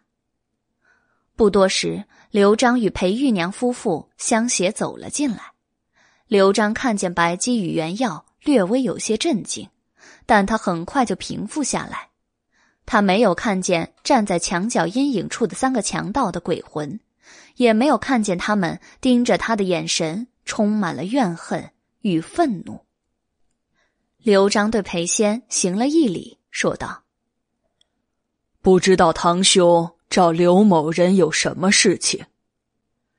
相思鸟听见刘璋的声音，呆若木鸡。裴仙尚未回答，白姬已经笑了。是我拜托裴将军将您请来的，也还是为了之前的事情。刘璋大怒，还真是没完没了了。我与那个翠娘都已经是过去的事情了。我现在的妻子是玉娘，我深爱我的妻子，绝对不会再见翠娘。我可以给翠娘钱财作为补偿，也会派人护送他回岭南。就当我刘某人已经死了，望他以后不要再来纠缠。裴玉娘本想开口劝丈夫几句，但最终还是没有开口。翠娘在袁耀的肩膀上站着，呆若木鸡。袁耀听不下去了，为翠娘愤愤不平，大骂刘璋：“哪有这样子的道理啊！既然结为夫妇，就该一世相守，不离不弃。刘大人始乱终弃，抛弃糟糠之妻，不仅不认错，不为自己的行为感到羞耻，还把背弃妻子的事情说的那么理直气壮。刘大人真是丢读书人的脸！”刘璋气急败坏，正要开口。原要肩头的相思鸟却开口了：“不是，不是，他不是我的夫君，我的夫君在哪里？”刘璋看不见原耀肩头的相思鸟，也听不见他的声音。裴仙见原耀肩头的相思鸟口吐婉转人语，不由得吃惊的张大了嘴巴。原耀说道：“翠娘，这个就是刘璋啊。”相思鸟摇头：“不对，不是，这个人不是我的夫君。我虽然眼盲，但是能听声音，这不是我夫君的声音。”刘璋见袁耀对着虚空说话，觉得自己受到了愚弄，他大声的说道：“你们在搞什么鬼？”白姬笑了：“不做亏心事，不怕鬼敲门。刘大人不必紧张。”刘璋冷哼一声：“哼，我刘某人坦坦荡荡，无愧于天地。”刘大人既然不愿意见翠娘，那就罢了。毕竟，其实您跟翠娘也没有什么关系。不过嘛，有三位故人，您必须见一见，因为您还欠他们一样东西呢。”刘璋倨傲的道。我刘某人从不欠任何人的东西。白姬笑了，话不可以说的太满了。难得刘大人来了，你们三个还不快过来找他要东西啊？三个强盗的鬼魂在黑暗中浮出，向着刘璋走来。刘璋见了，大惊失色：“你、你们、你们不是被我杀了吗？”三个强盗脸上露出痛苦的表情，他们怨恨的说道：“马四，你还我们命来！毒药穿肠烂肺，真是好痛苦啊！马四，你真是心狠手辣呀！枉我们还是结义的兄弟。”裴玉娘一下子懵了，她惊道：“相公，这是怎么回事啊？”刘璋倏地抽出佩剑，对着三名强盗的鬼魂乱挥。虽然剑剑刺中，却是虚空。刘璋说道：“你们，你们是盗寇，杀人如麻，作恶多端，你们死有余辜。”胖强盗悠悠的说：“你不也是强盗吗？”瘦强盗和矮强盗也以怜悯的神情望着刘璋。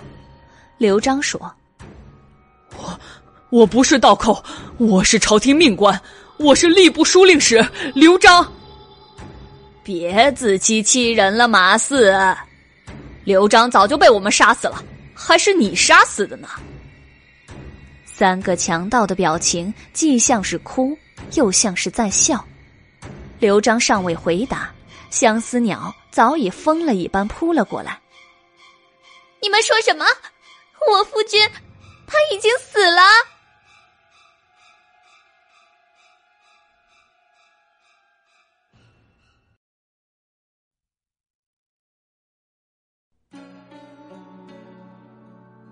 三个强盗怜悯的望着相思鸟，说道：“哼，刘璋三年前已经被我们杀死了，他的老仆和书童也杀了。哎，其实那一单买卖挺亏的，他身上也没有多少钱财，埋三个人还花了我们不少力气呢。谁叫他要反抗？乖乖交出钱财，不就没事了吗？”玉娘惊道：“啊！” 既然刘璋已死，那那我相公是……三个强盗怜悯的望着裴玉娘，说道：“你相公叫马四，是我们的好兄弟。三年前，四个强盗在荒野打劫去长安赴任的刘璋，因为刘璋不畏邪恶，奋力反抗，他们杀死了刘璋和他的老仆。”强盗们留下了年幼的书童，打算卖了他换钱。马四在落草为寇之前也读过诗书，他看见了刘璋身上的官文，并且从书童口中逼问出刘璋的生平，认为去长安是大赚一笔的好机会。马四从书童口中问出自己想知道的消息之后，就杀了他，并且不辞而别，带着官文走了。马四走了之后，三个强盗只好把刘璋和仆从的尸体埋在荒野之中，继续干着打家劫舍的勾当。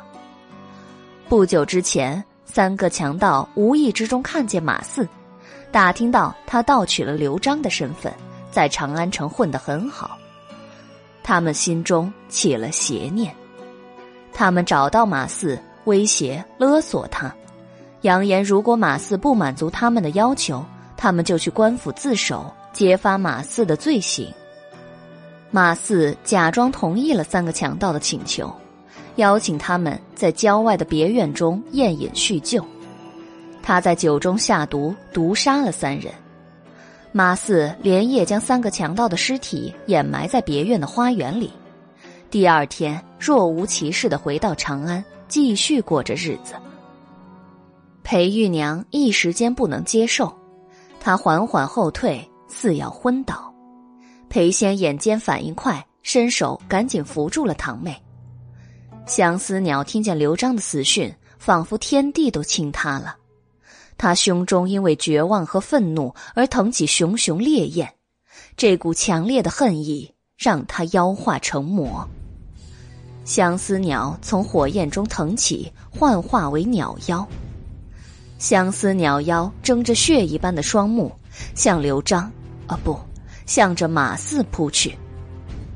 你，你这贼人，还我夫君！马四看见妖化的相思鸟，十分震撼，他大惊之下，挥剑向相思鸟刺去。说时迟，那时快，一道身影挡在了相思鸟面前，闪烁着寒光的长剑刺穿了那人的胸膛。但是这并没有什么用，长剑刺穿那人透明如雾的身体之后，仍旧刺入了相思鸟妖的胸口。相思鸟妖的胸口被长剑刺穿，鲜血如注，他哀鸣一声，软倒在地。冲出来以身挡剑的人，正是在柳树下吹鬼笛的男子。他不放心相思鸟，尾随着原药来到大裴府。看见相思鸟遇到危险，他没有多想，奋不顾身的扑了上来。可惜他只是一缕幽魂，无法保护他的周全。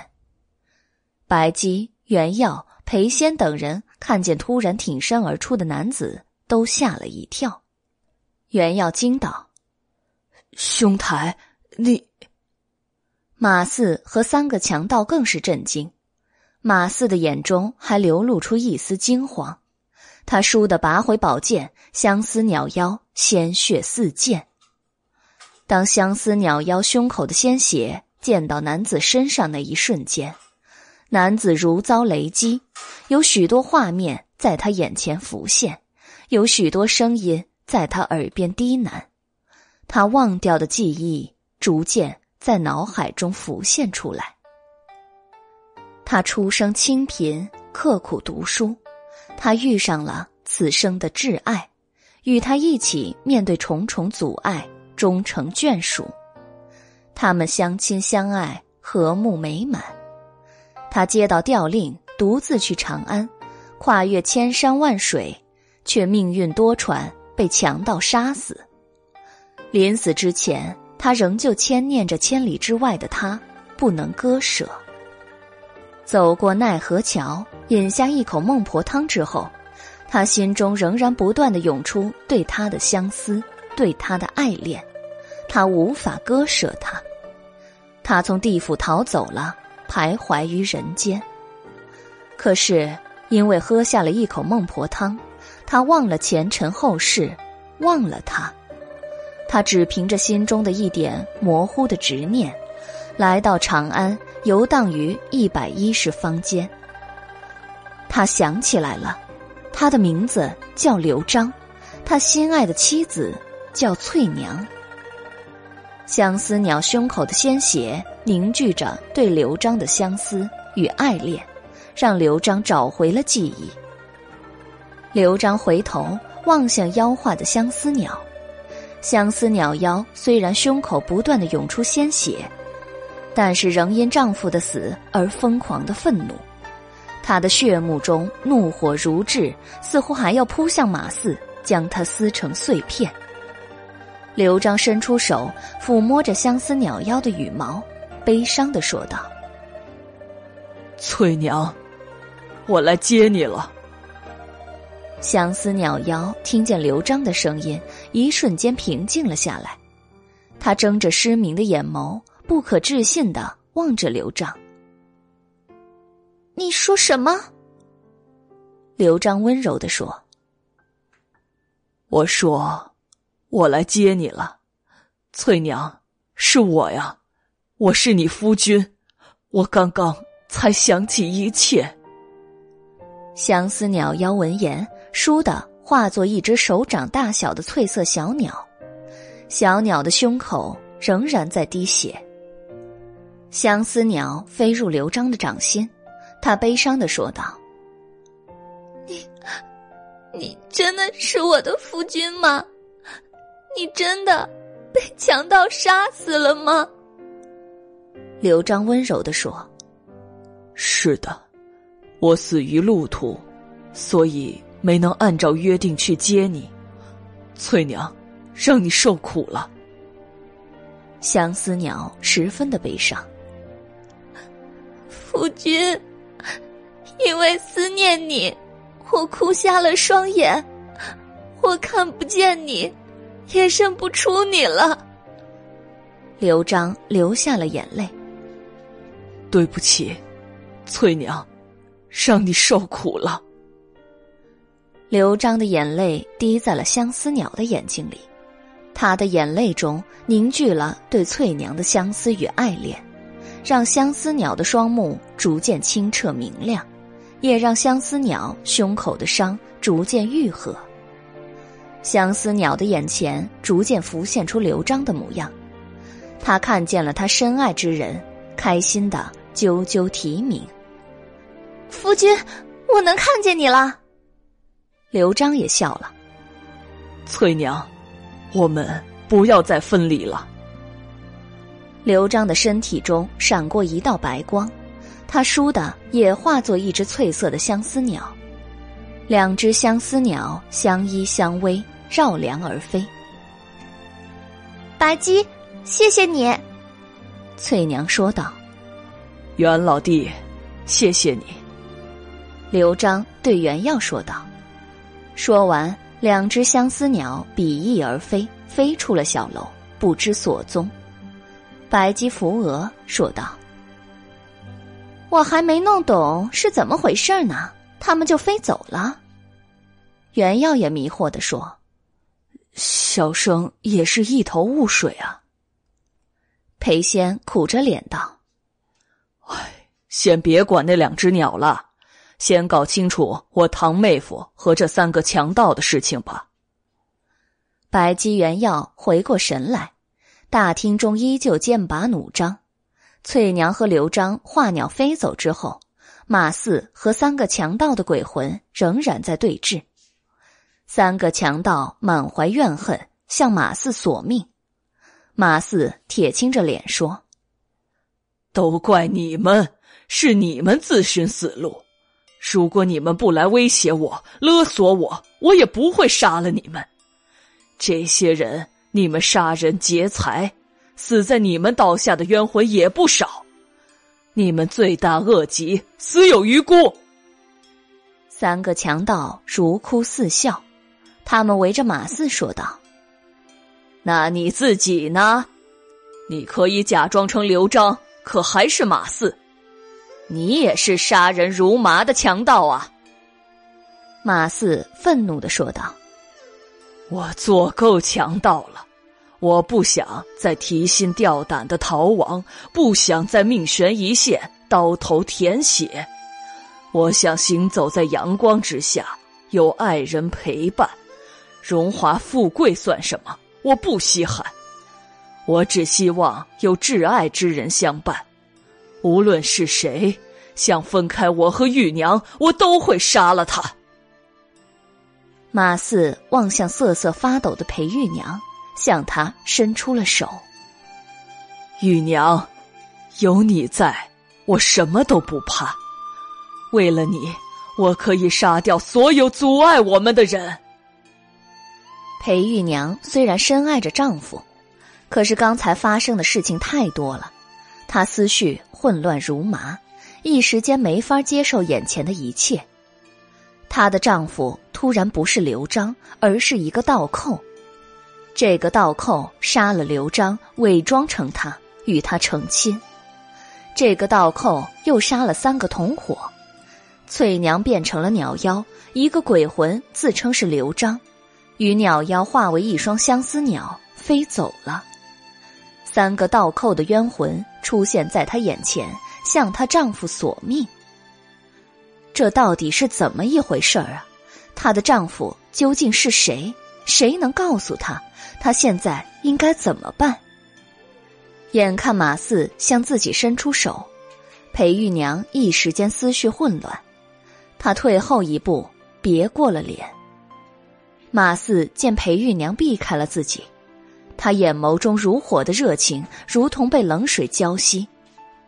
他嫌弃他了吗？他不再爱他了吗？他失去他了吗？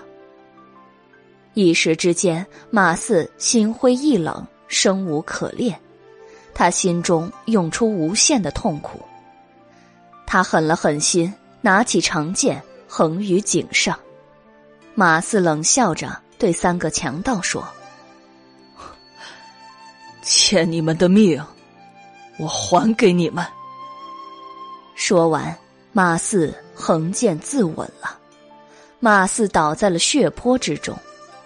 在临死的刹那，马四犹自痴痴的望着裴玉娘，他的左手放在胸口，手和胸口都被鲜血染红了。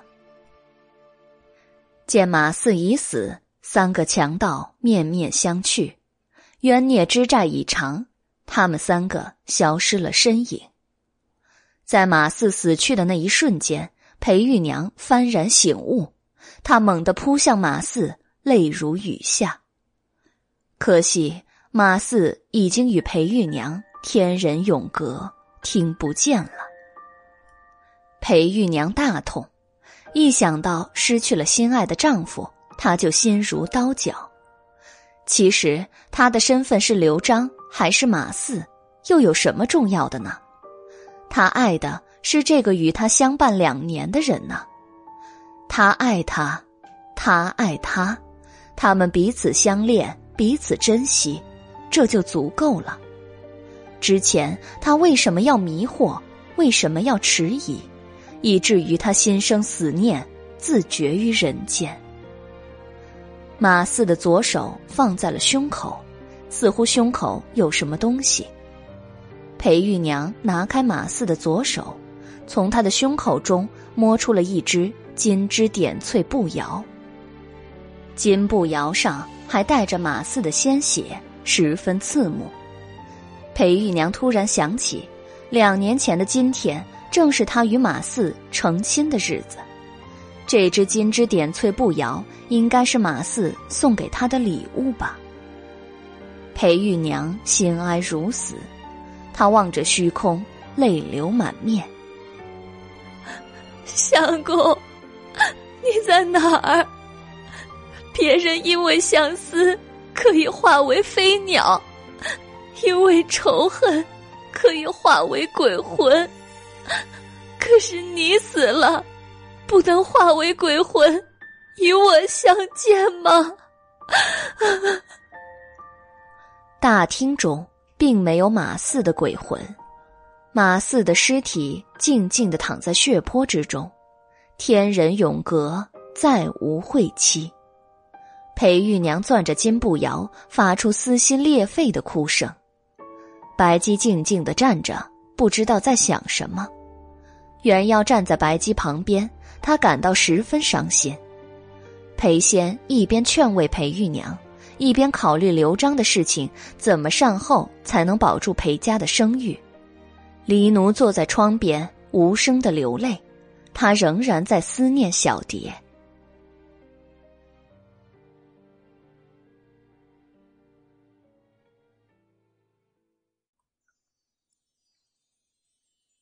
因为早已过了宵禁的时辰。白姬、袁耀、黎奴留在大裴府过夜，裴仙叫下人来收敛了马四的尸体，又送裴玉娘去小裴府，以及向裴宣玉告知事情的原委。裴仙太忙，白姬、袁耀、黎奴只好自便。裴仙让下人给白姬、袁耀、黎奴送来晚饭，可是谁也没有胃口吃。白姬、原耀、黎奴没有困意，就在月下的花园里散步。小书生揉着额头说：“白姬，小生好像理顺这件事情了。那位柳树下的兄台才是刘璋，假刘璋是强盗，强盗杀了刘璋，伪装成刘璋，强盗与裴玉娘成亲，我们却把强盗当成了刘璋。”错以为刘璋辜负了翠娘，后来刘璋变成鸟了，强盗也死了，还搭上了另外三个强盗的命。这件事情真的好复杂呀。白姬笑了，事情复杂是因为人心复杂呀。袁耀问道：“白姬，刘璋和翠娘去哪里了？”白姬望着天边的弯月，也许他们回岭南了吧？那他们会永远在一起吗？当然会了。在天愿作比翼鸟，连死亡都无法将他们分开。这世间还有什么能令他们分开呢？袁耀又问：“白姬，假刘璋死了以后。”为什么不能化为鬼魂与玉娘相见呢？他那么爱玉娘，怎么忍心就此天人永隔？他生前杀业太多，死后自然身不由己。他的魂魄早就被他的三个好兄弟带走了。小生总觉得玉娘十分的可怜。是呢，相思总是令人断肠。黎奴忍不住插话说：“主人，你什么时候去给黎奴提亲呢？黎奴想小蝶，想的都快断肠了。”白姬说：“哎呀，你不说我都快忘了，还有小蝶的事情呢。这样吧，等裴将军从小裴府回来，我就拜托他去提亲。”三人说话之间，裴仙已经从小裴府回来了。裴仙愁容满面的走向白姬，说道：“白姬姑娘，我已经如实向叔父禀报此事，叔父十分震惊与悲痛。他悲痛之余，又想保全裴家的声誉，苦恼于如何向外界宣告此事。”白姬笑了：“这有何难啊？既然翠娘与刘璋已经化鸟飞走。”那令堂妹夫自然还是刘璋啊！刘大人的别院中有三具强盗尸体，都是朝廷通缉的犯人。刘大人的死，自然是因为三名强盗闯入别院打劫。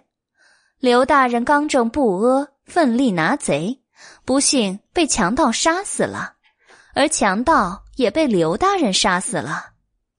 刘璋本来就是被强盗杀死的，这不过是迟了三年才报上去而已。令堂妹夫杀死通缉强盗，以身殉职，武后说不定还要表彰追封呢。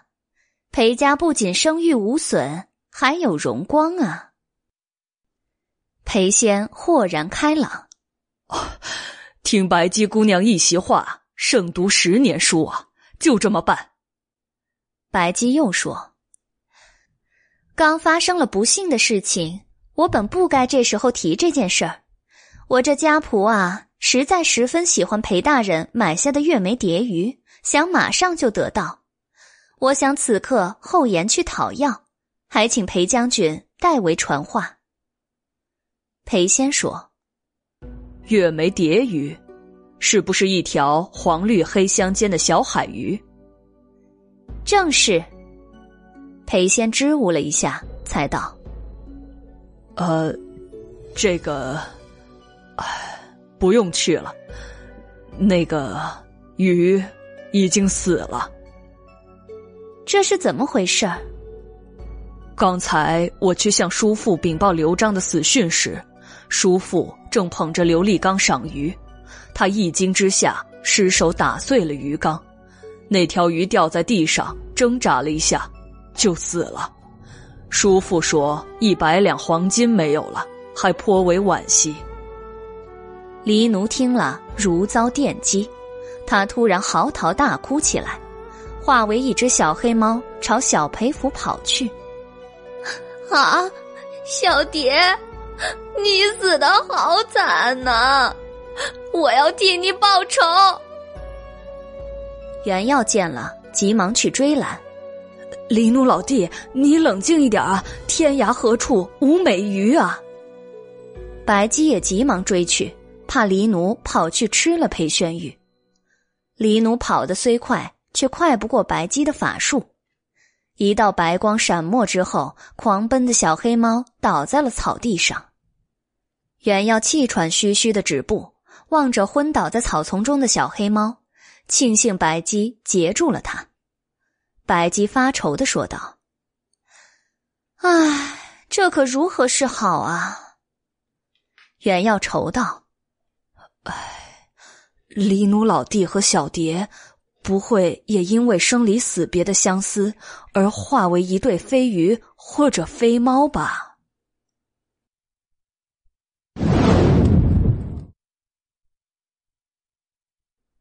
席室缥缈阁，黎奴昏睡了一夜才醒来。他醒来的时候已经是第二天上午了。黎奴睡在里间的青玉案上，他的旁边放着他洗刷干净的琉璃鱼缸。鱼缸里面泡着一条死去的月眉蝶鱼。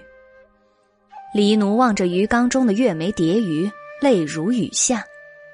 原要走进里间，见黎奴醒了，高兴的说道：“哎，黎奴老弟，你醒了呀！”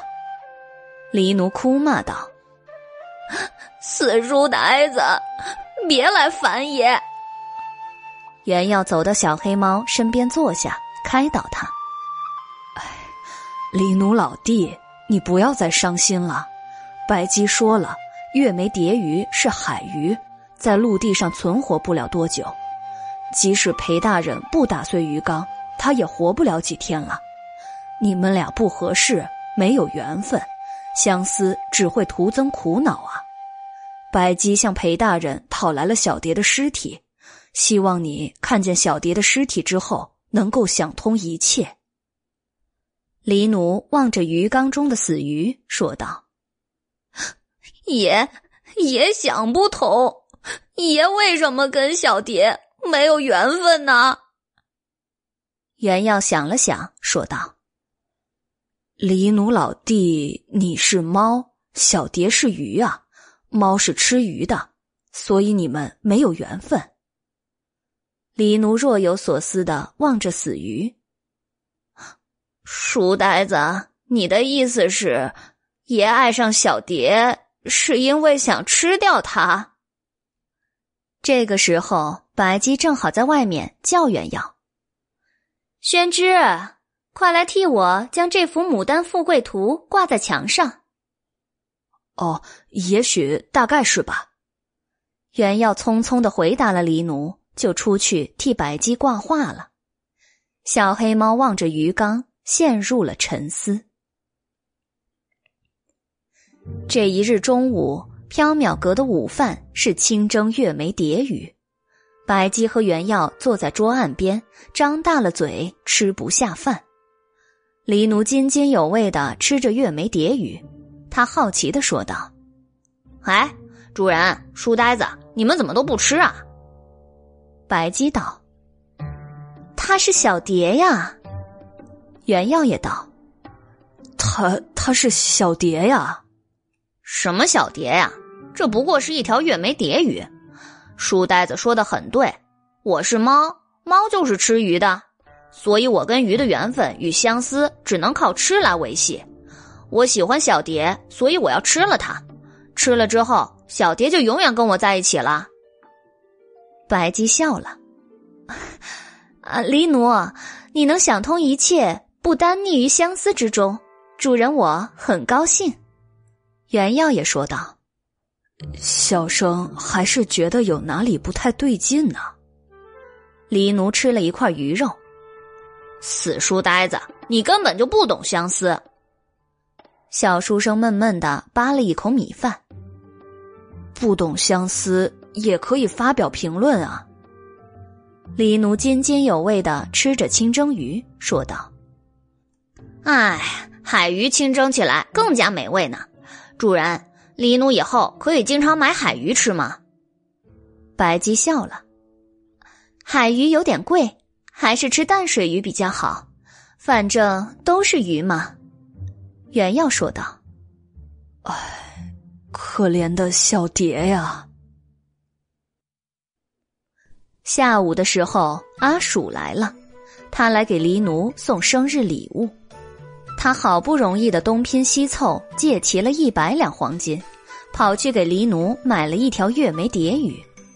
阿鼠笑着对黎奴说：“嘿，黑炭，快看，我把小蝶给你买来了。”黎奴望着鱼缸里的月眉蝶鱼，伸舌舔了舔唇：“嗯，太好了，晚饭菜有着落了。”阿鼠没有听清，还在笑道。黑炭，祝你们相亲相爱，百年好合。黎奴留阿鼠吃晚饭，阿鼠开心的同意了。当傍晚时分，阿鼠坐在木案边，看着自己的一百两黄金变成一盘红烧海鱼的时候，他欲哭无泪，心情十分的崩溃。黎奴笑道：“嘿，阿鼠，快尝尝，海鱼比河鱼更加鲜美呢。”阿鼠哭着骂道：“你这个臭黑炭，你就知道吃！我的一百两黄金啊！”白姬叹道：“唉，一天吃掉了两百两黄金，缥缈阁的日子过得似乎太奢侈了。”袁耀也叹道：“唉，可怜的阿鼠啊！”晚上，袁耀做了一个梦，他梦见在遥远的岭南，两只相思鸟在桃花中飞舞，比翼连枝。他们在唱着歌：“今夕何夕，芳草离离；明月高楼西，望君千里。长相思兮，恨别离；别离苦兮，梦魂断。长相思兮。”催心肝，催心肝兮情难绝。生当复来归，死当长相思。百年何归，永生不离。袁耀梦见了白姬，睡梦中他的嘴角弯起了幸福的弧度。一阵夜风吹来，春天已逝，夏天。又来了。